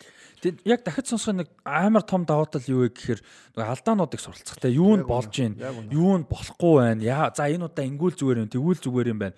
А тэгээд дээрэс нь ярианы сэдв темп юм юу нь болж гин болохгүй байна би нөгөө нэг продюсерийн талаас хараад байна л да. Гэтээ агуулга талаас ч гэсэн энэ нь гоё байсан байна энэ тийм гэж бас зөндөө юм гарна шүү дээ. Өмнөх дугаарын дээр 2 дугаар хэсэг аюу гоё болсон байлаа. Одоо ингээд ахаа сонссон чи тэр нөө юунууд байрал марл ярьсан шүү дээ. Тийм.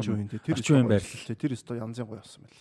Тэрийг одоо яг хүмүүс нөгөө нэг дүрслэл айгүй их асуудаг подкаст учраас яг нөгөө нэг дүрс оруулж өгөх яг үнэхээр боломж бол байхгүй яа. Гэхдээ яг би өөрөө тэрийг мэддэг ч гэсэн яг тэр хэсгийг үнэхээр болдог бол дүрсчүүлмээр л байсан. Тий, тэр бол Яг үнэхээр дааж боломжгүй л дээ. Гэхдээ болдог бол үнэхээр тэгмээр л байсан тэр хэсгийг.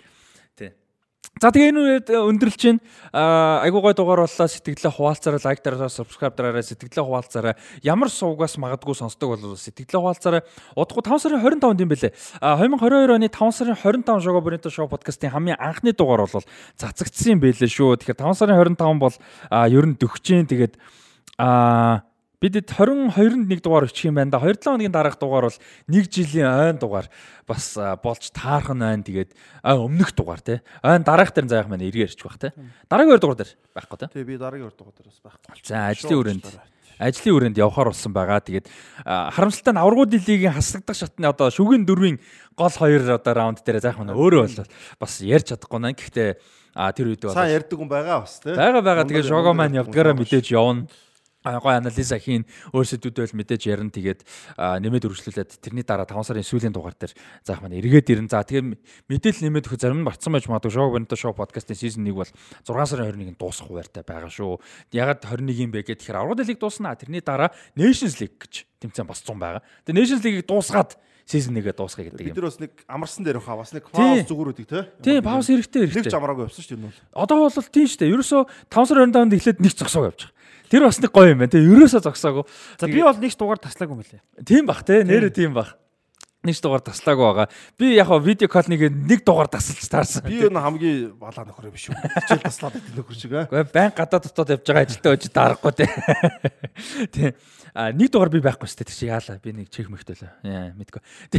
Тэгээд ямар ч байсан 6 сар 1-ээр зогсоод 8 сар хүртэл ч юм уу ер нь зогсох баха. Тэгээд би нэг хөтлсөн шүү дээ. Нэр одоо тийм та 3 нэг хийсэн тий. Дэлхийн аврал шалруу тэмцээн яг өмнөх юу байхгүй. Тий яг өмнөх. Тэгэхээр чин би нөгөө боломжгүй. Би яг ирээг байсан тий. Тийм байна. За тэгээд та өнөр за за за. Сизон дуусгаар өөр юм уу. Угсаа сизон дуусаад ирэхээр өөр ярихгүй сэдв зөндөө. Би яг нөгөө далигаад буцаад өргөлчих гэж. Боли. Одоо боли. Одоо аймуул дээр дэмжээд явж шүү. Одоо мэл мэл яваа тэр би бүр яг санаар. За тэгээ энэ үрээс ч жигнэсээ өндөрлөө тэгээ дараагийн дугаар оролцлоо баяртай. Ерөнхий ивент гэгч MMS The Future is Electric. Ерөнхий ивент гэгч MMS Green Building